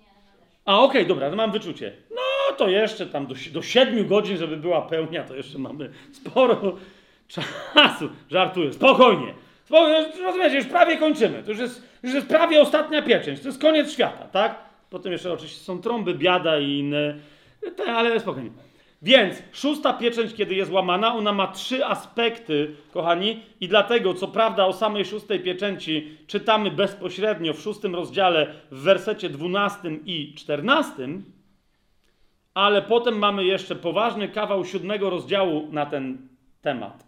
O tym, o czym teraz mówiłem, zobaczymy wprost, że to jest da- dokładnie ta, taka jest prawda. Bóg jeszcze nie sądzi. Spójrzcie szósty rozdział, e, szósta pieczęć, którą Jezus łamie. Pierwsze, e, pierwsze, e, pierwsze, pierwsza płaszczyzna rozumienia złamania tej szóstej pieczęci to jest, że dochodzi do ostatecznego naruszenia starego porządku e, ziemi. Kompletnie. Nie? Zobaczcie, szósta pieczęć to jest szósty rozdział od 12 do 14 wersetu. I zobaczyłem, gdy otworzył szóstą pieczęć, oto nastąpiło wielkie trzęsienie ziemi i słońce stało się czarne jak włosiany wór, a księżyc stał się jak krew. Gwiazdy niebieskie spadły na ziemię. Pamiętacie to poruszenie mocy niebieskich całe? To jest to gwiazdy niebieskie spadły na ziemię. Oczywiście dalej bardziej szczegółowo Księga Objawienia nam wyjaśnia, tylko tu na razie jest, wiecie, aspekt patrzymy na pieczęci, nie na inne rzeczy, tak? Więc e, gwiazdy niebieskie spadły na ziemię, podobnie jak drzewo figowe zrzuca niedojrzałe figi, gdy potrząśnie nim gwałtowny wiatr. I niebo ustąpiło jak zwój zrolowany, a każda góra i wyspa ruszyły się ze swoich miejsc. Widzicie to? Kompletne naruszenie. I, y, I teraz, co jest bardzo istotne, kochani, jest jeszcze jedna pieczęć, ale ta pieczęć nie tyle coś kończy, co w zasadzie coś zacznie. Tak? Dlaczego? Bo zauważcie, w tym momencie ludzie na ziemi wiedzą, że już się nie da zbawić. Nie wiem, czy rozumiecie? To jest dokładnie moment, szósta pieczęć. Jeszcze nie jest złamana siódma. Nie? Jeszcze niektórzy o to się kłócą egzegeci. Jeszcze do siódmej, ja osobiście uważam, że do siódmej musi być złamanych siedem pieczęci. Nie? Ale kiedy na ziemi będzie widać, rozumiecie to, znaczy niewiele będzie widać, tak? Słońce się zaćmi, księżyc się zaćmi, który, teraz my też rozumiemy, że to musi być taki czas na ziemi, kiedy będzie raczej pełnia niż niepełnia, tak? Bo jak będzie jakieś, wiecie, w okolicach Nowiu, to kto tam będzie wiedział, czy się księżyc zaćmił? To musi być, więc raczej, tak? Yy, wszędzie tam, gdzie byłoby widać gwiazdy, nie będzie ich widać. Trzęsienia ziemi na całej ziemi będą tak wielkie, to jest dokładnie mowa o tym, że nie będzie żadnej, wiecie, że, że się doliny podniosą, a góry się zapadną i nie będzie, po prostu powstanie jedna wielka jakby równina na całej ziemi i koniec końców tylko jedna góra będzie górą, czyli tak naprawdę górą, czyli góra Syjon. Niemniej zwróćcie uwagę, jaka jest reakcja ludzi na ziemi. Oni nie wiedzą, że jest jeszcze siódma pieczęć, ale oni wiedzą, że w zasadzie to już jest tyle i że teraz nadejdzie dzień gniewu. Spójrzcie, e, 15 werset m, tego szóstego rozdziału. A królowie ziemscy, i możnowładcy, i bogacze, i wodzowie, i mocarze, i każdy niewolnik, i każdy wolny ukryli się w jaskiniach i skałach górskich, mówiąc co? Padnijcie na nas i zakryjcie nas przed obliczem zasiadającego na tronie i przed gniewem baranka. Nie wiem, czy, czy rozumiecie, co się dzieje. To nie jest oblicze zasiadającego na tronie, który, który okaże gniew, ale to jest baranek, który okaże gniew. Słuchajcie, baranek jest miłosierny do czasu, tak? Ale on jest też sprawiedliwy. On, nie, on chce okazać gniew ziemi, ziemi, która wchłonęła krew niewinną, rozumiecie? I nic z tym nie zrobiła. Dlatego ona w pewnym momencie, w tych ostatnich 3,5 latach, przychodzi w sukurs i pomaga kobiecie, która się kryje na pustyni, nie? Ale nadal to starej ziemi nic nie pomoże. Ta ziemia się wtedy już przeciwstawia em, antychrystowi, przeciwstawia się diabłu samemu. Nie wiem, czy pamiętacie, on tam wysyła swoją powódź za, e, za kobietą i ziemia pomaga kobiecie. Ale nadal to jest ziemia, która idzie na zniszczenie, ponieważ przez całe tysiąclecia wchłaniała krew niewinną i wtedy z tym nic nie zrobiła i pozwalała diabłu i ludziom złym działać. Tak? Więc oni tu wiedzą, że nadchodzi gniew baranka. Baranek jest dobry, ale dobroć często musi skończyć niesprawiedliwość dla dobra tych, których kocha. Nadszedł wielki dzień, 17 werset, jego gniewu i kto się może ostać. To jest, kochani, pierwsza rzecz, naruszenie wszystkiego na ziemi. Teraz niektórzy mówią, no i to będzie e, jakby zaraz po tym idzie pieczęć, więc zanim to się naruszy wszystko na ziemi, to będzie pęk, to pęknie również ta siódma pieczęć. Kochani, nie. Dlaczego? Ponieważ kiedy pęknie siódma pieczęć, wiecie co to będzie oznaczało? Ja sobie tak to wyobrażam, że te pieczęci, że Jezus trzyma ten zwój, pamiętacie, że to jest zwój w jednym ręku, nie? I on łamie te pieczęci. Jedna, druga, trzecia, czwarta, piąta, szósta. Wiecie, co się stanie, jak, się, jak, jak złamie siódmą? Ta księga się otworzy. Zwój się rozwinie. Nie, ona od razu wtedy będzie. Zatem, co to będzie oznaczało? W momencie, kiedy on złamie siódmą pieczęć, ok, to będzie koniec, koniec możliwości bycia niewypisanym z księgi życia. Ale jednocześnie to będzie oznaczało od tej pory Bóg absolutnie suwerennie dokona sądu, który go musi dokonać. Musi się wylać jego gniew na ziemię, aby ona nie miała w sobie żadnego pierwiastka zła, którym nasiąknęła, zanim przyjdą na nią, na nią święci razem z jego synem. Rozumiecie, bo to jest wcielony Bóg i on nie może się dotknąć grzechu, niczego, co jest złe. Nie? Kiedy przyjdzie w swojej chwale, w związku z tym on musi wrócić na świętą ziemię pod świętym niebem. A zatem sąd to nie będzie sąd nad ludźmi, zrozumcie. To będzie sąd nad starą ziemią i nad starym niebem, tak? Do którego wstrząśnięcie mocy niebieskich i ziemskich, wstrząśnięcie mocy niebieskich, także, także, także wszystko, rozumiecie, komety będą lecieć na ziemię, to wszystko nie będzie widać z ziemi za bardzo nieba i wstrząśnięcie ziemi, to wszystko będzie przygotowanie pod sąd, tak? Ale to jeszcze nie będzie koniec. Co będzie przygotowaniem pod sąd? To jest druga warstwa, kochani. I druga i trzecia warstwa. Otóż druga warstwa to jest yy, jakby taki podpunkt B, to jest opieczętowanie Izraela na ziemi. Kapujecie? Izrael, nawet jeżeli wtedy, to jest zresztą dosyć ciekawe, co się będzie działo, jak oni wtedy zaczną rozpoznawać Chrystusa. Wiecie o czym ja mówię, tak? Trzymajcie tu założone siódmy rozdział, zaraz tu wrócimy, ale no musimy to przeczytać, tak? Księga Zachariasza. Bo to będzie w ramach wielkiego ucisku. Oni będą, rozumiecie, to oni doprowadzą antychrysta, oni, od, oni przecież świątynię w Jerozolimie postawią, tak? I antychryst będą się cieszyć, że on wprowadził pokój i nagle jak on tam stanie i powie, ja jestem Bogiem, no to wiecie, przynajmniej religijni Żydzi powiedzą, zaraz, co, coś tu nie gra. Religijni, w sensie ci, co szczerze religijni, szczerze oddani Bogu Jahwe, tak?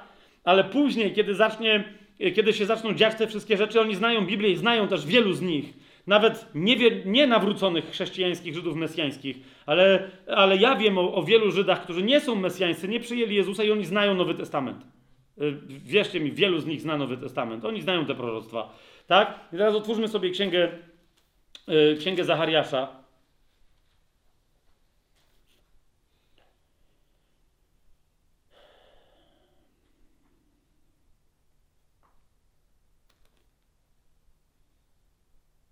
Dwunasty rozdział.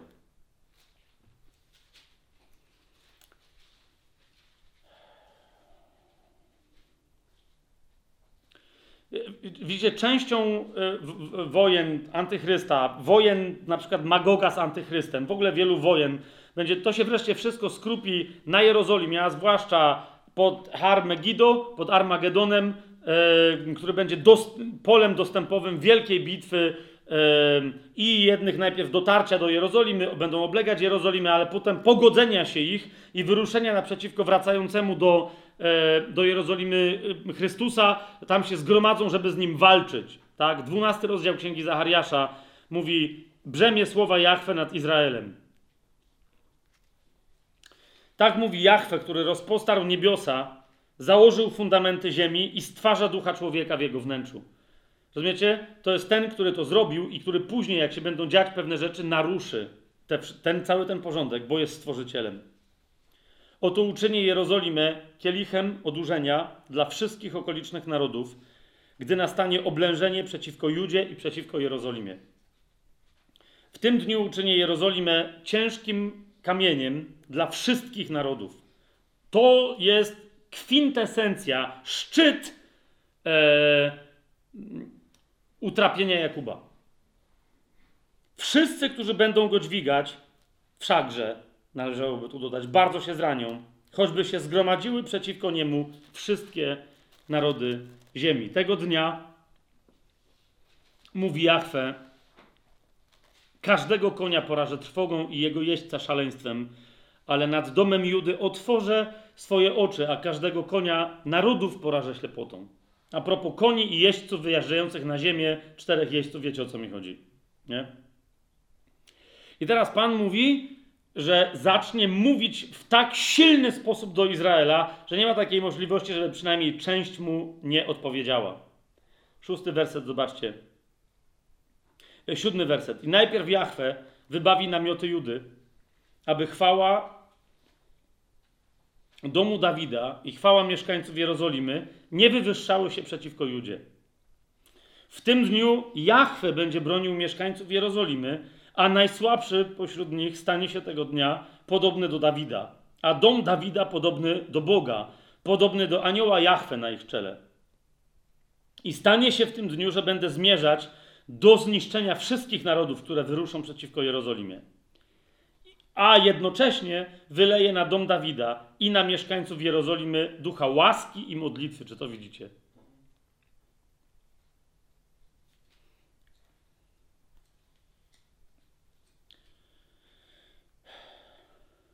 Tu jest ten fragment, którego.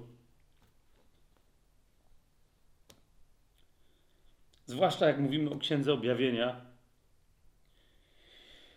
W każdym razie, dziesiąty werset ten duch łaski i modlitwy nad Żydami. Sam Jezus mówi: Będą patrzeć na mnie, którego przebili. I to jest ten sam wyraz, rozumiecie, to jest wyraz, Psalm 22 i tak dalej. Przebodli mnie, przybili mnie. To jest, To jest wyraz mówiący o, o ukrzyżowaniu. Będą patrzeć na mnie, którego przebili. I zaczną wreszcie opłakiwać, jak się opłakuje jedynaka. Będą gorzko płakać nad nim, jak się płacze gorzko nad pierworodnym. Nawiasem mówiąc, żadne słowo tu nie pada. Rozumiecie, bez sensu. Zresztą zauważcie, w tym dniu będzie wielki lament w Jerozolimie, jaki lament w Hadadrimon na równinie Megido. To jest Armagedon. Tylko rozumiecie, że to będą dwa różne lamenty. Nie? Tam, będą, tam ci będą ginąć, myśląc, że się da walczyć przeciwko wracającemu Mesjaszowi. Ci będą płakać, że przez dwa tysiące lat nie, nie chcieli go rozpoznać.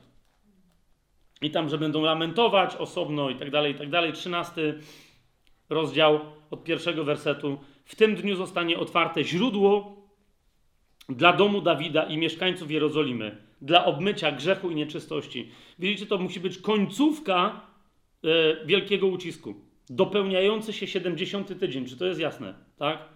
Wtedy, ponieważ dopełnienie się 70 tygodnia e, w proroctwie Daniela dopełnia sprawę i dla całego świata, ale zwłaszcza dla Izraela. Rozumiecie o co idzie? Jeżeli tu, i teraz gdzie my, i, i tak dalej, nie będziemy tego czytać, 14 y, rozdział, pierwszy werset, oto przychodzi dzień Jachwy, i tak dalej, i tak dalej. Ale teraz jak to jest opisane w Księdze Objawienia? Więc to jest ta druga wersja, ten, ta, ten, ta druga płaszczyzna, szósta pieczęć, rozumiecie? Wstrząsają się te ziły niebieskie. Ci mówią, niech nas góry przykryją, bo się rozpoczyna dzień gniewu. Inni się zbierają, mówią, dobra, będziemy walczyć. Armagedon, e, ale nie zaczyna się jeszcze sąd. Nie schodzi sędzia, żeby sądzić i królować, żeby sądzić i walczyć. Rozumiecie, tak Jezus jest przedstawiony, że idzie, aby sądzić i walczyć. Nie? Dlaczego? Ponieważ siły natury muszą być wstrząśnięte, ale co się dzieje? To jest siódmy rozdział. Yy, od początku w zasadzie, od pierwszego, yy, od pierwszego wersetu musi na, nastąpić opieczętowanie Izraela. Nie? Ci, którzy wtedy będą rozpoznawać Chrystusa cały czas, on to, rozumiecie, my nie wiemy ile to będzie trwać, kiedy się te wszystkie tam rzeczy będą mieszać, ale oni będą oddawać życie Jezusowi, ale nie będą umierać, nie będą pochwyceni, zostaną na ziemi, ale będą opieczętowani, aby kiedy przyjdzie sąd, okej? ten sąd ich nie dotknął, bo sąd nie dotyka tych, którzy skorzystali z łaski. Czy to jest jasne? Nie? Więc spójrzcie, mamy jednych, którzy skorzystają z łaski, wtedy wyleje łaskę i modlitwę na dom Dawida, na, na Judę, na, na Jerozolimę. To jest siódmy rozdział, e, trzeci i czwarty werset. Nie? Już mają wychodzić, żeby wyrządzić szkodę. Nie? Tam są tych, tych czterech aniołów, którzy mają e, niszczyć, sądzić ziemię, tak? E, e, ale spójrzcie, bardzo interesująca rzecz, nie będę znowu tego rozwijał, e, ale pierwsze co, dostają rozkaz, aby powstrzymać wiatr. Nie zobaczcie, w jak wielu miejscach w Biblii wiatr się podnosi, aby dokonać sądu. Nie? To, jest, to, jest, to jest pierwsza rzecz. Wiatr, sąd się dokonuje w wietrze Jahwe. Nie? Spójrzcie w siódmym rozdziale, pierwszy werset, zobaczyłem czterech aniołów stojących na czterech krańcach ziemi, trzymających cztery wiatry ziemi. To jest sąd nad całą ziemią, aby wiatr nie wiał ani na ziemię, ani na morze, ani na żadne drzewo. Oni, dlaczego? Zobaczcie, trzeci werset. I oni się dowiadują, nie wyrządzajcie szkody, tak? Yy, bo tam jest inny anioł i oni się dowiadują, nie wyrządzajcie szkody ziemi, ani morzu, ani drzewom, dopóki nie opieczętujemy sług naszego Boga na ich czołach. I kto jest tu nazwany tym sługą czy tymi sługami? Zwróćcie uwagę i usłyszałem liczbę opieczętowanych. 144 tysiące opieczętowanych ze wszystkich pokoleń synów Izraela. To są Żydzi. Tu nie ma mowy o żadnym innym narodzie. Czy to jest jasne? Czy to jest jasne, kochani? Nie? Wygląda na to, że wszyscy ci, którzy w tym czasie, z wyjątkiem dwóch świadków, których Pan ma na ziemi, ale tych na razie zostawiamy w spokoju, nie ma już nikogo więcej. Rozumiecie? Tylko Żydzi zostaną wtedy na ziemi, cała reszta narodów to, to zostaną ludzie niezbawieni. Ok? Dlaczego? Ponieważ z wszystkich narodów na ziemi dopełniła się liczba zbawionych w niebie. I to jest trzecia warstwa. Rozumiecie? Na ziemi są pieczętowani słudzy Jahwe, którzy są tylko Żydami. Tak? Teraz jest pytanie, czy 144 tysiące to jest liczba konkretna czy, symbo, czy symboliczna. O tym sobie opowiemy w przyszłym tygodniu, bo, będzie, bo odniesiemy się do tych, wiecie, fragmentów Księgi Objawienia, które są wyjaśnieniem tego chronologicznego ciągu. Tak? Niemniej tu mamy wyraźnie powiedziane, że to jest 144 tysiące. Czy to jest liczba symboliczna, czy nie, to sobie na to odpowiemy, ale synów Izraela. Czy to jest symbol czego? To jest w każdym razie symbol tyczący się tak czy siak synów Izraela lub ludzi z wszystkich pokoleń Izraela. Po prostu. Czy to jest jasne? To są Żydzi. Natomiast trzecia warstwa między szóstą a siódmą pieczęcią to jest to, co się dzieje w niebie. W niebie dopełnia się liczba tych, którzy tam mieli dotrzeć, tak? To jest Księga Objawienia, siódmy rozdział od dziewiątego do czwartego wersetu. Czyli widzicie, są w ósmym wersecie jeszcze powiedziane, które pokolenia są pieczętowane. Z pokolenia Zabulona 12 tysięcy, Józefa 12 tysięcy, Beniamina 12 tysięcy opieczętowanych.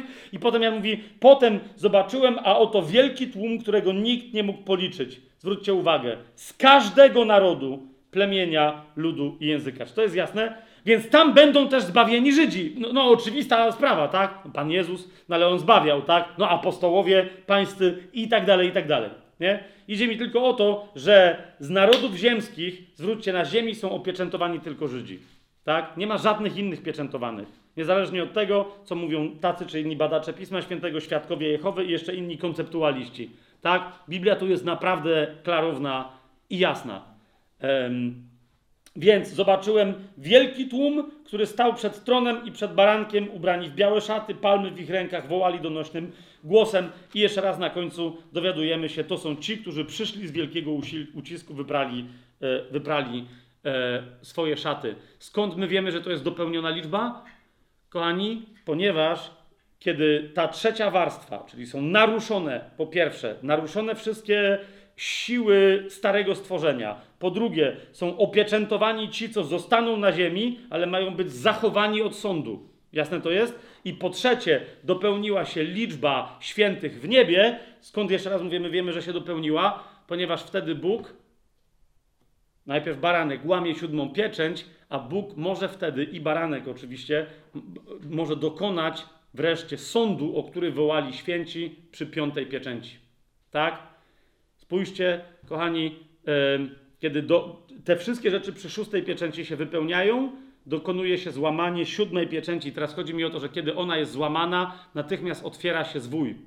I teraz, rozumiecie, kochani, więc e, ta czas między e, pierwszą a drugą pieczęcią, e, drugą a trzecią, trzecią a czwartą, czwartą a piątą, piątą a szóstą, nawet szóstą a siódmą może trwać. Rozumiecie, o co mi idzie?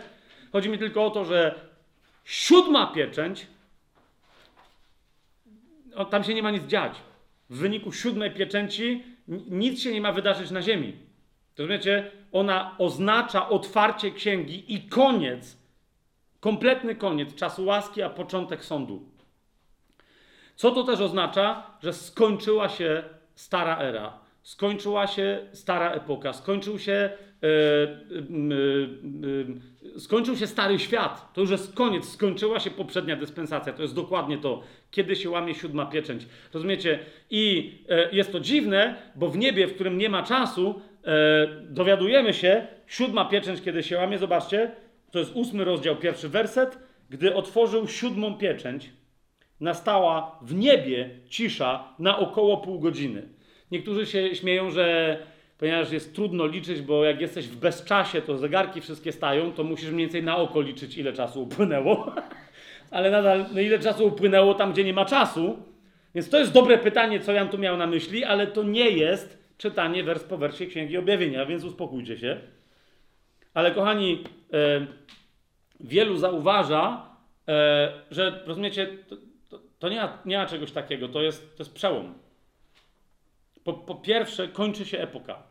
Nie? Kończy się, e, e, wiesz, wiecie, dyspensacjonaliści, tak zwani teologowie dyspensacjonalni, oni wręcz uważają, że to jest koniec epok, paru dyspensacji, ponieważ to jest koniec Ziemi, która de facto ma historię taką czy inną, rozumiecie, i fizycznie wyglądała tak czy inaczej, ale ta, to jest historia, która się zaczęła w Księdze Rodzaju, w pierwszej Mojżeszowej, w pierwszym rozdziale. To jest ta ziemia. Rozumiecie, ona do momentu potopu inaczej fizycznie funkcjonowała. Tak, Do momentu upadku rodziców w raju to ona inaczej fizycznie funkcjonowała. momencie, kiedy oni upadli, zostali wyrzuceni z raju, to, ona, to ziemia inaczej funkcjonowała. Nie? E, w momencie, kiedy przyszedł potop na ziemię i cała ziemia została osądzona, to znowu ta ziemia inaczej wyglądała. Ale rozumiecie, o, jakby, więc pewne prawidła się zmieniały, ale moce niebieskie i moce ziemskie nie były nigdy tak naruszone, tak? E, jak przy szóstej pieczęci oraz nigdy Bóg nie mówił, że je skończy, a to jest moment, kiedy wiadomo, że Bóg skończy wszelkie prawidła i moce starej ziemi i starego nieba. Czyli od tej pory, nie, rozumiecie, nie będzie tylko nowego stworzenia, tak jak my nim jesteśmy na sposób duchowy, ale stworzenie kompletnie stanie się nowe. Rozumiecie? Porządek e, przy pierwszym stworzeniu był taki, że Bóg stwarzał najpierw różne rzeczy, aby na końcu pojawił się na ziemi człowiek, czyli Adam i Ewa. Amen? Teraz zauważcie, porządek nowego stworzenia jest dokładnie odwrotny. Najpierw pojawił się nowy człowiek, nowy Adam i Kościół jego Ewa, tak? I teraz dla niego, po nim zostanie uzupełnione stworzenie, z niego wyjdzie, bo jest to też człowiek, który jest de facto Bogiem wcielonym jako człowiek, a więc to jest stworzyciel, więc on dla siebie i zjednoczonej z nim ludzkości, która już nie może upaść, teraz dopełni nowe stworzenie. Rozumiecie o co mi idzie? Czy jak on powiedział, oto czynię nowe tobie czy mnie, kiedy się nowo narodziliśmy, to dojdzie do ostatecznego dopełnienia. Otwórzmy sobie Księgę Objawienia 21, rozdział. Zobaczcie, trzeci y, werset, już nawet, y, y, to, teraz to jest pytanie, czy to jest po tysiącletnim królestwie, czy nie, ale to jest 21 rozdział, pierwszy werset, nowe niebo i nowa ziemia. Widzicie to? I spójrzcie na ten widok, bo teraz czy to jest po tysiącletnim królestwie, czy nie, to powiemy sobie następnym razem, ale co Bóg mówi? Piąty werset. A zasiadający na tronie powiedział, oto wszystko czynię nowym. Widzicie? To jest, to jest dokładnie to. Oto wszystko czynię nowym. Nowe stworzenie w tym momencie, rozumiecie, dotyka wszystkiego. Ziemia staje się nowa, niebo staje się nowe, wszystko na ziemi, rośliny, których będzie obfitość, jakiej ziemia do tej pory nie znała, wszystkie będą nowe. Zwierzęta, nawet jeżeli będą, wiecie, no, z, nieba konie będą zjeżdżać, także hello, tak? E, ale po prostu wszystko to będzie miało nową naturę, będzie inaczej żyć, będzie inaczej e, funkcjonować. No między innymi znowu zwierzęta się nie będą jadły i my nie będziemy no dobra, co do tego, czy my będziemy jedli zwierzęta, to jeszcze powoli, co będzie się działo w tysiącletnim królestwie, a co po tysiącletnim królestwie. Dobrze, wracamy do yy, siódmej pieczęci. Więc, kochani, łamie się siódma pieczęć i to oznacza definitywnie, od tej pory już nie ma łaski. Ok? To też o, musi oznaczać, że rozumiecie, już zostali na ziemi wszyscy ci, którzy, i tylko wy, i wyłącznie ci, którzy już yy, zawierzyli szatanowi. Rozumiecie? Ostatecznie oni są w transie. Ci z Izraela, który, którzy oddali życie Jezusowi, zostają na ziemi, ale są opieczętowani. Tak? Jest jeszcze, pamiętacie, dwóch świadków. Tak? Pamiętamy ich e, z 11 rozdziału, trzeci werset. Dam władzę dwóm moim świadkom, którzy będą prorokować przez 1260 dni e, ubrani e, w wory. Ale okej, tych na razie zostawmy, bo oni będą nietykalni. E, ich też nie dotknie sąd Boży z oczywistych powodów, ale cała reszta od tej pory będzie dotykana sądem. Rozumiecie? E, I Bóg, bo, bo, bo niektórzy mówią, że wszystkich zatkało w niebie. Nie? Że tam się coś takiego niezwykłego stało. I teraz nie- niech to nie zabrzmi głupio, ale rozumiecie, cisza nastała w takim sensie, że nikt się nie odzywa, nikt nie robi żadnego hałasu, bo również Bóg, rozumiecie, nic nie robi i nic nie mówi. Rozumiecie o co chodzi?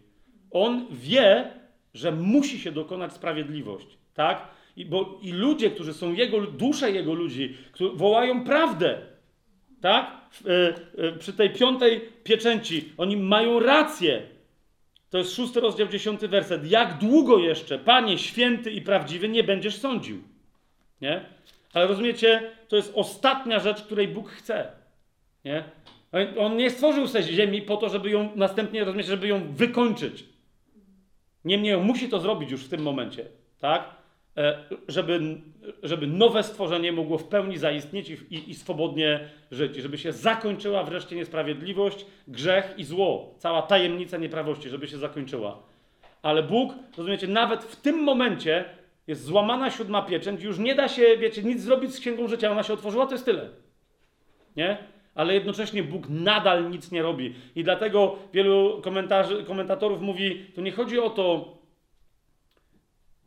rozumiecie, że to było pół godziny czy nie, tylko że to nie była chwilka, ale że sam Bóg przez jakiś czas, wiecie o co mi chodzi, jak my na ziemi, o to idzie, jak my na ziemi byśmy sobie teraz siedli, na przykład tu na tym, to nagrywa się i teraz ktoś słucha YouTube'a i nagle ja przerywam i ktoś widzi, że tam jest jeszcze 5 godzin gadania, ale ja pół godziny nic nie gadam. To byłoby to, wiecie, znaczące. Nie wiadomo, co by to znaczyło, ale byłoby to takie, co się stało. Zwłaszcza kiedy to się dzieje na żywo. No bo na YouTubie se przewiniesz. A tu siedzisz na żywo, jakby mówisz, no, ale miała być akcja, a nagle ten, który jest, wiecie, e, w tym wszystkim protagonistą, czy od niego cała akcja zależy, nagle siedzi i nic. Baranek się złamał pieczęć i teraz, no, czyli... Ale ponieważ on po prostu kompletnie zamiera, jakby, to nawet ci, co wołają o sprawiedliwość, okej, dobra, dobra. To wiecie, i on siedzi. Po prostu. Siedzi na tronie, nic, nic się nie, nikt nic nie śmie uczynić. Czy to jest jasne?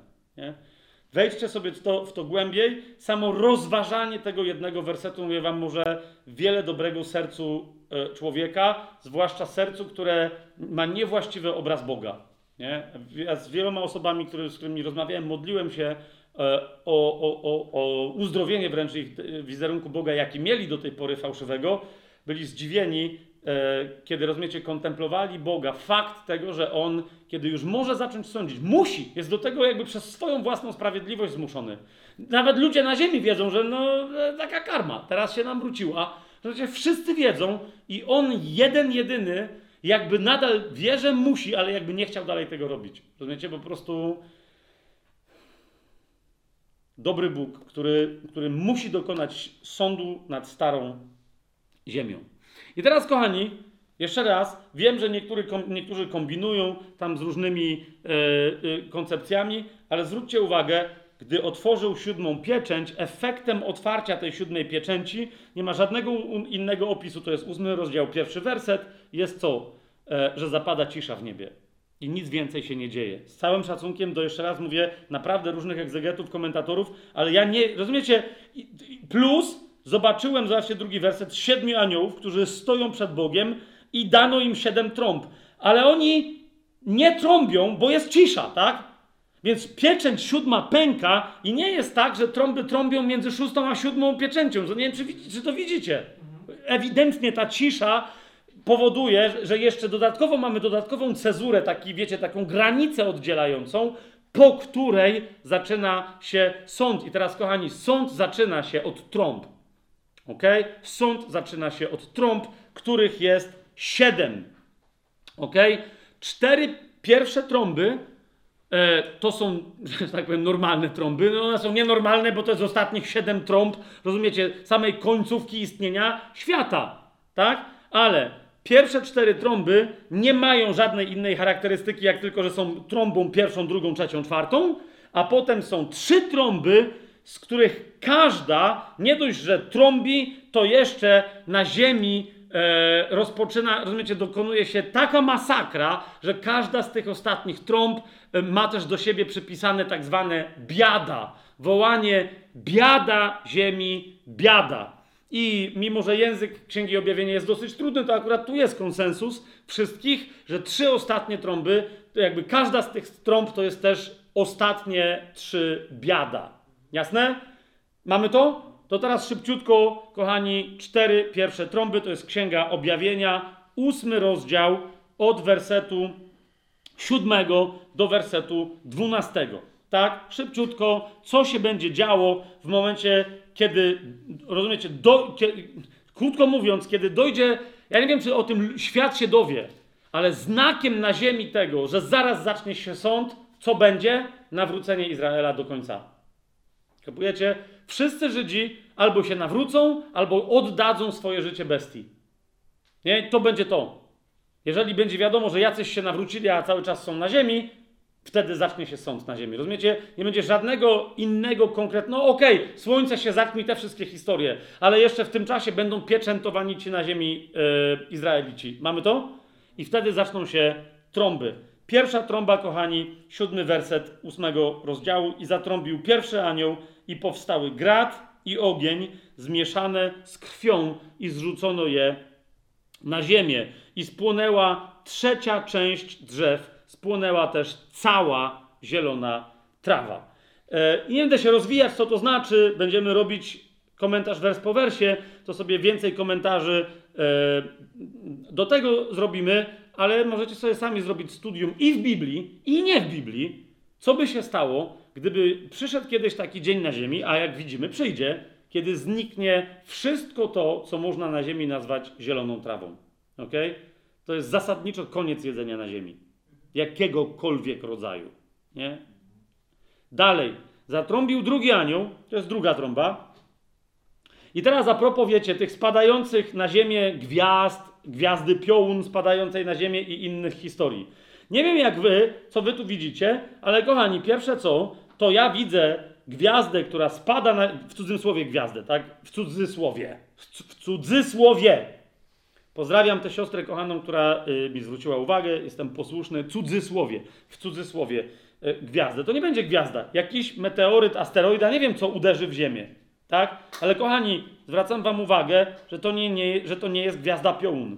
Rozumiecie? Może, nie wiem, my wpadniemy w jakiś ciąg, wiecie, y, czemu się zaćmi słońce, księżyc przy szóstej pieczęci? Bo może przylecą, rozumiecie, jakieś dziadostwa z kosmosu, tak? Mnóstwo jakichś mniejszych, większych meteorytów, jakiegoś badziewia, zapyży to, rozumiecie, całą e, atmosferę ziemską, wpadając w tą atmosferę, wiecie, i będzie taki efekt, że słońce będzie przyćmione, księżyc będzie krwawy, nie będzie, będzie zapylenie atmosfery ziemskiej. Ro, rozumiecie, o co mi idzie? Ale druga trąba mówi wyraźnie, spójrzcie na to, y, gdy zatrąbił drugi anioł, jakby wielka góra płonąca ogniem, no to hello, co to jest?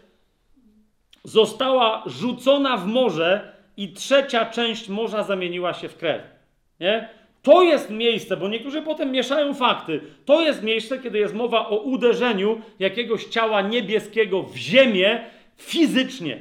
Rozumiecie? No nie w ziemię, tylko w morze, ale nadal. Rozumiecie, e, jak jest w, innym miejscu Biblii powiedziane na przykład o tym, że ludzie będą się obawiać szumu wody, nie? Szumu mórz, które się podniosą. Bo rozumiecie, my nie wiemy, ale jaki to wywoła tsunami e, i ile terenów może być zalanych przez takie uderzenie. Część morza, nie, nie, że się całe morze wyleje na całą ziemię, ale no widzicie, jakie tu są możliwości jakich, jakiej katastrofy, tak? I dalej, kochani, zatrąbił dziesiąty werset. No i, i zresztą wiecie, to morze jest już zatrute, nie wiem czy spalone, czy co tam się stanie, bo tam giną stworzenia żywe i życie w ogóle w, w morzach, tak? Potem mamy dziesiąty werset, kiedy trąbi trzeci anioł i wówczas niektórzy mówią, tu spada gwiazda z nieba. Rozumiem, ale zobacz, że ona się nie rozbija o żadną ziemię.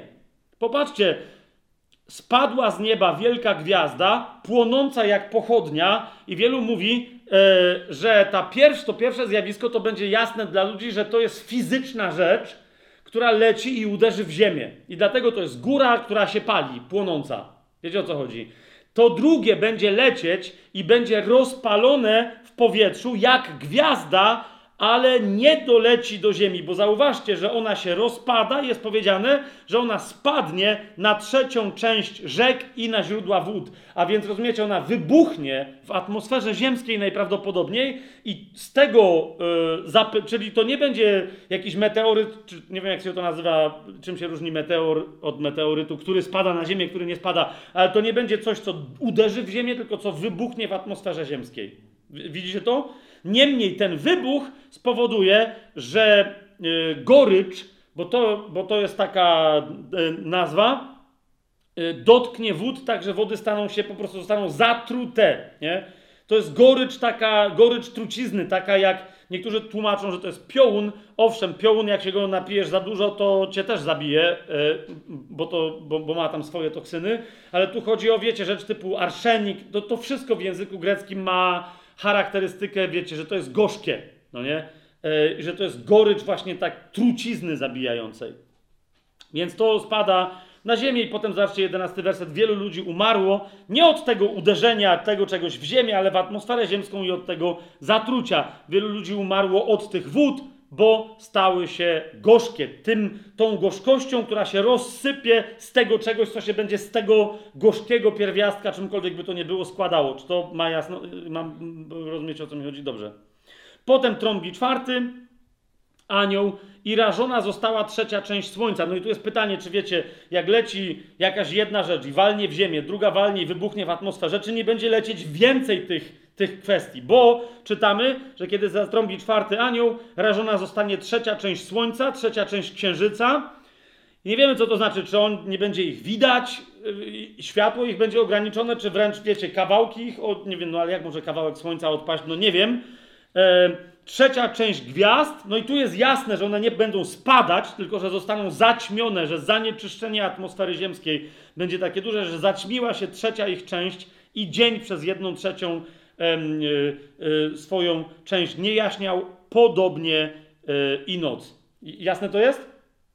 Więc to do, do, dojdzie do zanieczyszczenia atmosfery ziemskiej, takiego, które e, e, za, zakłóci widoczność ciał niebieskich, a nie, że e, tu nie ma, jak niektórzy się tam nabijali, raz czy drugi słyszałem jakieś takie komentarze, nie ma mowy o tym, że gwiazdy będą, że ktoś w Biblii nie wie, że gwiazdy nie spadają, bo jakby zanim by gwiazda doleciała typu słońce, to by ziemię spaliła i tak dalej, i tak dalej. Nie? W ogóle nie ma o czymś takim e, mowy.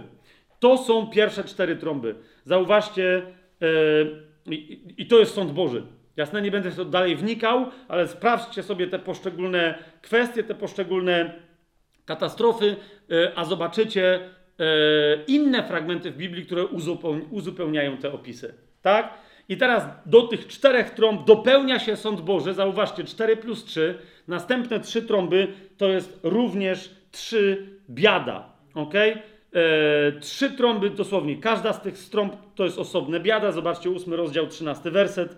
E, zobaczyłem tam anioła, który znowu leciał środkiem nieba, mówiącym biada, biada, biada mieszkańcom ziemi z powodu pozostałych głosów trzech trąb, trąb trzech aniołów, którzy mają jeszcze, e, którzy mają jeszcze zatrąbić, tak? Więc cztery trąby zatrąbiły i teraz, kochani, jest piąta trąba, czyli pierwsze biada.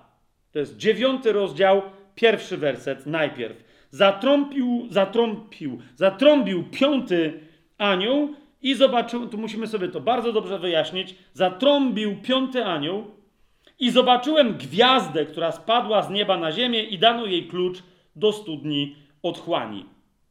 I otworzyła studnię otchłani.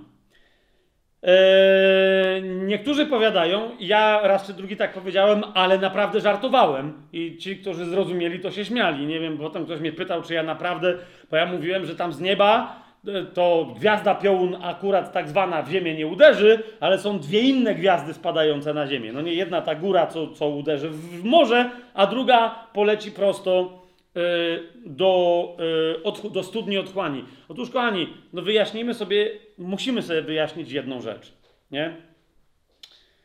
O, otóż, bo, bo, bo wiecie, e, ta gwiazda w tym wypadku to nie jest ciało niebieskie, ale anioł, nie? który dostał klucz i który otworzy otchłań. Nie? E, no, y, Pan Jezus powiedział, nie będziemy, będziemy w przyszłym tygodniu więcej o tym mówić, ale Pan Jezus powiedział, że widziałem szatana, który spadał z nieba jak błyskawica. Pa- Pamiętacie to, nie? E, Również w Księdze Objawienia w 12 rozdziale czytamy, że został strącony diabeł i spadł na ziemię. Więc wszyscy mówią, że to, co w 12 rozdziale jest opisane, że szatan spadł na ziemię, to się nie wydarzyło kiedyś, ale to się dopiero wydarzy, a więc, że on cały czas dalej siedzi w niebie. Dlaczego? Bo on spadnie na ziemię dopiero przy piątej trąbie. Kochani, no bo dlatego niektórzy mówią, że to on jest tą gwiazdą. Dlatego on, wiecie, nie, nawet nie dostaje tutaj tytułu anioła, tylko on jest u, gwiazdą, która spada. To jest anioł, który przestaje być, wiecie o co mi chodzi, nie? I on, on se może sam otworzyć sw- swoją bandę, żeby ją na chwilę wypuścić, bo i tak za chwilę dostaną w łeb, nie? Ale teraz, kochani, nie mówię, że jest coś nie tak w postrzeganiu tej gwiazdy jako szatana, ale mówię, że musi być coś nie tak i jest coś nie tak z postrzeganiem tego, że on spada przy piątej trąbie. Powiecie, no ale zaraz, jest wyraźnie napisane, zatrąbił piąty anioł i zobaczyłem gwiazdę, która spadła z nieba na ziemię. Kochani, tu nie ma czasownika. Ok? Tu w języku greckim znajduje się i jeszcze raz, no sprawdźcie mądrych, sprawdźcie Dereka Prince'a, sprawdźcie y, Jamisona y, y, Browna Fosseta. I, I oni tam wszyscy mówią, że to jest imię słów odczasownikowy, aktywny, ale dokonany. Co to znaczy? To oznacza, że zobaczyłem upadłe, upadłą gwiazdę, a nie gwiazdę, która właśnie spada. Czy to jest jasne, co ja teraz mówię? To chodzi o to, tu, tu jest i problem polega na tym, że ten imiesłów w takiej formie występuje e, tego czasownika, od tego czasownika występuje w Biblii tylko raz, e, dokładnie tutaj, w formie męskiej. Ale występuje w księdze, w dziejach apostolskich, z tego co teraz dobrze pamiętam, bo sobie oczywiście nie zrobiłem notatki, w dziejach apostolskich występuje również tylko dokładnie taki sam imię słów od tego samego czasownika, tylko w formie żeńskiej. Ok? E, do czego się on odnosi? Do tego, do upadłej już twierdzy Dawida. E, czy mamy tu dziewiąty rozdział? I zerknijmy sobie, zobaczcie, jak tam jest to przetłumaczone. To jest, no chyba, że się teraz e, mm, ja nie, nie połapię, ale wydaje mi się, że to jest 16, e, roz, przepraszam, 15 rozdział. 16 werset. No tak, bo oni tutaj głoszą Paweł Barnaba 15, 16 werset. Okej. Okay. Zobaczcie, gdzie się pojawia tutaj ten imię słów. Tylko jeszcze raz, on e, w oryginalnym języku greckim jest w formie żeńskiej. Tam gwiazda jest w formie męskiej, to jest trochę, wiecie, pomieszane z poplątaniem, nie? Ale to jest ten sam czasownik. Możecie to sobie sprawdzić, nie wierzcie mi na słowo, sprawdźcie to sobie. I zauważcie, ten czasownik tu jest przetłumaczony jak? Czyli do przybytku Dawida, nie ma powiedziane, że potem wrócę i odbuduję cały czas lecący z góry na dół przy, przybytek Dawida. Ale jak jest napisane potem wrócę i odbuduję upadły przybytek Dawida. Rozumiecie? On upadał i upadł. Widzicie to? Nie? Sprawdźcie sobie, jakie tam są kody gramatyczne, albo już mnie sprawdzacie. I chodzi mi o to, no tutaj w języku polskim jest akurat męska odmiana upadły, a nie upadła. Gdyby to była twierdza Dawida, to by była upadła. Rozumiecie? Jakby było takie tłumaczenie. No ale jest przybytek, to zamienili to na męski. Ale to jest ta sama forma, rozumiecie, gramatycznie, z wyjątkiem tego, że to nie jest y, forma męska, tylko y, tutaj jest żeńska, a w Księdze Objawienia jest męska. Tak? Ale to jest ten sam czas, ten sam imię słów, aktywny, ale dokonany. Zatem, kochani, dziewiąty rozdział, pierwszy werset powinien być przetłumaczony: Zatrąbił piąty anioł i zobaczyłem upadłą gwiazdę, tę, która spadła z nieba na ziemię. Lub też gwiazdę, która już spadła kiedyś tam z nieba na ziemię, a w tej chwili znajduje się na ziemi. I zobaczyłem, że tej gwieździe dano klucz do studni otchłani. Czy to jest jasne? Teraz my sobie więcej to wyjaśnimy później. Kwestia tego, kiedy szatan spada z nieba, kto jest Abadonem Apolionem i kto wychodzi z otchłani, co się w ogóle dzieje, kto dostaje jaki klucz, to będzie w przyszłym tygodniu. Dobra? Miejcie jeszcze chwilę cierpliwości dla mnie, ale teraz przynajmniej, żeby to było jasne. Jak ktoś miałby, wiecie, rozważać tylko do przyszłego wtorku, a w środę by umarł i nie przyjdzie na ostatnie spotkanie, to żeby chociaż wtedy wiedział, tak? Że tu nie ma mowy, że na głos piątej trąby zacznie spadać jakaś gwiazda z nieba na ziemię. Tak? Lecz to zdanie mówi, że na głos piątej trąby ten anioł, nazwany tutaj gwiazdą, który kiedyś już spadł z nieba na ziemię, dostanie na głos tej trąby klucz do studni otchłani. Czy to jest jasne teraz? To jest bardzo istotne do Twojego e, studium, jak mówię, jak ja się bym z jakiegoś, albo ja bym umarł do przyszłego tygodnia, to wtedy będziecie wiedzieć, o, musimy tu przegrzebać, o co tu Fabianowi chodziło. Mamy to? I teraz skąd my wiemy, że ta trąba to jest pierwsza biada, a szósta trąba to, była, to będzie drugie biada? Bo w momencie, kiedy się nam kończy opis tego, co się dzieje, bo on dostaje yy, klucz, otwiera otchłań i z tej otchłani wychodzi szarańcza demoniczna. Tak? Teraz, jak mamy cały ten opis, to jest to, to, jest to co się dzieje pod wpływem piątej trąby, a powie, do, usłyszeliśmy trzy razy biada i że są jeszcze trzy trąby. Zobaczcie w dwunastym wersecie, jaki jest komentarz. E, tuż przed opisem szóstej trąby. Jedno biada minęło. Widzicie to? Czyli piąta trąba to jest pierwsza biada. Jedno biada minęło, a oto jeszcze dwie, dwa biada potem nadchodzą. Tak? I co się dzieje? Trąbi szósta trąba, a zatem szósta trąba to jest drugie biada. Mamy to?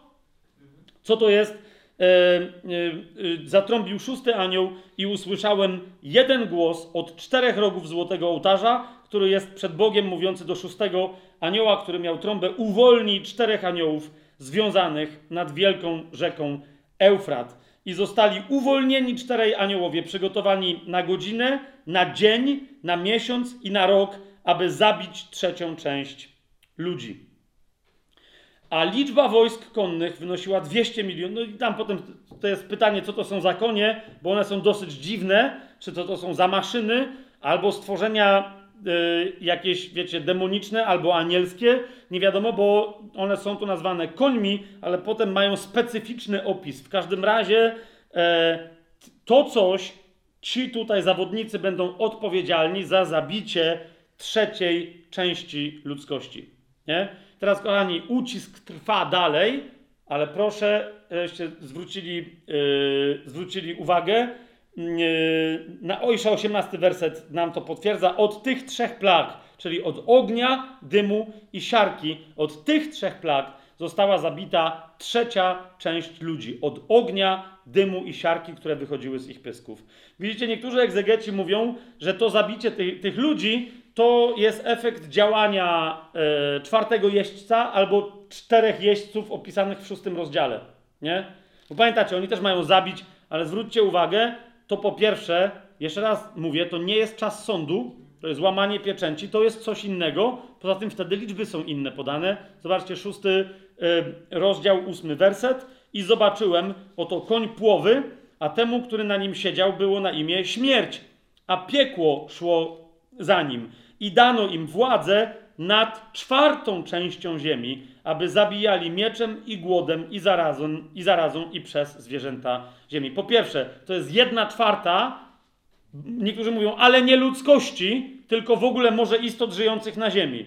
Okej, okay, ale następnie oni tu, ta jedna czwarta jakichś istot żywych lub ludzkości jest zabijana mieczem, głodem, zarazą i przez dzikie zwierzęta ziemi, a jedna trzecia ludzkości zabijana podczas szóstej trąby, tudzież drugiego, biada jest zabijana tylko i wyłącznie przy pomocy ognia, dymu i siarki. Widzicie to? To jest co innego. To jest kiedy indziej się dzieje w historii. E, to już, to już jest sąd nad, e, to już jest sąd nad, e, mm, nad ziemią. W księdze objawienia w 11 rozdziale czytamy, bo tam potem jeszcze jest opisanych dwóch świadków, o tych dwóch świadkach jeszcze sobie, jeszcze sobie dopowiemy, ale teraz, y, kochani, jest tam powiedziane y, w 11 y, rozdziale, w 14 wersecie, minęło drugie biada, a oto nadchodzi szybko trzecie biada i zatrąbił siódmy anioł. Nie? Co prawda, o, o głosie siódmej trąby już czytamy i w dziesiątym rozdziale, na przykład w dziesiątym rozdziale, w siódmym wersecie, lecz w dniach głosu siódmego anioła, gdy zacznie trąbić, dokona się tajemnica Boga. Widzicie to? Idzie, yy, idzie mi o to, że, kochani, kiedy trąbi siódma trąba, nadal nad ziemią dokonuje się sąd, ale dzieje się jednocześnie jeszcze coś. Jezusowe wołanie na krzyżu wykonało się, w tym momencie się kończy. Rozumiecie? W tym momencie jeszcze raz nad ziemią rozlega wykonało się i wtedy my wszyscy, którzy będziemy czekać na przemianę naszych ciał lub na zmartwychwstanie, dokładnie na głos siódmej trąby, przyjdzie na ziemię trzecie biada, Słyszycie, co, co ja mówię? Siódma trąba to jest trzecie biada, ale to jednocześnie oznacza, siódma trąba oznacza inne rzeczy, które się, które się wydarzą.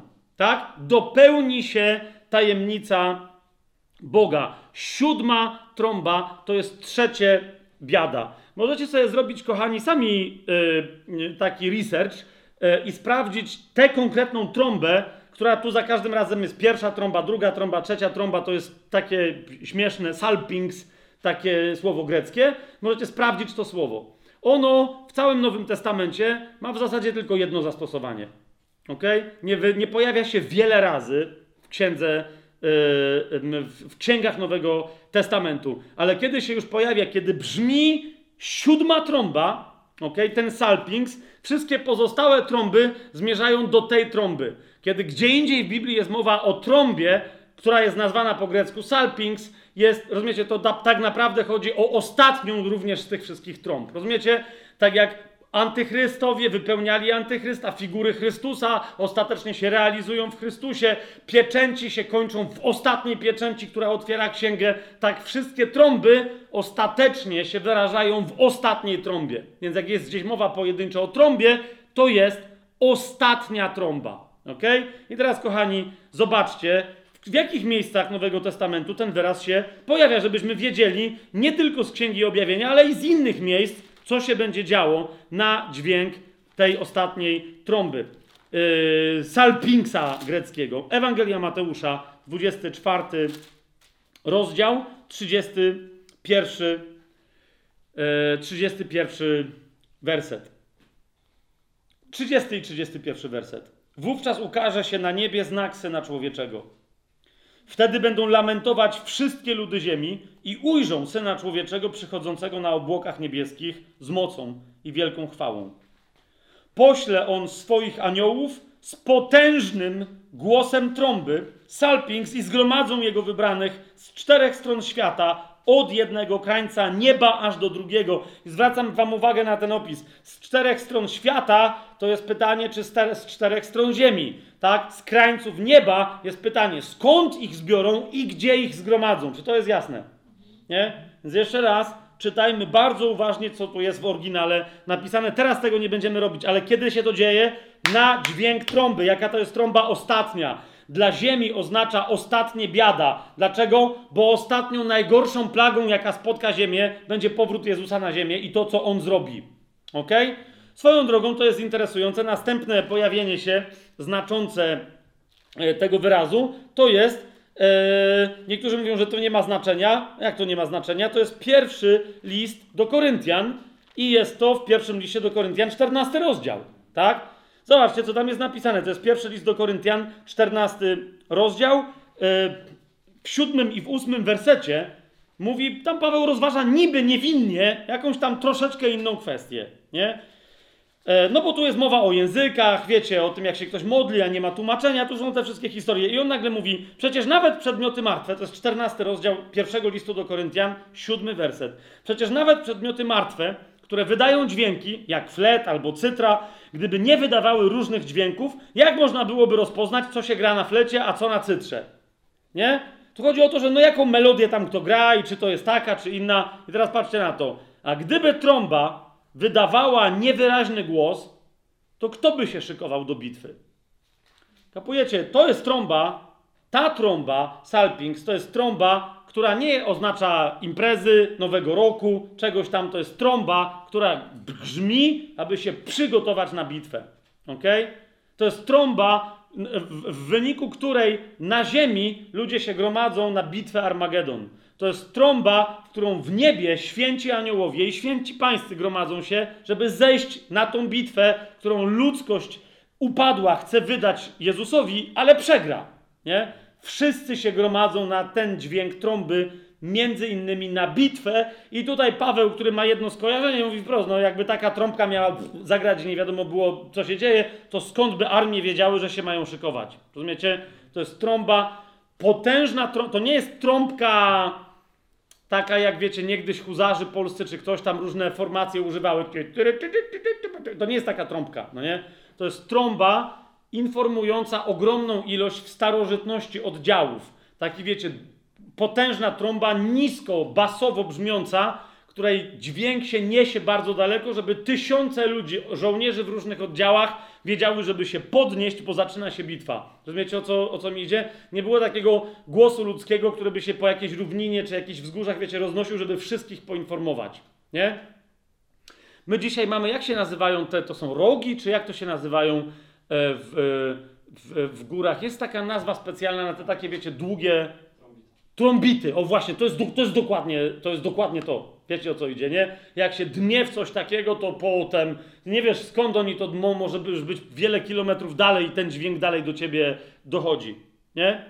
E, Ale jednocześnie zaraz w 15 rozdziale pierwszego listu do Koryntian znowu się pojawia e, ta sama trąba, ten sam salpings. To jest 15 rozdział. E, w, piętna, w 51 i 52 wersecie mówi Paweł: Oto oznajmiam wam tajemnicę. Nie wszyscy e, zaśniemy, ale wszyscy będziemy przemienieni. Zabiłem muszkę, bo mnie tutaj denerwowała, przepraszam najmocniej. To nie chciałem nic podkreślać, tylko mi tu uskakała.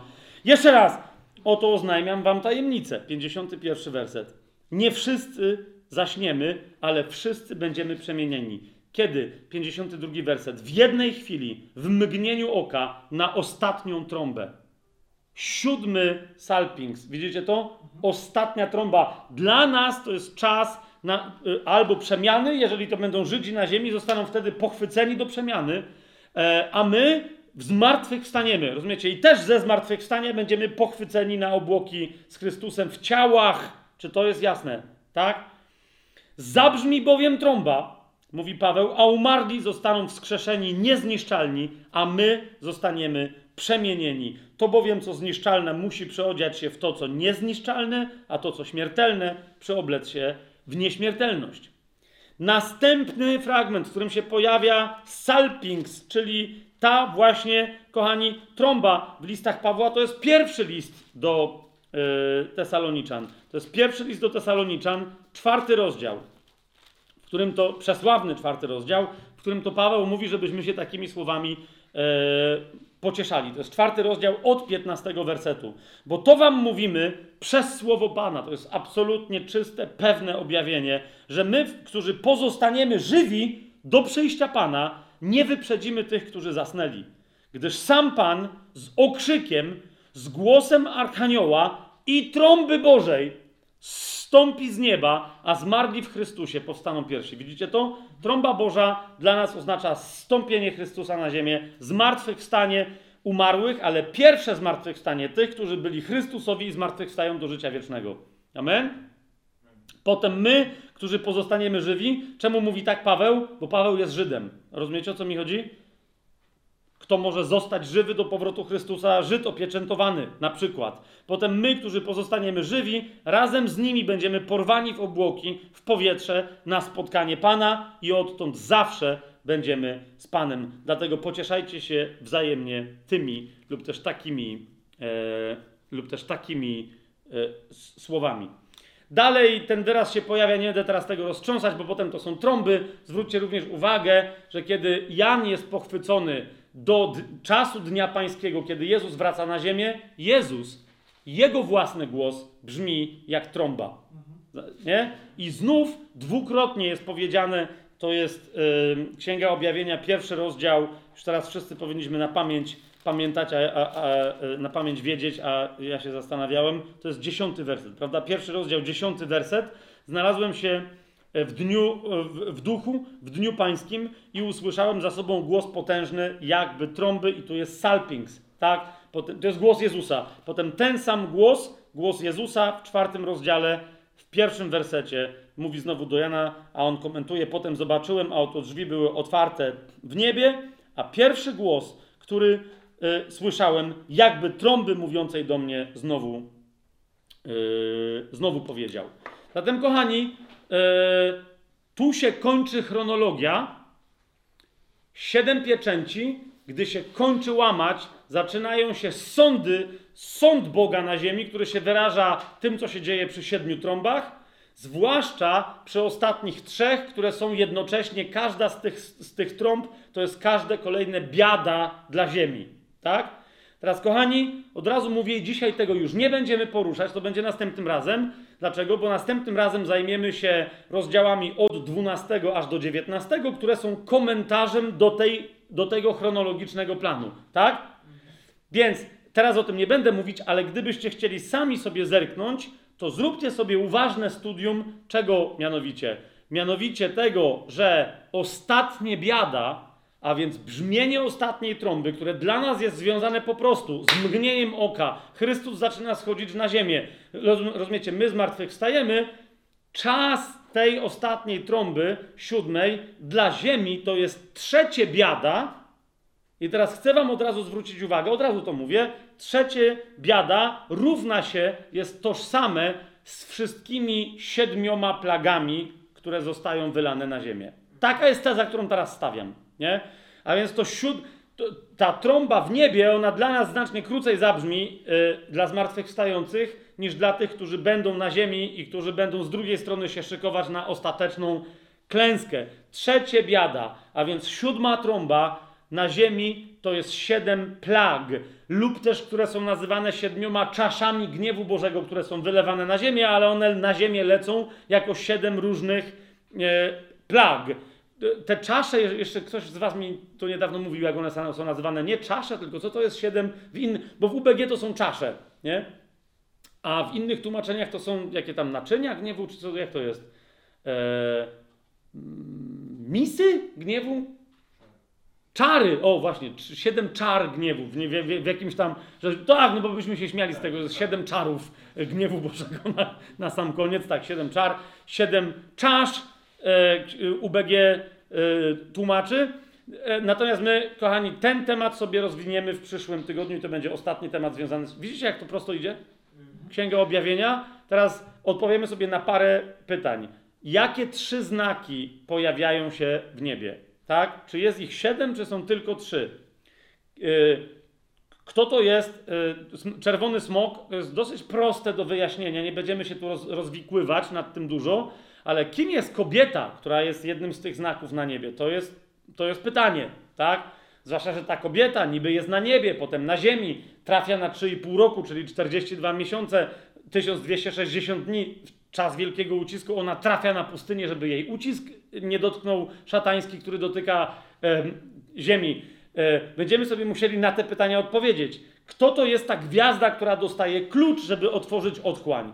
Kto z tej otchłani tak naprawdę wychodzi? Co to w ogóle jest ta otchłań? Czy istnieje naprawdę jakiś tartar, czy nie? Ktoś mi ostatnio to zadał pytanie, że gdzie to tam w Biblii jest ten tartar, bo tam są ludzie, którzy są, nie ludzie, tylko st- duchy, które są zatartarowane, ale okej, do wszystkiego dojdziemy. Teraz między innymi tych siedem plag, co to jest, tak? Chcę wam zwrócić uwagę, że jest e, e, no para, albo niektórzy powiedzieliby wręcz parę rozdziałów, które w, Księdze Objawienia mówią o upadku Babilonu. Watchman Nee uważa, że to jest jeden duży rozdział i że tam w ogóle ktoś niepotrzebnie e, to podzielił.